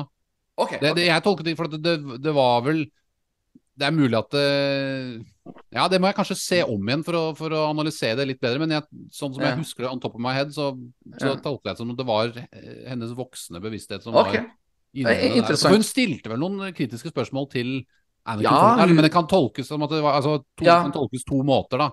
At det var Ja. liksom flere lag i det hun, i de replikkene hun, eh, hun sa. Ja. Men, Nei, men altså, jeg er enig i deg i forhold til eh, det, akkurat det med The Volume. Det var det første jeg tenkte. Men det andre jeg tenkte, det var det Ja. at hvis du husker på filmen Attack of the Clone, så er det jo Det første vi så av The Clone Wars, var jo i Attack of the Clone, så det var jo når det var krigsscener med Ja, det var jo rett etter duellen på den, eh, på den gladiatorarenaen, så, så, så går det jo ut i en kjempestor kamp hvor de slåss Ja. mot Spider-roboten og de store ja. droneskipene, de der runde droneskipene og sånn. Da er det litt We get got to get to that hangar! Ja. ja, ja. og, og da er det litt samme klaustrofobiske stil som, som vi har her nå, så det, det ligner faktisk litt. Det er sånn Ja. stilistisk. Og jeg husker at når vi hadde den podkasten om Attack on the Clone, så hyllet vi de scenene, for det var så friskt og nytt. Og det var en litt sånn annen stil på hvordan de regisserte krigsscenene. Og disse her scenene som vi får nå, de, de er litt like. Kanskje ikke like høyt budsjett og like filmatiske, men allikevel litt like i stil. Men nå er vi litt sånn Ok, det, ligner, det er veldig volume-ish, og jeg tror nok det er De har nok tenkt det at ok, vi sparer penger på bare å gjøre dette her i volum, bare tåkelegge hele greia med masse sånn teaterrøyk, og så bare animerer vi noen sånne Republic Walkers som du ser antydningsvis, som egentlig var tøft, da. Så gjør Ja. det på en litt billigere måte. Da. Det er jo det. De er jo opptatt av å produsere disse seriene på en rask og billig Ja. måte. Det er jo Det er sånn de greier å spy dem ut. Da. Så Ja. man må svelge noen sånne ting, men hvis man gjør det Man må. Jeg, jeg kan jo si én positiv ting før jeg stiller Hog- Hogne et spørsmål. Det er jo at jeg synes at det var veldig bra de-aging av Anakin i disse scenene her. Mm. Det skal han faen meg ha. Altså. Og den unge versjonen av Azuka, det er jo faktisk samme skuespillerdama som spilte Gomora. I Avengers Infinity War. Det var en trivia jeg merka. Takk til Simon for den triviaen. Eh, og hun jenta spiller kjempebra, så jeg blir faktisk litt engasjert. Um, Ja, Hun som spiller, unge, spiller unge Gamora, tenker du på? Ja, selvfølgelig? Ja, ja, ja helt, helt riktig. Eh, Takk, takk, takk for korreksjonen. Men uh, egentlig det jeg skulle si til uh, spørre Hogne om, altså at uh, ja, Vi ser forresten, forresten også Captain Rex i bakgrunnen, og det er jo alltid gøy. Asoka tilbake med sitt grønne lasersverd. Um, og så begynner jo Anakin og Asoka å snakke om dere jedier skal være keepers of the peace, not warriors. If you stop fighting, you'll die. Altså, det er veldig sånne eh, rett på saker-ting. Og så går jo altså Anakin fra Vader til Anakin og Anakin til Vader. Altså art-shit. Det er kult, men for meg så er ikke det nok til å hylle for, altså, Jeg har gått litt på nettet i kveld, og går det på sånn Star Wars Norge Facebook-sida, så er jo 100 av kommentarene er at dette er en terningkast seks. Det alene er ikke nok for meg å gi denne episoden terningkast seks at Anakin hopper fra Vader til uh, Anakin. For meg så er det bare en visuell, kul greie.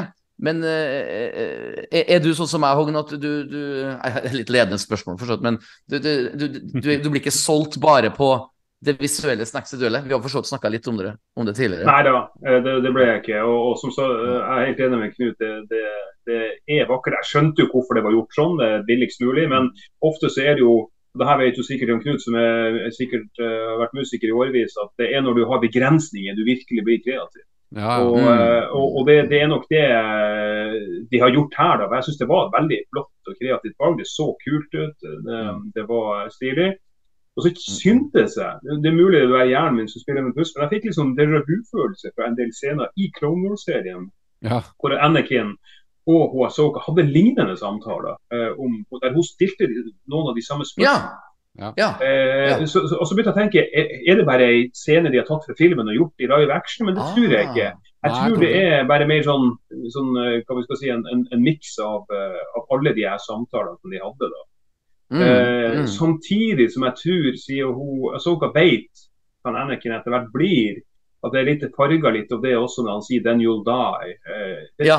Jeg, kan ikke, jeg kan ikke helt se for meg at Clone Wars-Anakin ville sagt noe så destruktivt. eller sånn, uh, de, Husk Clone Wars-serien. Så får du et sånn innblikk i hvorfor han var så godt likt som han var. For han er, han er sjarmerende, han er artig, Mm. han uh, tenker litt utradisjonelt for til de andre jediene. Uh, han er en likende fyr, en fyr du, du vil henge med. Eh, som, som dessverre han Hayden ikke fikk lov å, å, å, å, fremstille han som i episode to og tre. Men han, du, du skjønner litt mer om hvorfor folk som kjente han, uh, som du hører om i fire, fem og 6, at de, Ja. de, de snakker såpass bra om han som han gjør. Ja. Så får du jo også se for et fantastisk film. Der har jeg en liten teori, Hogne, som jeg vil gjerne dele med dere. At, eh, er det kanskje at denne Anakin vi så på Disney Pluss i dag, er en eh, provokatør? altså Han prøver på en måte å tirre opp Asoka til å få henne til å bli så sint og irritert. Og når de da har sin siste kamp, og hun har mulighet til å drepe henne, og hun velger å ikke å drepe henne, så får jeg inntrykk av at han sier noe sånt som I'm paraphrasing. Han sier hei, du, du besto testen. Du lot deg ikke bli tirra opp av mine usaklige kommentarer og mine ja, men så er det det at eh, det, Ja. det er jo liksom litt tilfeldig Altså, han blir jo Han går jo til den mørke siden Han går liksom til Wader-modus etter at det er Mm. hun som sier noe provoserende. Og det er jo liksom litt tilfeldig. Hun bare sier jo Ja. det helt ut av det Ikke helt ut av det blå, men dialogen de har, fører til at hun Ja, vi så alle hva du ble en av de mest kraftfulle og beste Jediene noensinne, men altså, potensialet ditt ble for stort, og du, du, du var mye farligere enn noen kunne forutse, liksom. Og, han, Mm. eh, og det er jo da han eh, snapper og plutselig går inn i waiter-modus og Ja. sparker henne inn tilbake i World Between Worlds. Det er litt sånn Ja. litt tilfeldig at det liksom havner der. Så hvis han hadde intensjon om at, han, at hun måtte møte hans mørke side for at hun skulle oppnå det målet om å bli god nok til å slå henne og komme i en situasjon hvor hun kunne hvor hun kunne la være, eller unnlate å drepe han, da, og, så bestå testen, så er det jo liksom litt mye tilfeldigheter inni der. Eller, eller hadde han gitt henne lov til å slippe ut av The World Between Worlds, selv om det ikke hadde skjedd? Liksom, for han blir jo tydelig provosert av Men jeg skjønner jo allikevel også at, det, at hun må møte begge hans sider eh, for å liksom eh, spille på altså både den mørke og den lyse siden for å komme eh, For å kunne beseire det de er truet av nå i den historien vi følger i Asoka nå. Problemet er bare litt at det, Anakin nevner jo ingenting om Balen Skull, annet enn at det- Asoka nevner Balen Skull, så sier han du, 'so you remember'. Men han nevner jo liksom ja, du må, for at du skal vinne denne kampen, eller bekjempe trusselen om Thrawn Altså Hvis han er en gud in the world between worlds, burde ikke han da vite noe om hva som skjer, liksom? I, eh, og det er liksom ingen Nei. Ja, det, det er litt There's sånn a lot of questions. det Ja. er, det, altså, det er det som er Og der pirker du i akkurat det som er litt problemet, at det, den svarer på litt grann spørsmål, men denne episoden lager mer spørsmål enn det jeg trodde. Jeg trodde at den kom til å være en sånn derre ja. Sånn wow. En Ja. katarsis-episode hvor bare alt renner, all juicen bare strømmer Ja. inni meg med en ny Star Wars. Ah, det var derfor! Men istedenfor så sitter jeg med masse spørsmål. I tillegg Det- det er veldig- Men jeg håper jo at det, at dette her kommer tilbake og gir noe Ja. mer mening etter hvert. Relevanse for historien. Altså, og, ja. Hvis vi, hvis vi ser tilbake på Disneys historikk der, så vet jeg ikke om jeg er så veldig optimistisk på at de kommer til å forklare, forklare, forklare ting. Det, Og det er det som gjør meg ja. Ja, ja. Det er det som veldig gjør meg litt pessimistisk. For at jeg, jeg tenker at de, de er veldig opptatt av å gå kjapt fra det ene til det andre. Og hennes Mm. transformasjon fra Asoka the Great til Gandalf the White er liksom ikke li, like episk som uh, Gandalf. Som Ringenes herre. Nei. Nei. Jeg, jeg, jeg, jeg syns det er artig å høre. for Det var det første jeg òg tenkte når hun plutselig sto der i nytt kostyme som må i litt tenker meg Gandalf her. Det er sånn uh... Ja, for dette, det, jeg jeg Ja. føler da, er det at eh, Ja. Gandalf the White han dukket jo bare opp som en, en, mann, en ny versjon av Mm. seg selv i disse klærne. Mm. Men Mm. Asoka bare kom jo tilbake, og så hadde, han, Ja. hadde hun de klærne liggende. Det har jeg, også notert meg på noen notater. Hvor faen blir- uh, Nyvaska klær du hvorfor, har ikke, før? Ja. hvorfor har du ikke brukt de før? Det bare nå skal jeg bli Asoka the ah, jeg skal bli Asoka the White fordi at jeg har møtt Ja. Anakin, og han ga meg en litt sånn Ja, altså, vi, vi, vi snakker om et univers her hvor uh, karakterene har de samme klærne på seg i, uansett. Altså, Ja. hun Hera går jo i samme klærne hun hadde på seg i tre sesonger av Rebels, eller fire sesonger liksom Veldig bra. plutselig, Det, ja, når vi plutselig skifter klær, så blir det Hæ? Ja. Men det- men, men det skal sies Ja. at hun, hun ser fantastisk ut i det hvite kostymet. Og jeg må si Å ja! Det var utrolig ja. flott. Å ja.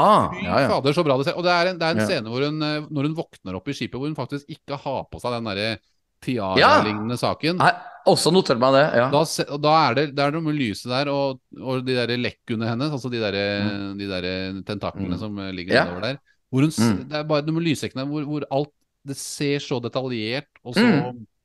og, og huden og disse her tatoveringene Ja. og alt ser så bra ut. Så Ja.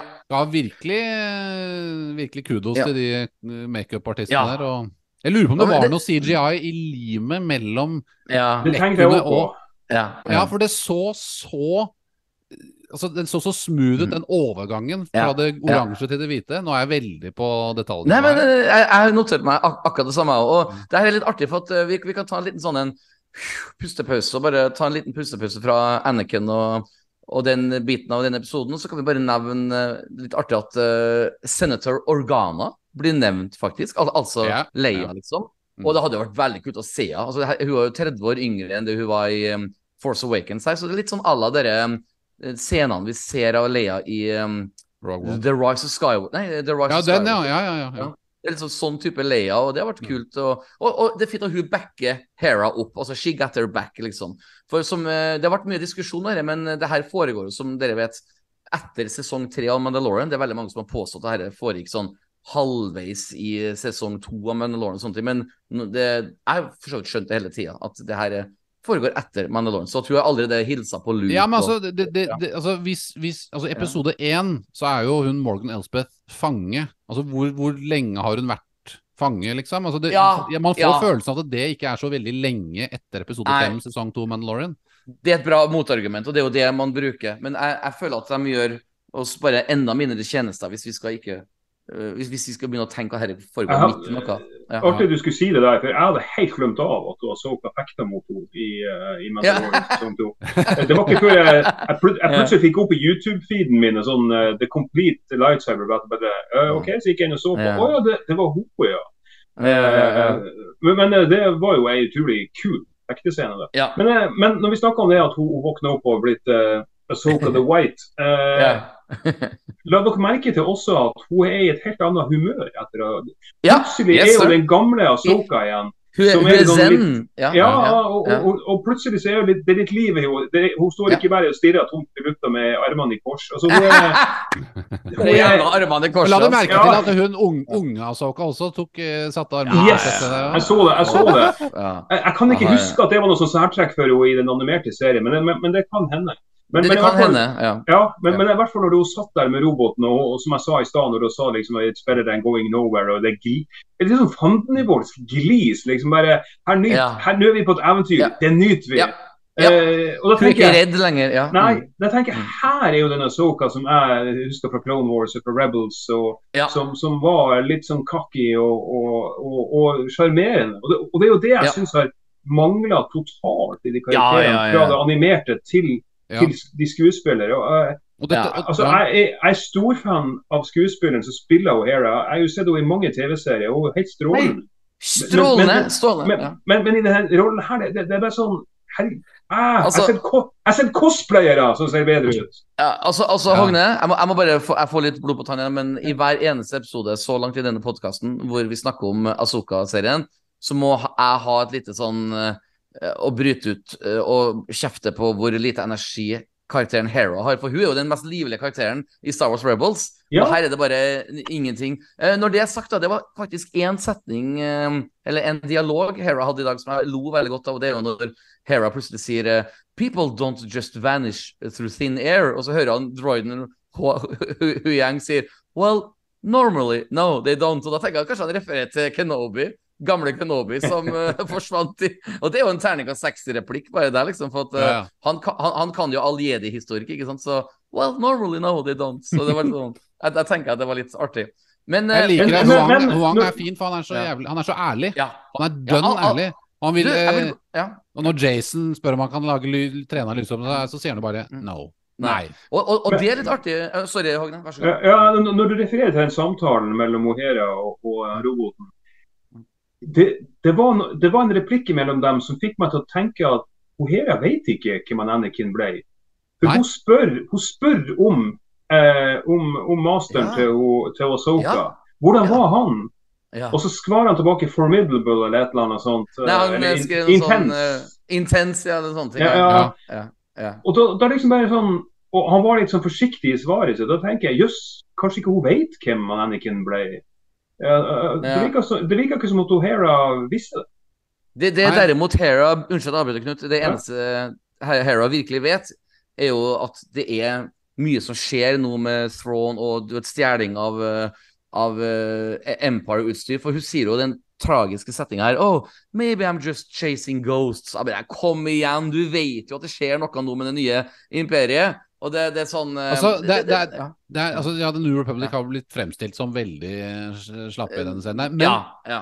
og, det er én ting å arrestere meg hvis jeg, det er noe jeg ikke har fått med her, men når de spør Huang hva som har skjedd der Jeg vet at han ikke var til stede når de faktisk skrudde på hyperdriven og stakk av i forrige episode, men han vet jo at det var en hyperspace ring der. Han, og han ser jo at den er borte. Hvorfor, hvorfor forteller ikke han det til de andre? For de lurer på hva som har, hva har skjedd. Han, han sier jo ingenting. Det er et godt spørsmål. Det tenkte jeg ikke på. Det er veld, veldig, veldig underlig. Og så prøver han å skjule det for, fordi han ikke vil at The New Republic skal vite om det, men det vil jo være helt meningsløst, for de vil jo ha ressursene til The New Republic for å bekjempe dette Imperial Remnant som de påstår eksisterer, da, som jo faktisk eksisterer, og potensielt da Men, men eh, det er litt artig du sier det, det, det om at uh, New Republic ikke blir stilt i et sånt, særlig Ja. godt lys i denne serien her. Men Mm. altså, himmel og hav. I, i, i Andor-serien så blir jo The New Republic omtrent fremstilt som nazister. Altså, det er Ja. jo, eh, det er jo det, Det er det er sant. ikke så- det er jo ikke så ingenting bra med det. Det er bare en gjeng med byråkrater som fucka opp Ja. alt. Og, og vi vet Ja. jo hvor det, hvor det ender opp til. Ender jo med at Leia bare trekker seg ut av republikken og Ja. starter en Men det er, opposisjon. jeg, jeg tror vi allerede, og dette er jo litt basert på at jeg har lest den boken Bloodlines, jeg vet ikke om du har lest den, Hagne. Men eh, det er, en veldig, det er en veldig bra bok, og der er det jo helt opplagt at, eh, at uh, The New Republic er infiltrert av The First Order. Jeg husker ikke helt i Mm. detalj hvordan det skjer, men det er noen bombinger, og det er, eh, det er en del sånn det, det leier jeg ut på en del oppdrag og, og sånn detektivvirksomhet for å finne ut dette her, da. Men det, det også fører til at hun, hun forlater The New Republic. Men jeg tror også at det, på det tidspunktet vi er i nå, så har det allerede skjedd at The New Republic er infiltrert på et eller annet høyere nivå av The First Order eller imperiesympatisører, eller ja, det er jo kanskje litt samme side av eh, samme Mm. holdt jeg på å si. Men ja. det kan jo forklare at de kanskje stikker kjepper i hjulene for noen. Og sånn de, Ja. Men det er Det, det er sant. nå strekker jo jeg selvfølgelig etter forklaringer på å gjøre denne serien smartere enn Ja, ja, men, ja, men det, er. Men det, det er, er innafor, det du sier, Knut.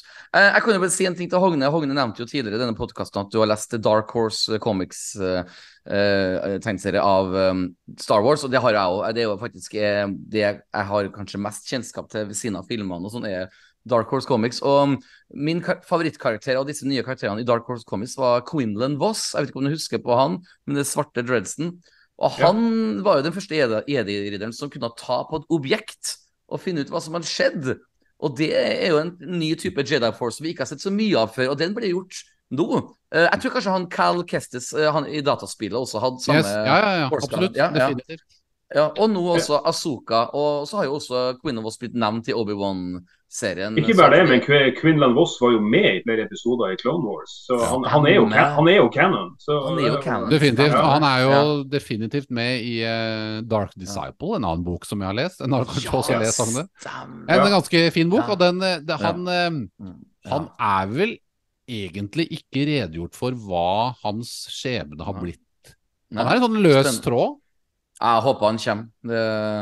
Jeg, jeg trodde han skulle dukke opp i Obi-Wan Kenobi når de gjorde en navnereferanse. Ja, Quinlan was here. Så de, de, de, har liksom, ja, de har dryppet noe ja. hint til at han, at han er ute der. Så han, han må vi få møte snart, ellers så fyker jo Petter opp i den der lilla Ja, ja, ja det, det, er jo, det er jo min absolutt sånn Extended Universe-favorittkarakter. Jeg har til og med skrevet en låt inspirert av bare hans vesen, for han er jo på en måte enda mer conflicted, kan du si, enn det Anakin var på mange måter. Altså- Men det, det Ja. Altså, det han går inn i i Dark Disciple, er jo veldig mørkt. Det skjer Ja. veldig mye mørke ting med Quinn. Altså, det går veldig langt, egentlig. Mm. Mye lenger enn Altså, det er veldig på mange måter veldig likt Anakin Skywalker, da, men satt i en annen Ja. kontekst. Og liksom, Ja. like Litt sånn hjernevasking og spionjobbing og ja, han, blir jo torturert, han blir jo torturert av Doku i lang tid, og, og Ja. han spiller et sånn dobbeltspill, men du vet aldri helt ja, hva er han og hva er han ikke. Og, så det er, Mm. det er en Eh, veldig fin bok. Eh, apropos eh, nerdeting, så har jeg en ordentlig nerdeting her. Og arrester meg hvis jeg tar feil, men eh, det her handler om disse hvalene. Altså, hvalene er tilbake. For meg helt umulig å hate. Jeg elsker det Kjempebra. visuelle aspektet med det. Eh, det er en artig måte Asoka blir med i en av dem. Altså, du vet sånn, hun går inn i munnen, altså Pinocchio-style, liksom. Eh, Ja, ja. Men her er min fun fact. Eh, de blir kalt for whales. Ja. Og det er første gangen, for de har alltid blitt kalt for Purgles før. Det er første gangen Nei. får navnet Huang Åh. sier Star Whales i forrige episode. Ah, Stories tell of Star, yeah. On the Jedi Academy, nå parafraserer jeg, da, men on the Jedi Ah. Academy they were told about Star Whales, bla, bla, bla. Ah, de har stemmer. sagt det før. De har sagt Wales. Ok, ja, men det at, Det er jo, det var- det er jo litt brudd med, med George Lucas. Han, han ville jo ikke ha noe som helst eh, som var jordiske dyr eller uttrykk eller sånne ting. Og, Hogne skjønte hva jeg skulle fram til. Ja. Ja, ja. eh, og, og, men hvis man leser eh, romanutgaven av A New Hope, så sier jo han eh, bruker jo han eh, Obi-Wan Kenobi ordet duck. Og, og så tenker han Luke, før de tar av fra Tatooine i Millennium Falcon, så sier han 'what's a duck'? Eh, så det, det er det eneste andre Det er den eneste andre gangen jeg kan huske det.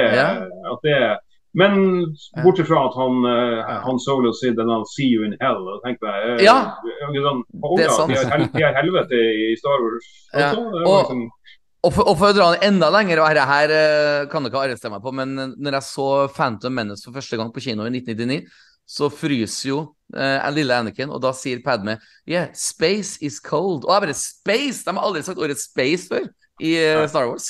I Jedi Survivor så, så møter du jo noen sånne eh, så dyr. Der er det flere faktisk dyr du møter som er Og den sjiraffen den har et navn, jeg husker ikke helt et tall, men det er sånn De bare bytter ut forbokstaven, liksom. Biraff Ja. eller Niraff. ja, ja, det ja, det er liksom og det, det gjør de faktisk innimellom. Det har de gjort både med, med egennavn på karakterer, Mm. altså aliens, og, men også på dyr. da. Eh, Ja. kan, eh, både i spillene, men jeg mener husk at det er noen andre i serien også. Så det er, de, de, Ja. det er noen ganger jeg føler at, de, at kreativiteten er steiler litt når de, når de ikke klarer å komme Når de liksom bytter ut mm. Istedenfor Fox, så er det Nox, liksom. Altså, det, det Ja, ja, ja. ja. ja men det er artig. Eh, eh, vi har jo også tilbakebesøk skulle du si, av han X-Wing-piloten som var med i Mandalorian. Han liker jeg Eh, veldig godt. Carson. Jeg, Jeg, jeg er en Carson-fan. Og jeg, jeg er også Carson-fan, og jeg, jeg, jeg svetta nesten litt da jeg så episoden jeg har fått um, når han da er i dialog med The New Republic, og så ser det ut som han skal svare på en sånn en klassisk Star Wars-setning som vi har hørt flere ganger før, men han klarer akkurat å svare på sin egen måte. og Da blir jeg letta, for alt må ikke være copy-paste, alt må ikke være poesi, liksom. Så jeg, jeg syns det var eh, veldig, veldig um, uh, godkjent. Men her har jeg da uh, mitt største spørsmål. Um, The lesson altså Vi snakka om det helt i starten av den podkasten. Hva er det egentlig vi har lært, eller hva er det Asoka har lært av hele denne um, Anakin-dialogen? Altså, er, You don't have to kill anymore? Er, er det så enkelt som det? Det eneste jeg fikk ut av det. Jeg tolket det som at hun Altså, du, du må slåss. Tolket jeg det som. Du må, du må få ut aggresjonen og du må, du, må, du må hente ut det beste fra the dark side of the force og fra the light side of the force for å kunne bekjempe fienden. Fordi at Anakin er den eneste som skjønner det, fordi han er liksom en mester i begge deler. Han mestrer både the dark side og the light side. Men det er ikke Ja. Det er jo jeg som leser en del, og kanskje leser mellom linjene, i, i, i dette litt eh, noe grunne manuset.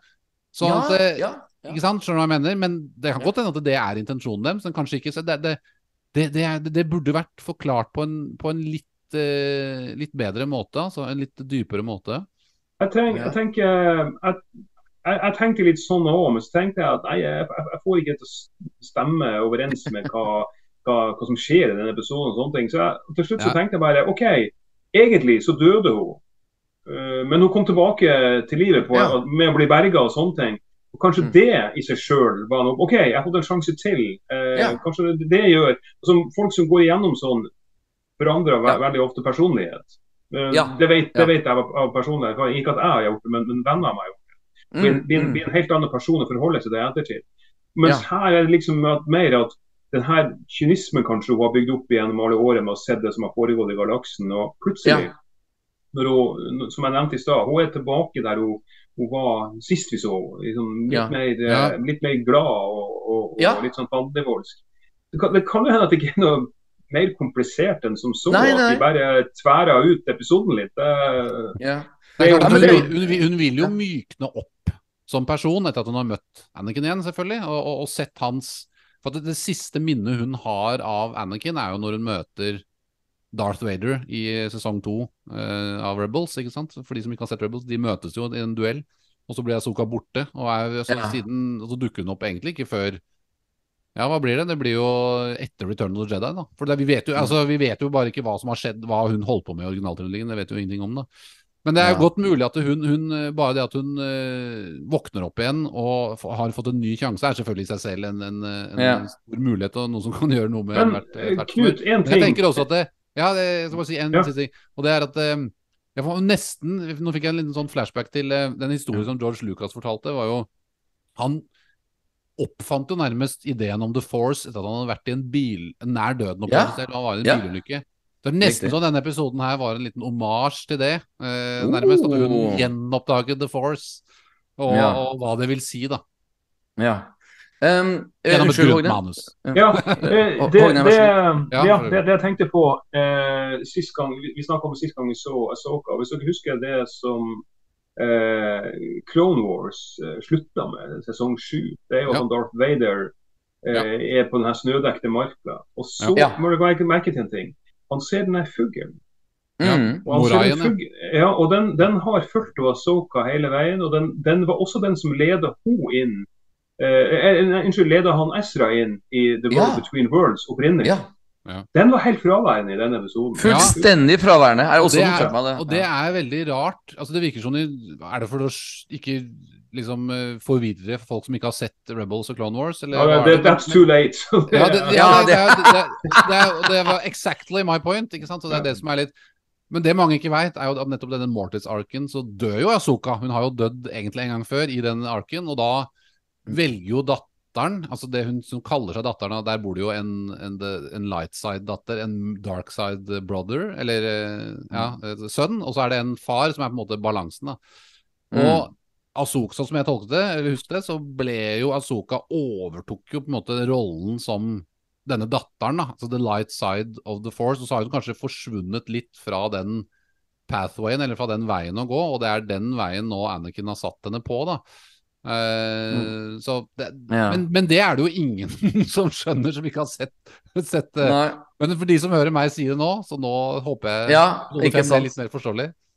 Kjære Knut og kjære Hogne, vi er så langt ifra ferdig å prate om uh, Asoka episode 5, men nå har vi akkurat kommet til dere timesmerket. altså vi har snakka nå i 60 minutter om episoden, og da skal vi nå komme med et terningkast uh, for episoden, og så begrunne hvorfor vi gir det terningkastet, og så prate litt til videre. Vi har en liten halvtime igjen. Så jeg kan gå først, og så kan Hogne være sist siden han er gjest. Så at um, Hogne Nei, unnskyld, Petter, Knut og Hogne. Men jeg kan starte eh, med å bare si enkelt og greit at jeg hadde um, altfor store forventninger til denne episoden. eh, og det kan jeg egentlig skylde meg sjøl for. Altså, men på en måte ikke, for at Lucasfilm laga jo årets eh, cliffhanger i episode fire.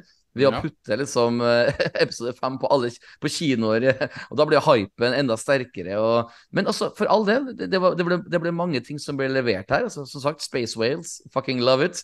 Eh, mye, mye ro og litt stress i flere scener. Eh, altså, jeg, jeg, jeg godkjente det. Litt for mye artsy-fartsy Star Wars uten dybde. Altså, hvis det blir bare eye candy, det, det er ikke nok for meg, dessverre. Eh, litt sånn oppgulp av ting vi allerede har sett i Clone Wars og, Rebels. Det, det, det blir ikke min type Star Wars. Men det er mer enn godkjent. um, så det blir et, eh, et ryddig terningkast. Um, jeg gir faktisk um, terningkast fire. uh, og grunnen for ikke det blir noe mer, er for at jeg Altså, hallo, det, vi har fortsatt enda ingen Throne. Og det blir bare mer og mer tydelig at de vil spare de største Throne-scenene til filmen som kommer om noen år. Fordi vi får jo ikke mer enn toppen tre episoder med Throne i denne omgang. Om, om i, i hele tatt det. Kanskje bare to. For jeg ser for meg nemlig at uh, kanskje vi får se Thrawn sitt fjes i episode seks i de siste tre sekundene. Så, så, slik at vi har noe å glede oss til neste episode. Til der igjen. Altså en ny cliffhanger. Uh, I see what you're doing here, Lucasfilm. Det er gøy, det er kult, men det er ikke mind-blowing. I stedet for bare å gi oss masse cliffhangers og tease, så vil jeg heller ha en god story, en god dialog. You know the rest. Altså, det her har jeg babla om i i 18 podkaster tidligere. For, for meg, det mest interessante nå med Asoka, det er at eh, vi ved flere anledninger opplever at eh, det er lojale folk til imperiet i alle ledd av The New Republic. Det er en story som virkelig fascinerer meg, som jeg gjerne vil se mer av. Der er mye bra story man kan bygge rundt. Mer av det her sagt, som sagt. Men terningkast fire for meg. Eh, jeg vet at veldig mange vil sikkert gi en terningkast seks, og det skal de få lov til. Men Knut, vær så god, hva Ja, tenker det, du? Ja. Nei, det skjønner jeg godt. Eh, jeg Altså, det er, det, denne episoden her har utrolig Det er en veldig vanskelig episode for meg å anmelde og gi terningkast, fordi jeg syns det er så mange fantastisk bra elementer i den episoden som gir meg en veldig genuin Star Wars-følelse. Eh, ja, det er mye nostalgi i Anakin Skywalker og, og Ahsoka og flashbacks til, eh, til um, Clone Wars og til Mandalore og Shadow Collective. Og det, det, er, det, er liksom, det er veldig mye sånn snacks, men det er klart det er jo, det er jo visuelt snacks, da. Og det hadde slått meg litt hardere hvis det var noe mer dybde i de, Ja. i de eh, World Between Worlds-scenene. Eh, men Space Whalesene Asoka klatrer opp på skipet, de flyr inn i kjeften på en Space Whale. Den siste scenen hvor de reiser av gårde eh, med hypers, eh, i hyperspeed med å liksom Tentaklene går til siden, og du ser det begynner å flashe blått, liksom. Ja. Men de, de, sånne type, nydelig. sånn, det, det konseptet der er fantastisk å se på. Og det er også Mm. er jo en fin cliffhanger inntil at de skal til denne nye galaksen som vi ikke Og det, det gir meg undring. Det får liksom tolv år gamle Knut til å like Star Wars, og det, det er jævlig viktig. Det er noen av de checkboxene her som er, er jævlig Mm. viktige, da. Eh, Som Ja. jeg syns Asoka gjør bra. Men så er det, den er tynget ned av litt for mange scener som går for sakte.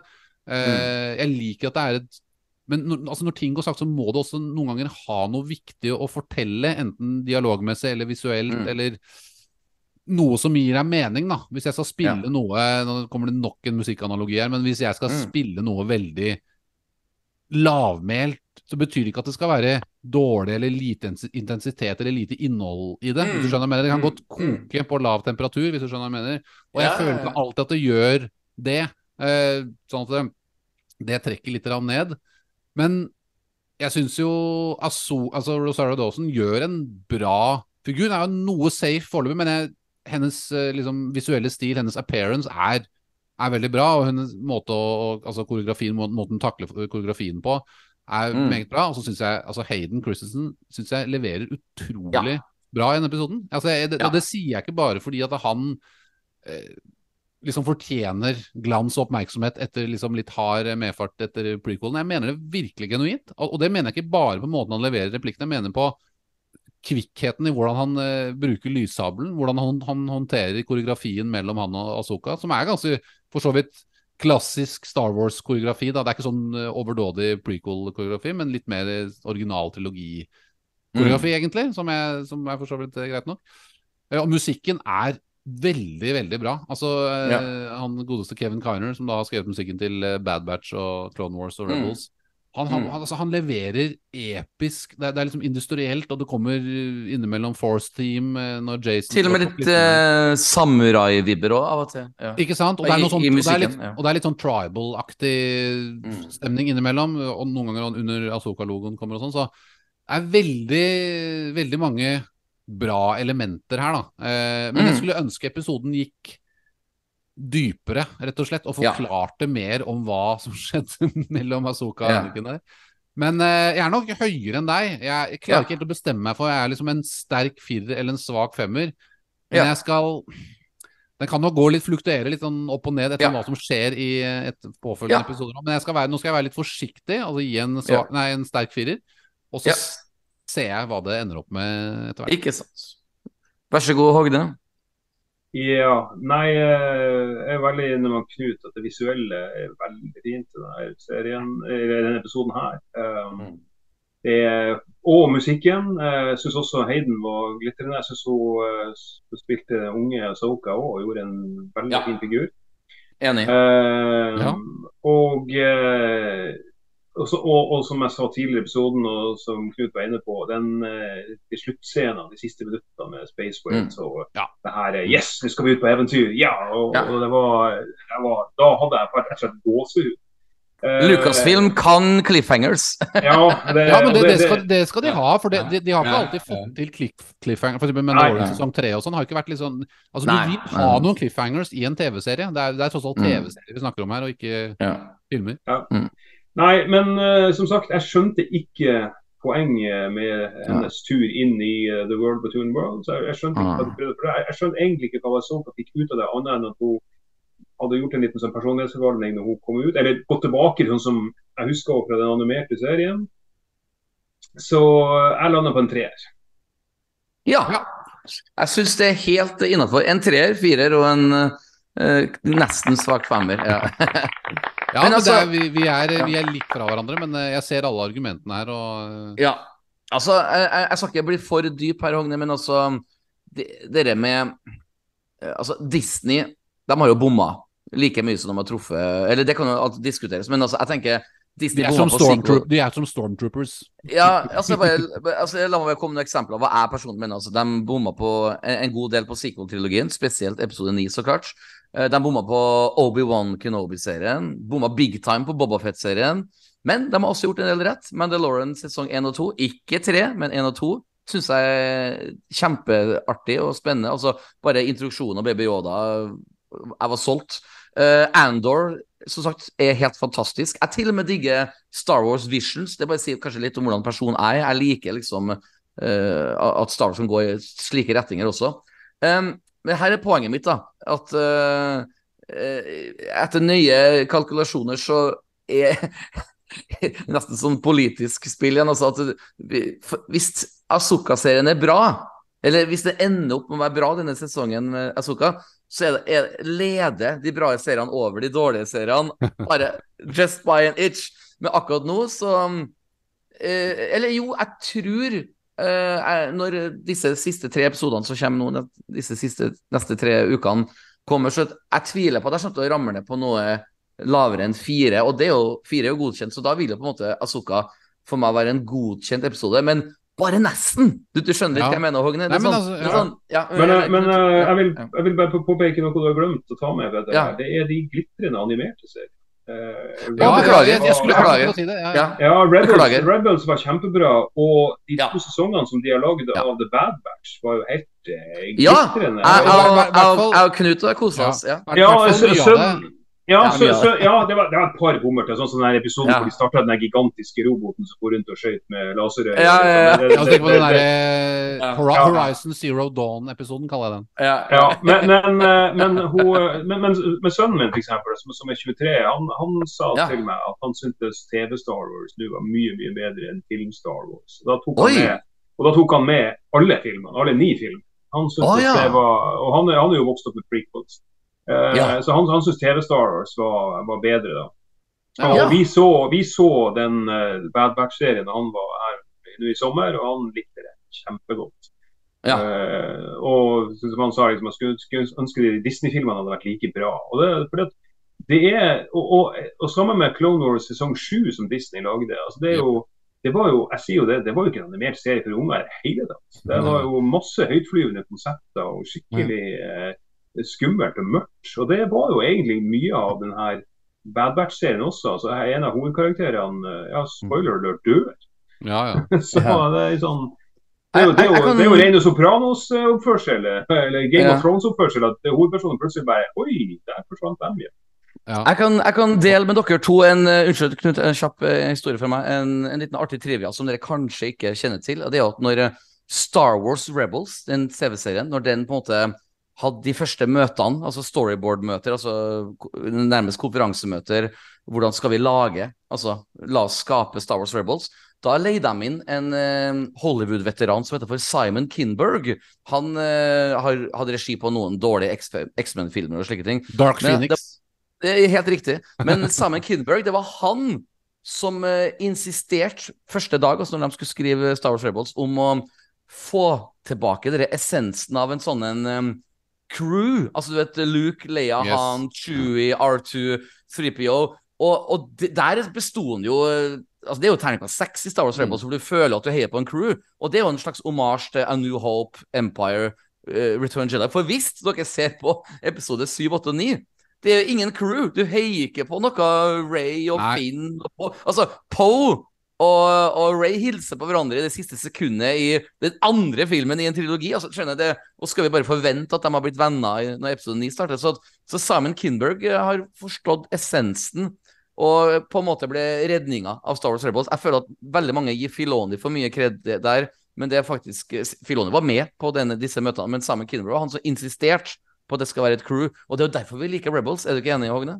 Jo, og en annen ting som også Rebels gjorde veldig riktig, var å gå tilbake til gode, gamle eh, Yes. Macquarie-konseptgrafikk. Yes. Altså Hvis yes. du ser det her eh, det torget de står på på Coruscant med de her eh, glassrestaurantene ser ut som en glass, altså, Det er jo henta rett ut fra, fra sånne konseptsketsjer han lagde Ja. for den første Starskilden som aldri ble brukt. Ja, ja, det har de. Eh, og- og- Det har de også og- brukt og- i Mandalorian også. Mm. Ja, og, og de her pilotene som du ser i Rebel-serien som, som har de spesielle hjelmene og sånne ting. Ja. Det var de første stormtrooperne han designa.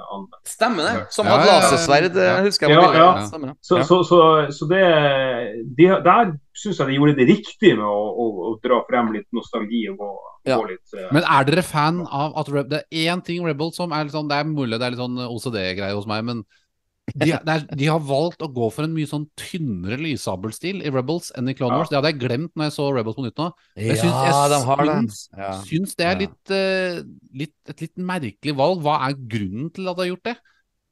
ja, det, det er det ene jeg ikke liker med Rebels. Det, det, det, er også, det er det. Og det andre jeg ikke likte med Rebels, det var bare altså, Greit nok at stormtrooperne var inkompetente i, i filmene, men i deler av Rebels-serien så er det liksom bare Å, vær så snill. Øh, jeg, må er bryte de er Eh, anim, de er jo bare animerte. Da er det jo i hvert fall Expendables. Nei, men, nei, men altså, Hogne, du, du, you just stole my line. For spesielt i sesong én av Rebels, Ja. så er de så dum at du nesten syns Du vil ikke at de skal bli skutt engang. De, er bare Bill and Ted, Excellent Adventures Stormtroopers. De ser på en kul ting, og så sier han ene Oh, I think that looks a little cool. Pjong, de skutt. Altså, du, du, de er jo ikke onde engang. Det er jo bare, det er jo bare teenage uh, stoners. Altså, det, det er jo det, det, Men jeg syns ja, ja. I, først, i første, det er vel siste episoden i første sesongen av Mandalorian. Når de har de her to uh, imperiesoldatene som står og passer på uh, De skal etter det. Ja, Ja. ja. Og, og når de skal liksom skyte den her uh, Ja. boksen eller Ja. noe som ligger på bakken, og bommer hele tida. Fucking perfect. Ja, det, det, det var morsomt. Kjempebra. det, det, var, det, var, det, vi, vi har snakka om det før. Vi, vi ga den en Ja. terningkast seks bare pga. den episoden. For at det, det var så utrolig. Men der er nok en gang Dave Filoni som har kommet inn og insert på litt sånn eh, outside influence. Altså, du vet sånn, vi må ikke glemme essensen av det her.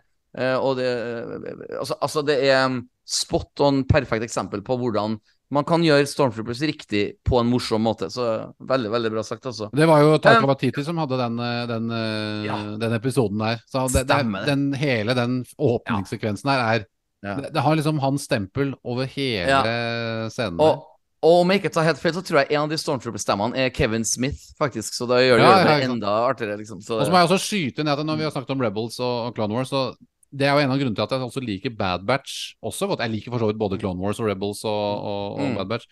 Men Mm. Bad Batch har liksom litt DNA til begge to, ikke sant? For du har et crew Ja. du følger i Bad Batch. Ja, Men riktig. du har også et veldig da, de, de direkte etterdønningene og konsekvensene av, av hele attack, altså, eh, The Clone Ja. Og Revenge of the Sith Ja. da, og Imperiets eh, takeover, liksom. Så du Mm, får liksom litt, mm. litt av begge deler, da. For du har jo en del av klonehistorien, og de møter jo Rex igjen, og det er, det er eh, mye, mye som pågår. med- De skal jo få sånne pensjonistavtaler og sånn, og folk som kjemper for dem. Det er Gre Greta Thunberg dukker opp uti Ja, ja, ja. Greta Thunberg. Så, så, så Bad Batch også har nok Der tror jeg Dave Filoni som For jeg, tror, jeg vet ikke om Kinberg var involvert i Bad Batch, men Jeg, jeg tror ikke det. Det var bare Star Wars Rebels. tror de tok litt liksom- lærdom da av å liksom prøve å mikse det litt sammen. da Ja, Star Wars Rebels var jo egentlig det aller første som kom ut av uh, Disney Star Wars. Vet du. Det er mange som har glemt Ja, det, ja, at det var liksom det første som kom ut etter 2012, når uh, Disney tok over uh, Star Wars, eller Lucasfilm. da. Jeg har et spørsmål til deg, Hogne, som for øvrig kunne du også skal få lov til å svare på. Tre episoder igjen. Eh, hva tror du vil skje videre? Altså, når kommer Throne og de, de, de, altså, Nå snakker jeg i, i ledende spørsmål, men eh, Throne kommer jo til å mest sannsynlig eh, vinne litt i de neste to-tre episodene, for jo, de sparer jo sikkert klimaks til filmen. Eh, eller hva tenker du, Hogne? Hva, hva- vil skje nå de, de tre neste onsdagene? Ja, nei, altså De drar jo til en annen galakse, da, så det hadde vært Ja. utrolig kult om de dukka opp på Karl Johan og gikk på Mækkern. Eh. Eh, nei, uh, jeg, ja, jeg tror nok du har rett. At, eh, at det blir uh, at, at uh, Ahsoka og, og treffer treff dem igjen. At de kommer til Ja. det eh, punktet hvor de er. Eh, og jeg tror nok også Det jeg er litt mer sånn spent på, det er om han uh, Från kommer tilbake til, til Star Wars-galaksen igjen. Eller om hele oppgjøret bare blir i den, den galaksen der. Men som du sier, det er jo planlagt en Från-film. Ja. Det kan jo hende at han kommer tilbake, og så slutter serien et, på et sånn skikkelig skikkelig mørkt punkt. Ja. Um, Ja. Ja, og det, og det er jo ikke for episode, altså Forrige episode, for eksempel, endte jo på et veldig mørkt punkt. Litt sånn Empire Strikes Back, det nevnte jeg i forrige podkast. og det var jo for så Mm. vidt veldig sterkt, veldig bra også. Og det kan Mm. de fort gjøre igjen, for det har de vist oss at de gjorde halvveis i sesongen. Så det er ingenting som Mm. tilsier at det ikke skulle skje. Mm. Men uh, hva med du, Knut? Hva, hva tror du vil skje de neste tre episodene? Vi skal jo tross alt snakke i tre uker til om denne serien. Jeg tror uh, eh, Asoka kommer til å ha på seg hvite klær. Det er i hvert fall helt sikkert. ja. Jeg tror vi Altså, får se E- E- E- Ezra, eh, vil Ezra dukke opp? Ezra kommer til å dukke opp, det er jeg ganske sikker på. Altså, det er jo noe av det som Det ligger jo mye mysterier rundt hva som har skjedd med Ezra, og det er mye mysterier også fortsatt rundt Balen Skull og Shin Hati som ikke er forløst. løst. det Ja, det, jeg savner dem. Jeg savner Ja, dem faktisk det, det, det glemte jeg, jeg å si i min lille oppsummering. At jeg syns det også var en liten sak etter episoden at du ikke fikk se noe av eh, ba altså, det Egentlig min favorittkarakter i hele serien er Balen Skull. Det er Og han, det med mine og, og ja, hva, tenk, eh, hva tenker du, Hogne? Er det også jo, din nei, han, ja. eh, han, han virker liksom sånn Ikke sånn Jeg vet ikke. Du, du, det er liksom ubestemmelig hvor du har han. ja, han, fordi du han er merker at han, har- han har en eller annen overbevisning som er så genuin. Det er det som er så Ja, og så, og så er det sånn han, lova, han lova jo eh, hos Sabine fritt leide. Altså, sa at Ja. han, så, gøy, og, for, for eksempel, og, og hadde det vært noen andre som skurker ved seg tidligere, så hadde han jo bare drept henne. Eh, Ja, Så det er litt ja. sånn eh, ja, Spennende. Og, ja, og, og, så det neste jeg begynner å lure på om det kanskje kan bli noe sånn trekantdrama at hun, hun som er apprenticen hans, så husker jeg ikke farten hva hun heter. Nei, ikke hater. heller. ja, ja, eh, at, at, eh, at hun og Sabine at hun, at hun anser Sabine som en mulig rival. Eh, Ja, det er ja, ja. Tydelig at de ikke har noe særlig sånn love lost between them. eh, Mm. Men jeg syns hun, jeg synes hun, hun som spiller og Apprenticen der, hun er jækla intenst blikk. Og, eh, Ja. sånn, sånn, jeg skulle gjerne ha eh, lært litt hun litt mer å kjenne. Altså, Ja. Jeg tror det er et uforløst Jeg, jeg, jeg er enig. Jeg er enig. Ja. ja. Um, Jeg- jeg jo- jeg, Ja, sorry. Mm. Ja, nei, jeg, jeg tror jo at uh, altså det, det som er så gøy med Balen Skull, er at han er Han er en type skurk som Som Han anser Anakin Virker som han basert på forberedelsen anser Anakin og Asoka som egentlig the bad guys. For han mener at de er bare en path to death and Åh! destruction. Han har og, jo Ja. Unnskyld å avbryte. Du sa bad guys, og det er jo fordi at hun dama minner meg om Billie Eilish. like sånn goth-blond jente. ja, sånn emo, Ja, emo ja. Men han, ja? Så, så han anser, han, det virker som han anser seg som en slags redningsmann av det, en ny orden som skal erstatte Altså ikke Jedis, ikke Sith, men Mm. et eller annet annet som på en måte trekker det- beste fra begge sider, på en eller annen Ah, måte. Uh, politiske partiet Venstre? Ja. og Thrawn kan være en del av den planen, og, men også Han, skal, han skal bli politiker! Han skal bli politiker. Ja, ja, ja. Sorry, jeg skal ja. Og så tror jeg at navna til han og Skinn og Hati, da, at de heter Skål og Hati, at det er disse norrøne ulvene fortsatt har noe med The World Between Worlds, eller så er det bare Dave Filoni som har hard-ons for ulver, for det har han jo. Han, han Ja. heter jo til og med Trapper Wolf, den karakteren han Ja. spiller i alle universet. Så, um, det.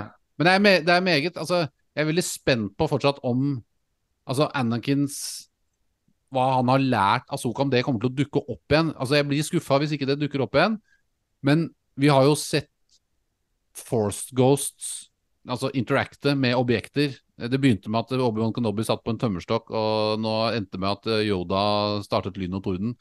Eh, nå er jo Anakin en force-gud, så hvem andre enn han er det som kan på en måte interacte med en eller annen fysisk verden? da? Sånn at eh, de har jo de har jo servert oss han nå som, som en eller annen slags eh, vesen, en, en kosmisk vesen som kan gjøre kanskje noen ingen andre har gjort enda. Han kan jo selvfølgelig ikke være sånn at han kan Det kan ikke være på en opptre på en slik måte at han kan gjøre hva han vil. For Da blir det ting for enkelt. Da blir det som Supermann. Da blir det kjedelig, liksom. Eh, men, eh, men at han kan komme tilbake og, og gjøre et eller annet at Jeg hadde en sånn vill teori om at Balen Skull Det er selvfølgelig det en veldig liten sjanse for at dette er sant, men at Balen Skull og Shin Hati faktisk er Loth-ulver. Forkledd yeah. som mennesker. At de har morfa inn i mennesker og har en eller annen yeah. mission med å redde The Force, og på den måten så har det et eller annet med Anakin Skywalker å gjøre, som er inni World Between Worlds. Det er jo masse sånne ulver inni de der symbolene inni World Between Worlds, Ja. rundt disse her rundingene. Så det, det er mitt, kan- mitt ja. fantasihode som liker å leke i Star Wars, den, det forteller meg mye, mye rart i, når jeg sitter på toget. og- Apropos mye rart, eh, jeg vil gjerne nå eh, på en måte avslutte med et sitat som kommer fra Hognebø Pettersen. Eh, Det her er noe du skrev på nettet for noen uker siden, og jeg skal lese det høyt, og så skal du få lov til å eh, deg det hvis du føler behov for det, og det er jo det som Hogne sier her. Eh, Jeg er gammel nok til å huske på at når du ble truffet av en lyssabel gjennom kroppen, så døde du! I Disney TV Star Wars er det som å knekke en tå dersom tåen var helt fin i en dag etter. Og eh, før du skal forsvare deg sjøl, så kan jeg jo trygt si at jeg og Knut har også grubla mye av det der. Vi har, vi har eh, kritisert det, ja. Er det en frustrasjon du fortsatt eh, har den dag i dag? Ja, det det er det. Eh, det vi, også, vi har jo sett det flere ganger nå. Eh, Ja. det var vel i en, en eller annen TV-serie, en av andre TV-serien også. ja. Det var jo i Obi-Wan og Re Reva. Ble jo Ja, ja, ja. Hun ble jo truffet to ganger. to ganger.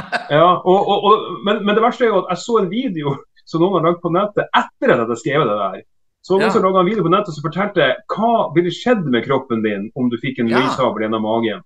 Og det viser det at på grunn av at det her er jo en laserstråle rett og slett, som Ja. er, er, er mange millioner grader varm. Så Ja. væska inni kroppen din ville begynne å fordampe Og den ville da begynne å fordampe på en måte at den ble, du ble som en trykkoker. Så du ville rett og slett eksplodere. Magen din ville revne og eksplodere, og tarmer og innvoller ville flyge. Så liksom det, det Ja, så, så eh, Endelig. Ja, det var bra.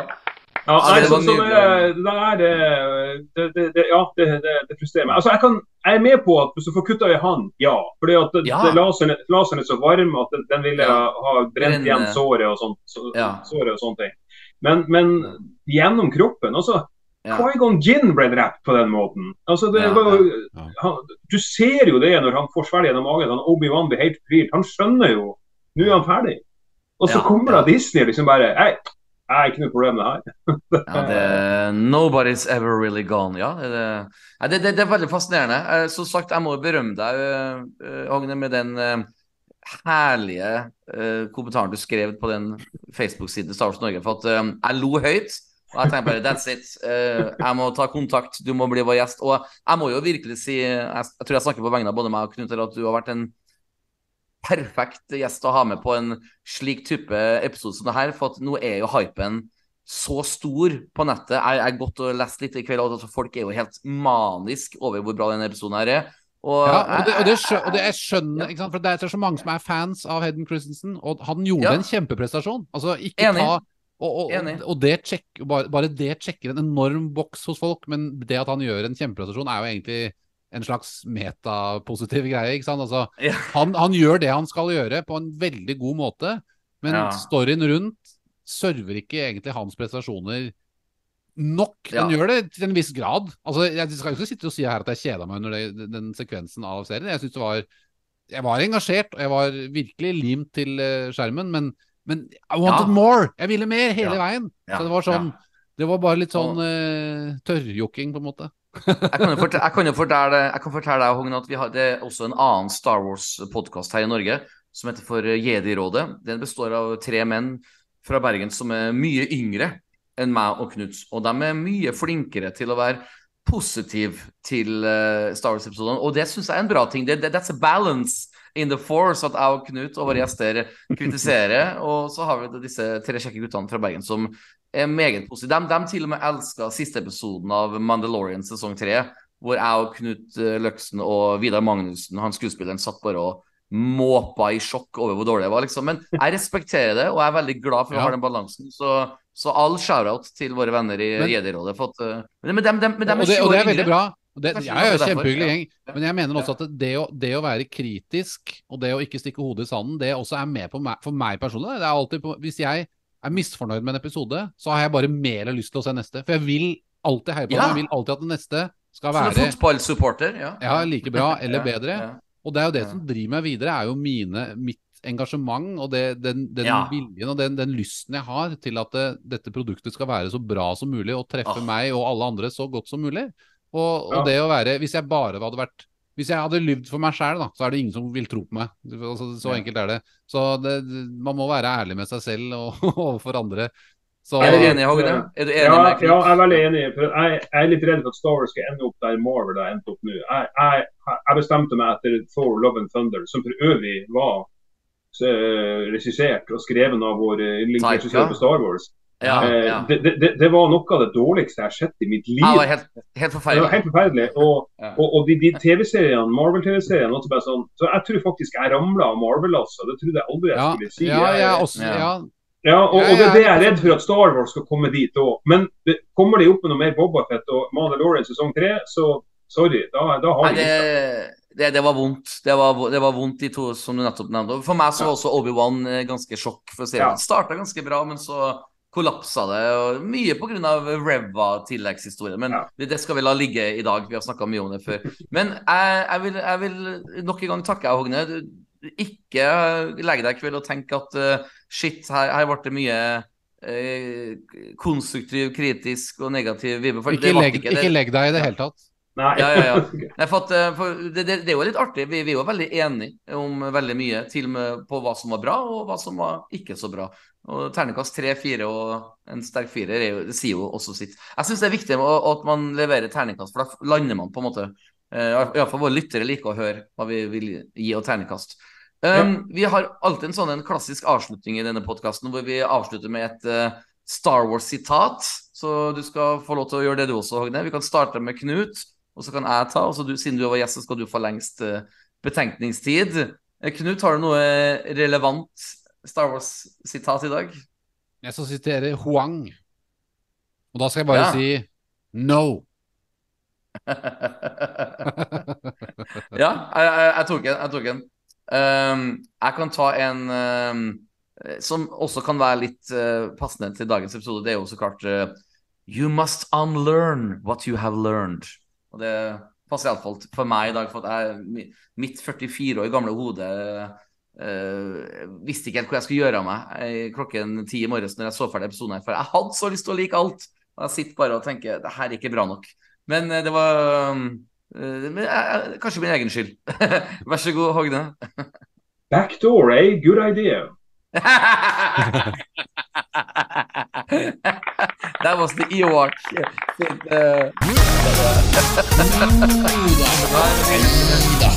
So Neither. So yeah, so yes.